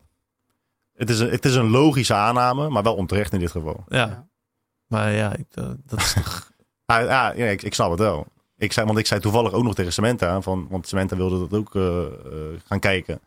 Dus ik zeg, nou ja, kijk anders, luister even naar de podcast van eh Sarai en, en Jelmer. Want ik zeg, Sarai is nog wel veganist, maar wel een intelligente. Ja. dus luister daar even naar. Dat heeft ze niet gedaan, want dat zei, zei al genoeg. Maar ik, ik snap de aanname wel, want zij is wel een uitzondering. Zij is een uitzondering op de regel. ja, ja, Er zijn weinig veganisten die leuke tafelgasten zijn. Nee, dat is zeker, ja, dat is zeker waar. Ja. Ja. Klopt. Ja. Maar eh, ja, dat zou, ik denk dat het een heel raar gesprek zou zijn met, met een soort van hardcore veganist. Zeg maar, je, als je die, die documentaire op IMDb checkte, die cijfers, heel toevallig gekeken. Nee. Alleen maar tienen of ene. Ja, nou precies. Ja, ja. Ja, maar, ja, Fucking grappig. ja. Soort van, wow, this, this is what the world needs, bladibladibla. Super goed gedocumenteerd, toffe, goede, goede wetenschappelijke onderzoeken. En dan één. En dan was het dan een tien. En dan één, vegan propaganda en bla bla. Slaat Ja, ja, nergens ja. op, slaat nergens op. En dan weer tien, tien, tien, één, één, één. Ja, ik geef een één omdat er zoveel tieners zijn. Maar ik- ik ging dus wel door, even niet weer om eh, een een, een, een veer in zijn reet te steken, maar Oh. In een van zijn boeken heeft hij dus over dat de meeste reviews bagger zijn. Maar ik had nooit, ik lees reviews, ik hecht er niet per se superveel waarde aan, maar toen dacht ik, ik ga eens kijken wat mensen reviewen over onderwerpen waar ik gewoon toevallig veel van af weet. Mhm. Maar lees maar eens reviews over fitnessboeken of zo. Ja, mensen zeggen echt shit. Ja, hij zegt toch Totaal dat niet het- klopt. dat het altijd eh, vaak meer zegt over, eh, Ja, over de de- reviewer over de reviewer dan over het boek. Ja. Ja. en ik wist dat dus niet. Maar ik ging dus checken wat mensen over fitnessboeken zeggen. Ja, en dan zie je ook gewoon dat mensen reviews geven op bijvoorbeeld eh, eh, boeken van eh, die 3D-MJ-gasten. Maar ook over echt bullshit-boeken. En die zeggen dan, ja, goede wetenschappelijke on- onderbouwing. En terwijl er niet eens over feiten wordt gesproken of over wetenschap. Mhm. De reviews zijn altijd kut. Ja. Ook van docus vaak. Het, is, het gebeurt niet vaak dat iemand echt een hele goede review schrijft. Het is gewoon weer een vorm van een digitaal podium. Ja, het is gewoon Oh, weer iemand- even zeggen wat jij ervan vindt. Ja. oh, iemand is het met mij eens. Nou, laat ik maar even de wereld eh, laten blijken dat ik, eh Ja. laat weten dat ik het eh, daar ook mee eens ben. En tegenwoordig kan je ook likes geven aan reviews overal. Dus dan Ja. heb je ook nog eens weer dat je dat, eh, die, die disproportie creëert. Dat de twee nutteloze reviews zijn gewoon één is tegen, één is voor. En die krijgen allebei 6000 likes. Ja. En 800 reacties met ja, zo is het man. Ja. Denk je, ja, Ja, je hebt echt dat niet is zo heel waarom veel reviews. Nee, Er zijn drie dingen die wel tof zijn, die een beetje hetzelfde werken. Dat is Quora, gewoon vraag-antwoord. zeg maar. Ja. Het beste antwoord. Of het, het Beste antwoord volgens de lezers. nuttigste ja, antwoord. Ja. nuttigste antwoord. Nuttigste. Volgens de Eh, lezers. Stack Overflow, voor al Ja, je codevragen, is eigenlijk ja. hetzelfde. En Reddit natuurlijk. Ja, dat is kick. Maar Reddit zit ook zo... Maar idioten. YouTube, eh, YouTube comments zijn ook echt gewoon goud. Ja. Dat is een van de redenen waarom ik niet social media zou willen opgeven. Nee, Want als je een goede video kijkt, dat je ook van de video geniet, zeg maar, dat je echt wat aan hebt. En dan eventjes gewoon de comments kijken. ja, dat Dat is gewoon altijd goud. Thuisbezorgd ook hoor. Thuisbezorgd recensies. ja, Ja? maar- Ja, dat is niet normaal man. Het is echt zo slecht. Heb je wel Oh, slecht. bas- Maar basisschool zijn er niet gewoon altijd... Oh ja, basisschoolreviews zijn ook wel mooi, ja. Heb ik, het ook, heb ik het ook wel eens over gehad met uh, thuisbezorgd man. Ik, dan, dan, schrijven, dan schrijven mensen echt dit. Nou, het eten was echt fantastisch. Het was de eerste keer dat ik hier bestelde. Zo lekker. Het kwam warm aan. Alles was nog knapperig. Maar eh, ja, ze waren vergeten bestek bij de bestelling te doen. Eén ster. en laatst was ik er ook een. Ik eh, wilde ergens bestellen. En je gaat, dat is altijd zo. Dat is ook weer zo'n zo'n fucked up iets van, van het menselijk brein. Waar ik ook echt vanaf wil stappen. Dan, als je dan ergens over twijfelt, ga je recensies lezen. Ja. Dan ga je altijd naar de één sterren kijken. Ja, Maar goed, ik dus lezen. Nou, dan had iemand dus één ster gegeven. Die was hartstikke blij. Hij zei alleen, eh, maar ja, eh, ze zeiden dat ze om, eh, om eh, vijf over negen zouden komen. En opeens veranderde dat naar acht over negen. Eén ster. Ik denk, holy shit, wat Ja. eng. ja. Ja, mensen zijn. Maar ik, je hebt zo vaak. Je hebt gewoon reviews dat mensen zeggen: Ja, ik, ik, ik had niet verwacht dat ik kalfsvlees zou krijgen. En dan reageert dat restaurant: Meneer, u had een kalfsburger besteld. ja. en dan denk ik van ja, gast. Het lijkt me zo kut om een restaurant te hebben en dan dit soort reviews. Ik hoorde dat ze nu opkopen. Hè? Ik hoorde dat ze nu mensen mailen die één sterren reacties achterlaten. Ja. En dat ze vragen om die eh, recensie te verwijderen. En dan krijgen ze een eh, bon voor eh, gratis eten. Oh ja, dat is wel slim. Dat is niet op thuisbezorgd. Voor mij kan je daar je eigen recensie niet verwijderen. Maar was op een andere website. Misschien eh TripAdvisor. Ah, Oh ja. Ja, dat is ook wel irritant, man. Dat, ja. Denk je dat het meer goed doet dan kwaad? Recensies? Ja, het- Kijk, je hebt, je hebt natuurlijk... Ligt aan hoe, hoe- hoeveel sterren je hebt. Als je veel sterren hebt. maar kijk je bijvoorbeeld ook op TripAdvisor als je in het buitenland bent? Waar Ja. kijk je dan? TripAdvisor. Ja, vaak wel. Ja, ik, Het ligt, het ligt aan waar, waar ik naar zoek. Als ik naar restaurants zoek, eh, ja, dat is kut. Hè. Dat is net als met Google eh, resultaten. De top drie. Voor de, de eerste resultaat krijgt voor mij 98% van al het verkeer.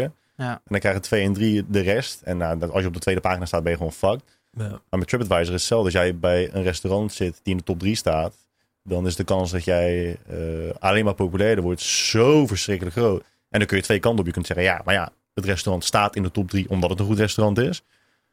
Maar de vraag is ook, ja, wie heeft er gestemd? Waar kijken ze naar? Ja, maar dat, is, dat, Sluit is het ook- aan op dat jou? komt dus in mijn autonomieboek, zeg maar. Dat platforms on- online zijn er geen platforms. nee. Want ze zijn, dat zijn hellende vlakken. Als je eenmaal populair bent, Ja. is de kans fucking groot dat je ook alleen maar populairder wordt. ja. Klopt. Maar dan is de Populariteit enige, wordt beloond. ja, maar dan is de enige logische en terechte vervolgvraag is, is de populariteit die ze nu genieten terecht? Nee, En dat is het terecht volgens jou? Nou ja, ja, nee, ja, een goede vraag. Ja, allebei. Want dat Nee, betekent, want Want, dat nee, betekent- want je kunt ook fake it till you make it. Zeg Ja. maar. ja. kan, dat kan. Maar ja, Zet even wat, wat robots in om je reviews te geven. Bam, sta je bovenaan. Denken mensen, hey, vet restaurant, ga Ja. ik ook komen. Oh ja, heel veel mensen vinden het tof. Vind ik het ook tof. ja, ja, is Ja. zo. Dat is Maar zo. eigenlijk zou je gewoon op gedrag moeten meten. Weet je, hoeveel mensen zijn er daadwerkelijk geweest? Hoeveel terugkerende mensen? Maar dat, Ja, maar dat is niet ook doen. afhankelijk van reviews. Dat is het kutte. Dat het nu integreert. Nee, maar wat is de beste parameter om te meten hoe goed iemand het vindt? Ja, één, terugkomst. Maar ook Mhm. gewoon hoeveel mensen je doorverwijst. Ja, dat is Ja. natuurlijk waarom überhaupt eh, referral programs zijn gestart. Ja, De essentie is gewoon dat je... Ja, mensen kennen mensen die dezelfde dingen tof vinden. ja. Dus Ik denk dat recensiewebsites alleen maar relevant zijn als het platform in kwestie eerst kan bepalen wie jij bent. ja, ja. Wat de waarde is Geslacht, van leeftijd, inkomsten, eh, wat, zijn, wat zijn, dat je bijvoorbeeld eerst restaurants in kan vullen die je zelf al lekker vindt. ja, hoeveel reviews heb je geplaatst en deel dan je score door het aantal reviews. Ja. Nee, maar ook... Of je, de, de waarde van je review door het aantal reviews wat je hebt achtergelaten. Dat heb je ook bij IMDb. hè. Bij IMDb tellen je reviews en je, Ja. en je, je scores pas als je x aantal scores en recensies hebt achtergelaten. Maar ik bedoel meer, je, je kunt ook 200 reviews achterlaten. Hmm. Maar dan tellen ze ook allemaal voor 1 200ste, zeg maar. Dat zou mooi zijn. Ja, zo, ja, ja, Ja. ja. Maar het is ook, kijk, stel je hebt alleen maar Michelin-restaurants die je normaal bezoekt. En je gaat bij de, weet ik veel, bij de beren eten. En je geeft dat vijf sterren, want het is van een maat van jou. Ja. Eigenlijk moet je gewoon zien, deze man eet normaal alleen maar Michelin. Ja. Je kan het nooit vijf sterren vinden. Dat is gewoon bullshit. Dus eigenlijk zijn reviews slaan ze nergens op. Nee, vaak niet.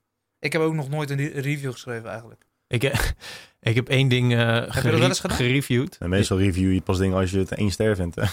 Nee, maar Ik heb- ook niet eens. Op gedaan, maar dat ik, doen de ik heb meeste op, ik heb op Google één ding. Er staat een. eh, op Spui in, hier in Amsterdam staat een eh, standbeeldje. Het lievertje. Dat heeft volgens mij iets te maken met studentenprotesten. En ik heb er ooit een keer voor de grap erbij gezet. Vinden me helemaal niet zo lief. Eén ster of twee sterren, weet ik veel wat. Maar ik krijg dus volgens mij iedere maand of ieder kwartaal krijg ik een overzicht van Google. Hoeveel mensen die review hebben gezien. Maar ja, een paar duizend mensen checken dan de review. Heb je wel weer gerefereerd naar je eigen website? Nee, Dan moet je er wel aan, aanvullen, man. Jammer de boer slash blog. Ja, Lees meer over het lievertje. ja, maar ja.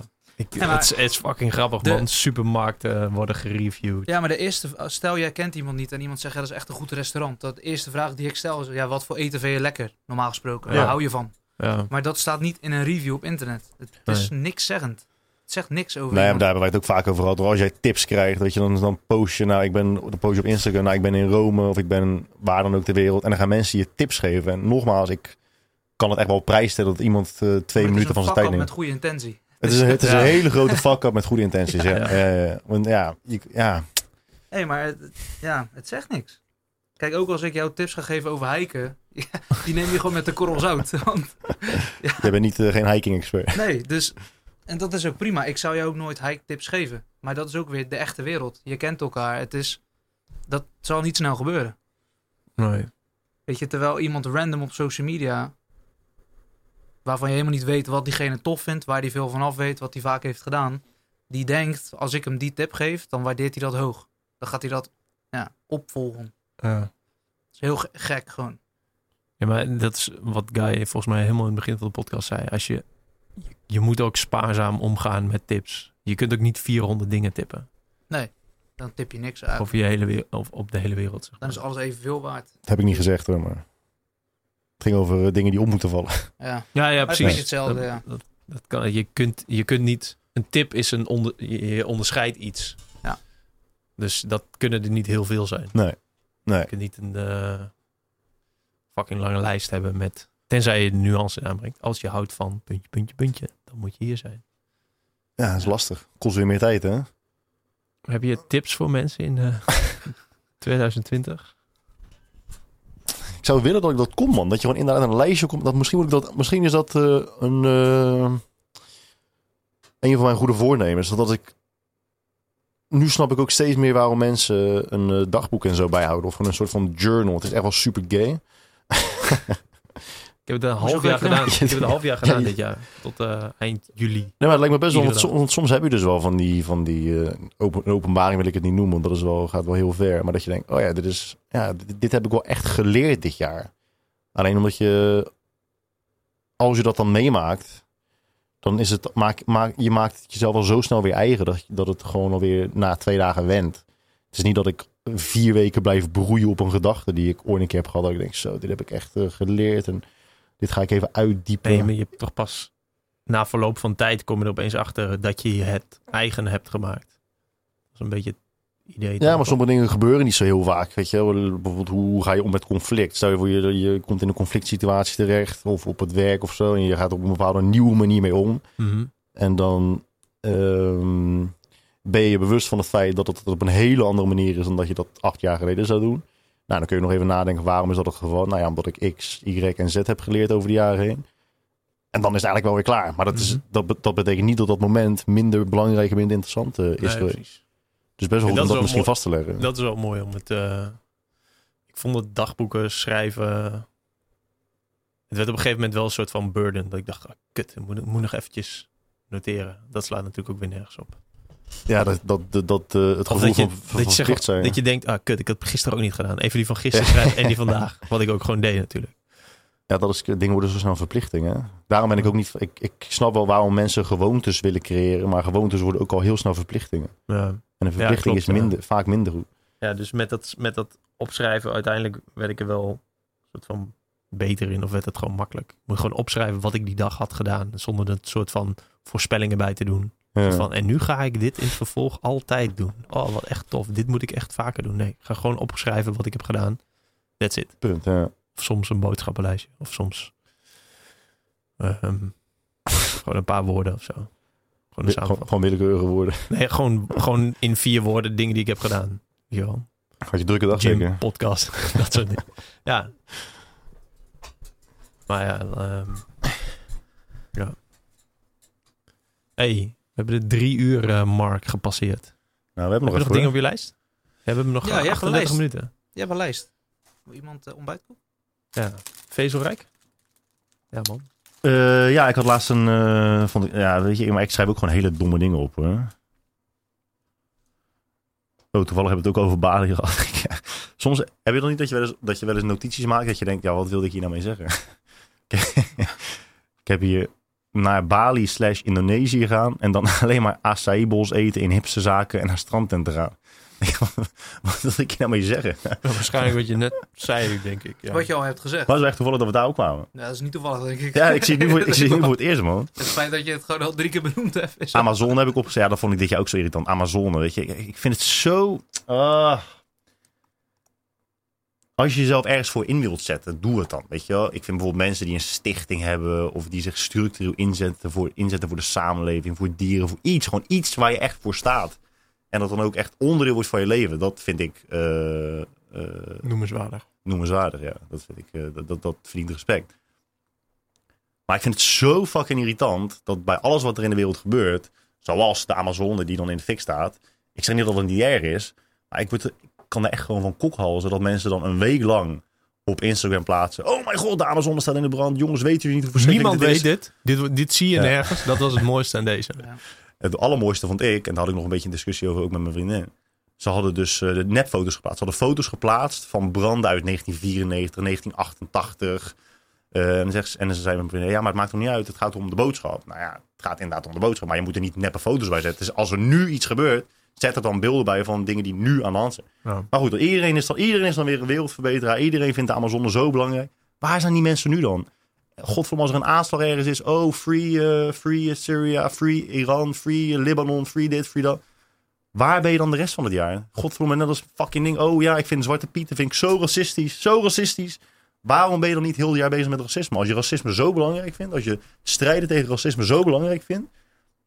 Of, of, of, is, of, is, of, of zijn de Zwarte Pieten dan het, echt het toppunt van racisme? Moet je, daar, moet je daar maar één keer per jaar mee bezig zijn? In dat geval vind ik het wel. Ik vind ik het wel een goed moment omdat als Zwarte Piet in Nederland is, om daar dan, dan tegen te strijden. Ja, maar je strijdt tegen racisme. Dat is de kern van het verhaal. Dus je bent tegen racisme. Ja, maar je bent eigenlijk te- vooral tegen Zwarte Piet, denk maar dat ik. Omdat kan dat? omdat Wat ze- kan dat? Zij heet het Dat toch ook kick-out Zwarte Piet. Ja, maar je kan, je kan niet alleen tegen kan. Zwarte Piet Ja. zijn. Je bent tegen Zwarte Piet omdat je het racistisch vindt. Dus Ja, je, ja. bent, je bent tegen racisme. Ja. Dus dat is een van jouw normen en waarden. Zwarte bent, Piet belichaamt Ja. iets waar jij tegen bent. Ik denk dat ze, dat ze ik, ik weet niet, ik heb niet met eh, die organisatie gesproken, Nee, maar- maar ik neem aan dat zij vinden dat Zwarte Piet bij uitstek een uitwassen is, zeg je dat zo, van racisme in Nederland. Het, het, het, het voorbeeld wat het, eh, het snelst moet verdwijnen. Dat denk ik dat ze vinden. Ja, ik, ik vind het gewoon echt nitpikken gewoon. Want, Ja, ik vind, kijk, je belicht nogmaals één kant van iets wat veel complexer en groter is dan Zwarte Piet. En je kan dan zeggen, oké, maar ik vind, ik heb hier persoonlijk meer last van. Dat is een Mhm. argument. Maar het- verandert niks dat je er dan gewoon op een hele oppervlakkige manier mee bezig bent. En de vraag is dan, hoe, hoezeer zit het dan echt op het norm- en waardeniveau? En hoezeer is het gewoon jezelf bezighouden in een bepaald tijd van het jaar? Want de meeste mensen die staan te demonstreren tegen Zwarte Piet, die zie je niet demonstreren als er honderd Turkse mensen geweigerd worden op een baan. Die zeg maar prima vervuld kan worden door Turkse mensen. Trek het dan door. Waarden en normen kun je niet begrenzen Ja, vind, ik om Zwarte niet. Piet heen. Ik vind dat niet een soort van goed argument. Omdat je, je- ja, dat, dat kun je eigenlijk voor alles zeggen, toch? Ja, maar daarom, zie je de mensen die er ook goed over normen en waarden nadenken ook niet demonstreren. En proactief tegen dingen zijn. Omdat de meeste dingen gewoon veel complexer zijn. Ja, ik denk, Je kan ook niet tegen de natuur demonstreren omdat, omdat mensen shit op straat gooien. Het, het gaat veel verder. Ik kan één ding belichten. Ik zeg niet dat het slecht is, maar het is gewoon oppervlakkig, vind ik. mm, En ik denk niet dat het dan heel veel met normen en waarden te maken heeft. Je kan niet tegen Zwarte Piet zijn alleen, toch? Ja, ik, ik denk van wel. Maar je bent tegen Zwarte Piet omdat... Omdat het een racistische uiting is. Tenminste, Ja. omdat mensen het zien als racistische uiting. Maar dan ben je tegen racistische uitingen. Dat, en dat was mijn punt ook. Als je tegen racisme bent, dat is prima. I- iedereen is tegen racisme als iets daadwerkelijk racistisch is. Maar dan, waarom ben je dan niet de rest van het jaar tegen racisme? Waarom ben je niet de rest van het jaar tegen Nou ja, dat oorlog? is dus het punt waarom je die, rest- dat die Jeff Jerry, ik weet niet hoe die, die voorman van Kick-Out Zwarte Piet zei. Die zei op 6 december volgens mij, ja, we gaan dit hele jaar door. Want, Ja, prima, dat is goed. maar goed, ik neem Voor aan hem. dat ze nu niet zoveel aandacht krijgen, omdat nu geen Sinterklaas meer is. Nee, zeg het, maar. was, het, was, het was ook wel voor. Ik vind de Zwarte Piet discussie echt oprecht zonde van, van mijn persoonlijke tijd. Maar eh, gewoon met alles in de wereld. Weet je, als je ergens voor wil staan, sta je dan heel het jaar voor. En ga niet als een of andere sensatie zoeken van het ene probleem in de wereld naar het andere probleem in de wereld. En dan weer, nou, vooral op social media, eh, uiten wat jij zo, Nee, eh, zo ik- verschrikkelijk vindt. In het geval van Zwarte Piet denk ik wel dat ze gewoon, als ze zo'n stichting hebben of dan eh, zo'n beweging, dat ze daar het hele jaar mee bezig zijn. Maar ja, je, je, je hebt niet echt iets om te grijpen, zeg maar, nu op 28 december. Ja. Ik denk dat dat het verschil is. Maar ja, met, om het door te trekken in de Amazone, er zit wel een parallel in, zeg maar. Als je, als je tegen Ja, je, je kan... Nee, bij, bij de Amazon is het gewoon anders. Daar heb je gewoon arme mensen die geld krijgen als zij lekker eh, even wat eh, soja of weet ik veel wat voor gewas gaan verbouwen. Dus ja, die steken een bos in de fik. Hmm. En dat doen ze al ieder jaar. En dit jaar was het iets minder dan andere jaren. Maar waren er drie influencers die zeiden: niemand praat hierover. Dus dat was wel. Dat is ook Taleb, zeg maar. Je moet zeggen dat iets een geheim is. Ja. En dan verspreidt het zich sneller, net zoals vuur. En eh Dat is niet Taleb, godverdomme. Taleb zegt dat over boeken. Iedereen die schrijft over, eh, over eh, eh, complottheorieën en zo, die, die benoemt dat toch? Je moet inderdaad doen alsof niemand het weet, behalve Ja. jij, de schrijver. Ja. Nee, maar ik snap, ik snap ook waarom er branden zijn in, eh, in, eh, in Amazon. En, en, en, Ja, ik waarom vind dat die, dat, is. dat, dat gestrijd tegen die branden, dat vind ik echt eh, wel echt super achterlijk. Ik vind dat Is je dat niet ja. kunt vergelijken met het Zwarte Piet discussie ding. Jawel, want de kern ah, is ja. dat mensen van de ene sensatie naar de andere sensatie gaan. Dat wat in het nieuws is, wordt op dat, op dat moment in jouw leven heel belangrijk voor je. Ja, dus maar er ik vind de mensen die daar, de, dat kick-out Zwarte Piet, die zijn gewoon ieder, de hele jaar daarmee bezig. Alleen hebben ze meer aandacht zodra Zwarte Piet er is. Oké, maar- maar, oké, maar hieruit blijkt in ieder geval wel dat jij heel erg pro de anti-Zwarte Pieten beweging bent. Maar nogmaals, de kern Nee, van ik, ben niet, ik ben niet heel erg pro. Ik vind het alleen de argumenten van mensen die voor Zwarte Piet zijn, daar, die, dat, Kijk. dat slaan, die kunnen er nergens. Kijk, wat ik vind is dat Ja, als je met discriminatie bezig wil zijn en dat uitzicht dan toevallig met demonstreren tegen Zwarte Piet, is dat prima. Maar ik vind dat iets anders dan iemand die gewoon actief tegen discriminatie strijdt. Het zijn gewoon twee verschillende dingen. Mhm. Want iemand die gewoon tegen Zwarte Piet is, die heeft gewoon helemaal niet over nagedacht. Je kan niet tegen iets zijn zonder dat je weet waarom het eigenlijk slecht is. Weet je, als jij niet fundamenteel snapt waarom Zwarte Piet een probleem kan zijn voor bepaalde mensen, dan kan je er ook niet fundamenteel tegen zijn. En als je er wel fundamenteel tegen bent, ben je er op tegen omdat het een fundamenteel probleem is, dat het discriminatie Ja, maar is. Dat die- trek je dan altijd door. En nogmaals, ik weet er niet zo heel veel van. Maar ik neem aan dat ze dat wel weten, die demonstranten. Ja, maar dan is de vraag, Alleen heel dan veel... is het dus wel nitpikken. Omdat je dan één deel van discriminatie belicht en ervoor kiest Om daar proactief mee aan de Ja, slag te maar mijn punt is dus, omdat het zo alomtegenwoordig is en omdat het iedereen raakt eigenlijk in Nederland, eh, de ene wat meer dan de ander, is het een goed onderwerp om het aan de kaak te stellen. Ja, En dat is het- de parallel met bosbranden in de Amazone. Ja, als iedereen het op Instagram ziet, kun je er heel makkelijk iets over zeggen. Ja. Dat is een beetje... En dan vraag ik me af, als, eh, als Zwarte Pieten dan eh, niet meer bestaan. Hè? Dan hebben ze, want in Nederland krijgt natuurlijk de minderheid krijgt altijd zijn zin. Nou, de, de Zwarte Pieten verdwijnen. Het worden, het worden kleurpieten, groene pieten, whatever. Who gives a fuck. Ehm, vraag ik me af of die mensen zich dan in gaan, gaan inzetten tegen eh, antisemitisme. Of tegen... eh, want je bent tegen discriminatie. Hè? Ja, Of ben je alleen maar tegen discriminatie omdat het toevallig jouw volk ruikt? of ben je tegen Zwarte geen Piet. idee. Dat is ook weer, ja. Hetzelfde met comedy, toch? Hebben wij, wij, Ja. hebben wij het ook vaak over gehad. Jij vindt alles grappig, totdat het opeens gaat over een ziekte die jouw achtertante een keertje heeft gehad. Ja. Dan is het opeens niet meer grappig. Het gevaar is Ja, dat het niet, gewoon een soort invulling lijkt te zijn van, ja, van iets. Ja, Maar nogmaals, ik ben zou geen een goed expert, punt- hè, maar het, zou het is een gewoon goed punt iets wat mij kunnen zijn. opvalt. Ik vraag me dan af of alle mensen die met Amazone bezig zijn geweest, nu echt wakker liggen van dat het zo slecht met het klimaat gaat, et cetera. Dat, is- dat vraag ik me af. En als dat niet zo is, waarom dan Amazone? Als het gewoon 15.000 kilometer van je huis vandaan is en je niet eens snapt waarom het zo'n probleem is. Ja, Maar maar da- omdat, omdat di- dit... Ik snap wel waarom het zoveel aandacht krijgt. Maar het, Omdat het... Het is heel simpel. Amazone, iedereen weet, een soort van supergroot regenwoud, lieve diertjes, groen, Nee, nee, nee, nee, nee. De longen van de aarde. de jongen. longen van de aarde. Nee, dat soort termen. Je kunt gewoon vijf termen opnoemen. En, eh, en vuur, nou, dat is gewoon, je, je bent gewoon, ook al ben je drie weken oud, weet je dat vuur gevaar is. Nou, ja, combineer dat met elkaar. Ja, maar dat is En dus dan- ook zo met Zwarte Piet. En daarom, vind ik de eh, daarom trek ik die parallel. Omdat het, het is gewoon heel makkelijk om dat als doelwit te gebruiken. Het Ja, zijn het zwarte figuren. Ja, het is allemaal net even wat over de streep, zo, het, onder, de ma- onder de maat. Dus Ja. het is slecht, heel makkelijk. Ja, Weet je, het is heel makkelijk doelwit. Mhm. Maar discriminatie is veel complexer. Ja. Hoe kan je zo proactief te tegen zijn als je het niet eens snapt eigenlijk?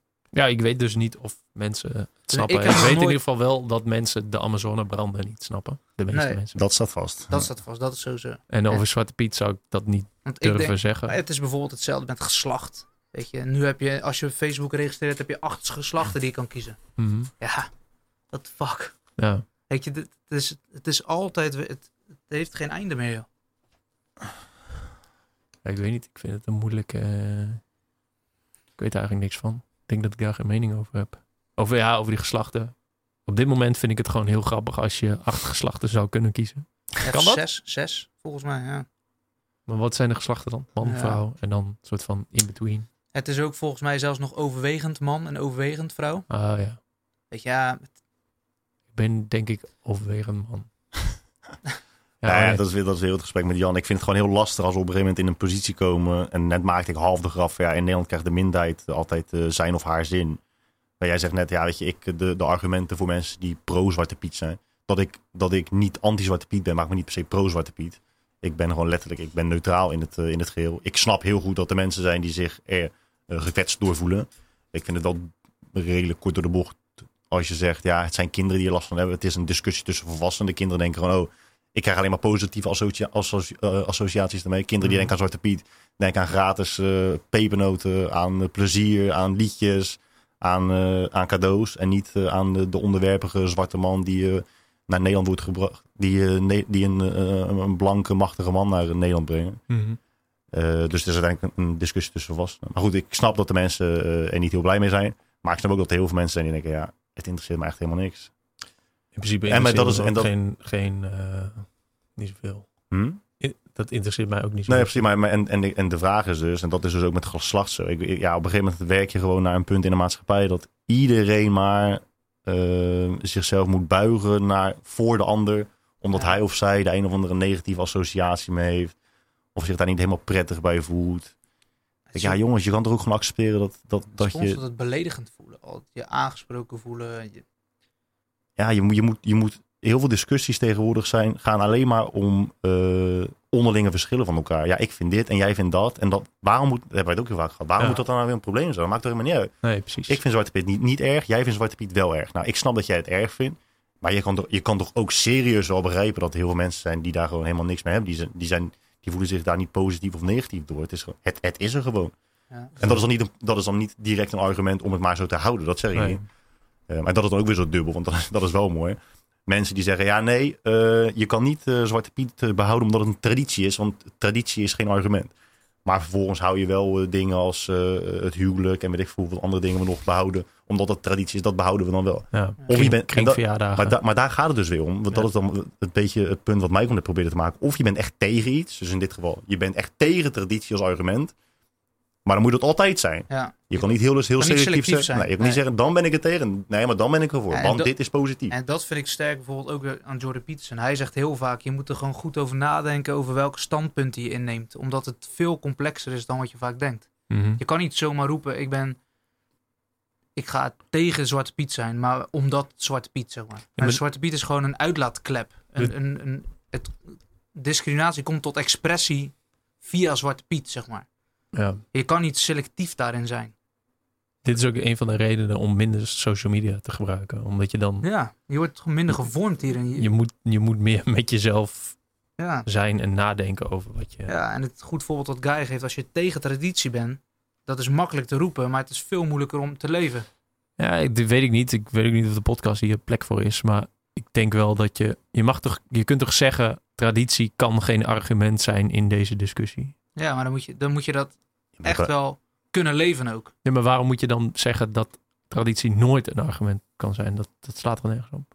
Dat is toch, je kunt dat toch Je kan niet doortrekken? Jawel, je kan, je kan, dus, zeggen- je kan, ik vind in ieder geval dat je niet kan zeggen, nou ik vind niet dat Zwarte Piet zo moet blijven. Het is altijd zo geweest, maar ja, dat het traditie is, betekent niet dat het zo moet blijven. Ja, Ja, maar dat dat betekent toch niet dat je alle tradities opeens moet afschaffen? Nee, nee, nee. Maar dan kan je niet zeggen, dan kan je niet, dan kan je niet zeggen, nou met bijvoorbeeld het huwelijk moeten we het zo houden, want zo is het altijd gebleven. Dat kan dan Oh, ook nee, niet, nee, dat, dat nee, kan ja, ook nooit ik ook, ja. Ja, maar Ik denk niet dat je alle tradities af moet schaffen, dat Nee. niet. Nee. Dus je kan het doortrekken, dat bedoelen wij. Oh, ja, ja, ja, ja, op die Zeg maar, dat is het, het gevaar daarmee, is dat je jezelf constant zeg maar, tegenspreekt met zulke extreme standpunten. Maar dan ga je weer zeggen, ja, nee, nee, maar dan is het positief. Nee, maar dan is het negatief. En dan heb je dus weer geen richting. En dan heb je dat je constant aan het spartelen bent. Mhm. Als je niet weet wat goed is, en ook Ja. niet wat slecht is dus, ja, dan ben je gewoon constant eh, aan het spartelen, rondjes aan het rennen. De, de inferieure van vrouwen, de inferieure positie van vrouwen in de maatschappij is ook eh, traditie. Is altijd zo geweest. Maar ja, dat willen we ook niet zo bouwen, toch? Hoezo niet? Dat was jammer. Heb je nog meer dingen op je lijstje? Gaan we nou- Je wilde nog, wil je nog iets zeggen over Amazonebranden? Ja, maar jij Nee, begon maar erop. doe- jij, nee. jij, jij begon sterk, hè? Nee, trapt want, hem nee, af. Je want gaat het doel- nee, het doel van dat gesprek, het punt van, van dat ik Amazon had opgeschreven, was niet dat ik daartegen ben, niet dat ik het niet begrijp, maar meer dat ik het dus vervelend vind dat mensen eh, sensatiezoekers zijn. Dat is niet onbekend. Dat is ook een redelijk eh, eh, open deur die ik dan intra. Maar eh, dat is dus weer een van de irritatiepunten punten van social media. Dat je ziet gewoon, nou, dat, dit komt er in het nieuws. Dus dit vindt men nu echt onwijs belangrijk. En ik vind dat het van karakter spreekt als je je ergens structureel voor kunt inzetten. Als jij dus tegen discriminatie bent, als je tegen racisme bent, als jij tegen oorlogen bent, Ja. zet jezelf er dan ook echt daadwerkelijk voor in. En niet van, oh, er is nu een brand daar. Ik ga aan iedereen vertellen hoe erg ik tegen branden ben. Eeuw, er is daar nu een bom eh, aanslagen. Ik ga iedereen laten weten hoe erg ik tegen terrorisme ben. Pleur op, je staat echt helemaal nergens voor. Je staat echt nergens voor. Nee, en dat is ook het mooie. Als social media ook weer centraal staat in je wereldbeeld, dan is het heel makkelijk om jezelf superieur gevoel te geven. Omdat je constant meedoet met wat juist lijkt te zijn op grote schaal. Ja. Maar als dat wegvalt, ja, dan moet je echt best wel een groot gat opvullen voor de Ja, meeste waar, mensen. Waar ben je dan? Weet je, dan kan je en niet meer voor de Amazone vechten, want ja, dat is niet meer onderdeel van je wereld. Mhm. Je kan niet meer zomaar met, alle, met de volgende hypes meevechten. Dan moet je echt gewoon naar jezelf kijken en oké, waar ga ik voor staan in mijn leven? Welke richting kies ik? Ik vind het wel een mooie richting, of een mooie naar het einde van deze podcast toe, zeg maar. Waar de vraag waar je zou zijn zonder social media en waar je dan voor staat. Nou ja, we hebben, Over net, goede voornemens Nou, gesproken. meaning crisis, dat is waar. eh, Ja. we hebben net vaak gehad over dat we niet de toekomst kunnen voorspellen natuurlijk. Nu moeten we een fictieve... Nee, nee, het is gewoon een vraag die aan het eind van 2019 je kunt stellen. Waar ik zou zijn zonder social media. Nee, ja, gewoon iedereen die luistert, denk ik. Huh? Nee, dat vroeg je toch aan mij. Waar, waar zouden we staan zonder social media? ja, in Ja. het algemeen. Ja, ja, in het algemeen. Misschien is dat een vraag voor de luisteraars. Er luisteren Oh. ook allemaal mensen mee. Ja. Die, gaan, die gaan ook nu weer Oh. allemaal mailen van, joh, we Is hebben dat tot het eind. Ja, dan krijg je weer mee. Oh, ik, maar ik, zou het echt heel. Ik zou, en dat, dat krijg je nu dus weer. Dat mensen hun mening willen geven. En echt, ik sta echt wel open voor andermans mening. Maar ik vind het, ik zeg het er even bij. Ik vind het onderwerp, de Zwarte Pieten discussie, echt oprecht niet interessant genoeg om je mening daarover te lezen. En bedoel ik echt niet lullen. Nogmaals, je mag je mening echt wel naar me toesturen. Amazone wel. Nee, het, onderwerp is niet Amazon. het onderwerp is gewoon de algehele eh, eigenschap van mensen, de algemene eigenschap van mensen, dat ze van de ene sensatie naar de andere sensatie springen. Oh, en doen alsof ze ergens echt tegen of voor zijn. Maar dat is gewoon niet zo. Je, strijd jij ergens voor? Al Nee. je hele leven? Nee, Of tegen? nee. Nee, maar ik Jij doe het ook niet alsof. Nee omdat, nee, omdat ik me echt bewust ben van wat de consequenties daarvan zijn. Maar dat is echt zo. Ik heb dat is, altijd ja, dat al is dus echt- spartelen. Ja. Ja. Kijk, eh, ik heb dat altijd gehad. Als ik dan bijvoorbeeld iets riep in huis, dan zei mijn vader altijd van ja, dat is stoer zeg maar. Maar heb je ook, heb je ook nagedacht over dit, dit, dit en dit? Mhm. En dat gebeurde gewoon heel vaak. Totdat ik gewoon nergens meer keihard voor wilde, voor of tegen wilde zijn. En het is ook allemaal zo vanzelfsprekend. Hè? Alsof, alsof jij tegen iemand moet zeggen, ja, ik ben tegen terrorisme. Ja, no shit. Ja. fucking Sherlock. Tenzij je op het Al Jazeera forum zit, dan ben je waarschijnlijk niet pro-terrorisme. En als je al pro-terrorisme bent, dan, zou je, dan zul je dat waarschijnlijk niet op social media laten weten. Het is Ja. heel, Ik ben tegen hongersnood, ik ben tegen aanslagen. Ja, no fucking shit. ja. Hij- Kijk, je, je hebt nu ook, Bewustwording, oh, daar heb ik ook zo'n ekel aan. Als mensen zeggen, ik wil bewustwording creëren. Oh, ik daar slecht tegen, Nou, daar wilde ik echt toevallig naartoe. Want dan heb je dus mensen die dan in hun eentje bijvoorbeeld vuil opruimen op straat. Om bewustwording te creëren. Dat er vuilnis is. dat er vuilnis is. Alsof, Oh, echt? Maar het- het- weet je, ik vraag me af. Ik heb daar geen verstand van. hè, Maar ik vraag me dan af: is het daadwerkelijk zo dat je bewustwording wil creëren? Ehm, Waarschijnlijk of, niet. of zeg maar, wil je gewoon jezelf ja, toch een soort superieur gevoel geven. door in een bepaalde richting te gaan in je leven. en te laten zien dat jij die richting heel erg bewandelt. 100 procent. Weet je, en dat is gewoon een aanname. Maar ik vind wel dat het. eh, ik vind dat het wel gefundeerd, gefundeerde aanname is. Want ik geloof niet in eh, dat micro eh. Ik denk dat mensen allemaal slim genoeg zijn om te beseffen wat afval is en wat de consequenties ervan zijn. Mhm. Dat ze echt niet een oude vrouw van 70 nodig hebben die met een stok door de straat loopt. Ik denk alleen dat het probleem veel groter is, veel complexer. En daarom denk ik dat de mensen die er echt goed over nadenken over dit soort problemen, die lopen niet op straat met een stok. Nee. Weet je, en dat, dat is altijd wat ik in gedachten probeer te houden als ik weer een overtuiging krijg. Terug naar het beginsel van ja, is het niet gewoon veel complexer dan wat ik nu denk? Meestal wel. Ja, dan is het nog steeds een conclusie, zeg maar.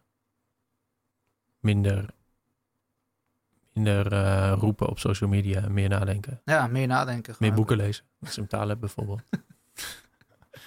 Maar dat gaat niet gebeuren. Want, Want je zei Ja. net dat je het ging lezen. Allemaal, nee, alle bedoel, vijf. Ik, nee, ik bedoel dat je zei dat, eh, dat er meer nagedacht moet worden, meer geluisterd moet worden, minder, moet, minder, minder gesproken moet worden. Nee, nee, laten we, het, nou, oké, laten we het binnen deze podcast houden. Ik vind het wel echt een mooi, eh, mooi streven.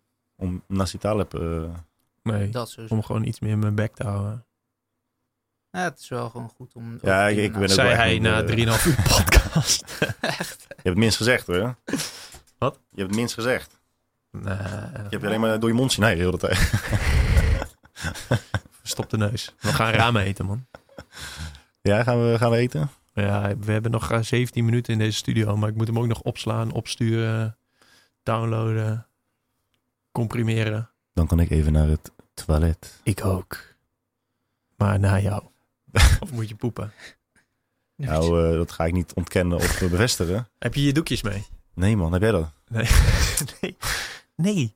Heeft niemand eh het babydoekje? Nee. Dat- met de auto, man. Dat vind ik een goed voornemen voor eh, 2020. Dat jij vaker babydoekjes bij je. Ja, maar dat, dat Ja. is bijvoorbeeld een. gro- Ik, heb je het. eh, nee, jullie hebben het boek niet gelezen, maakt niet uit. Je hebt Rory Sutherland. Hij is een eh, gedragspsycholoog, maar ook marketeer. En hij heeft in zijn boek dus een voorbeeld waarom mensen waarschijnlijk zeg maar geen natte doekjes gebruiken. Omdat het op rationeel niveau is het gewoon veel logischer om met iets nats je reet af te vegen. Op elk niveau is dat logisch. Ja, maar zeg maar in de winkel heb je dus gewoon dat er maar één klein vakje met natte doekjes is. En driekwart van het pad heb je 7000 verschillende merken met droge doekjes. Ja. Mm. Dus je stimuleert daarin mensen ook heel erg om droog papier te gebruiken. Ja. Maar er zijn dus ook bepaalde steden in de wereld, ik weet niet meer welke steden, waar het dus omgekeerd is. Waar er dus paden zijn met 3000 natte wc-doekjes en maar Ah. een paar droge toiletmerken en dingen.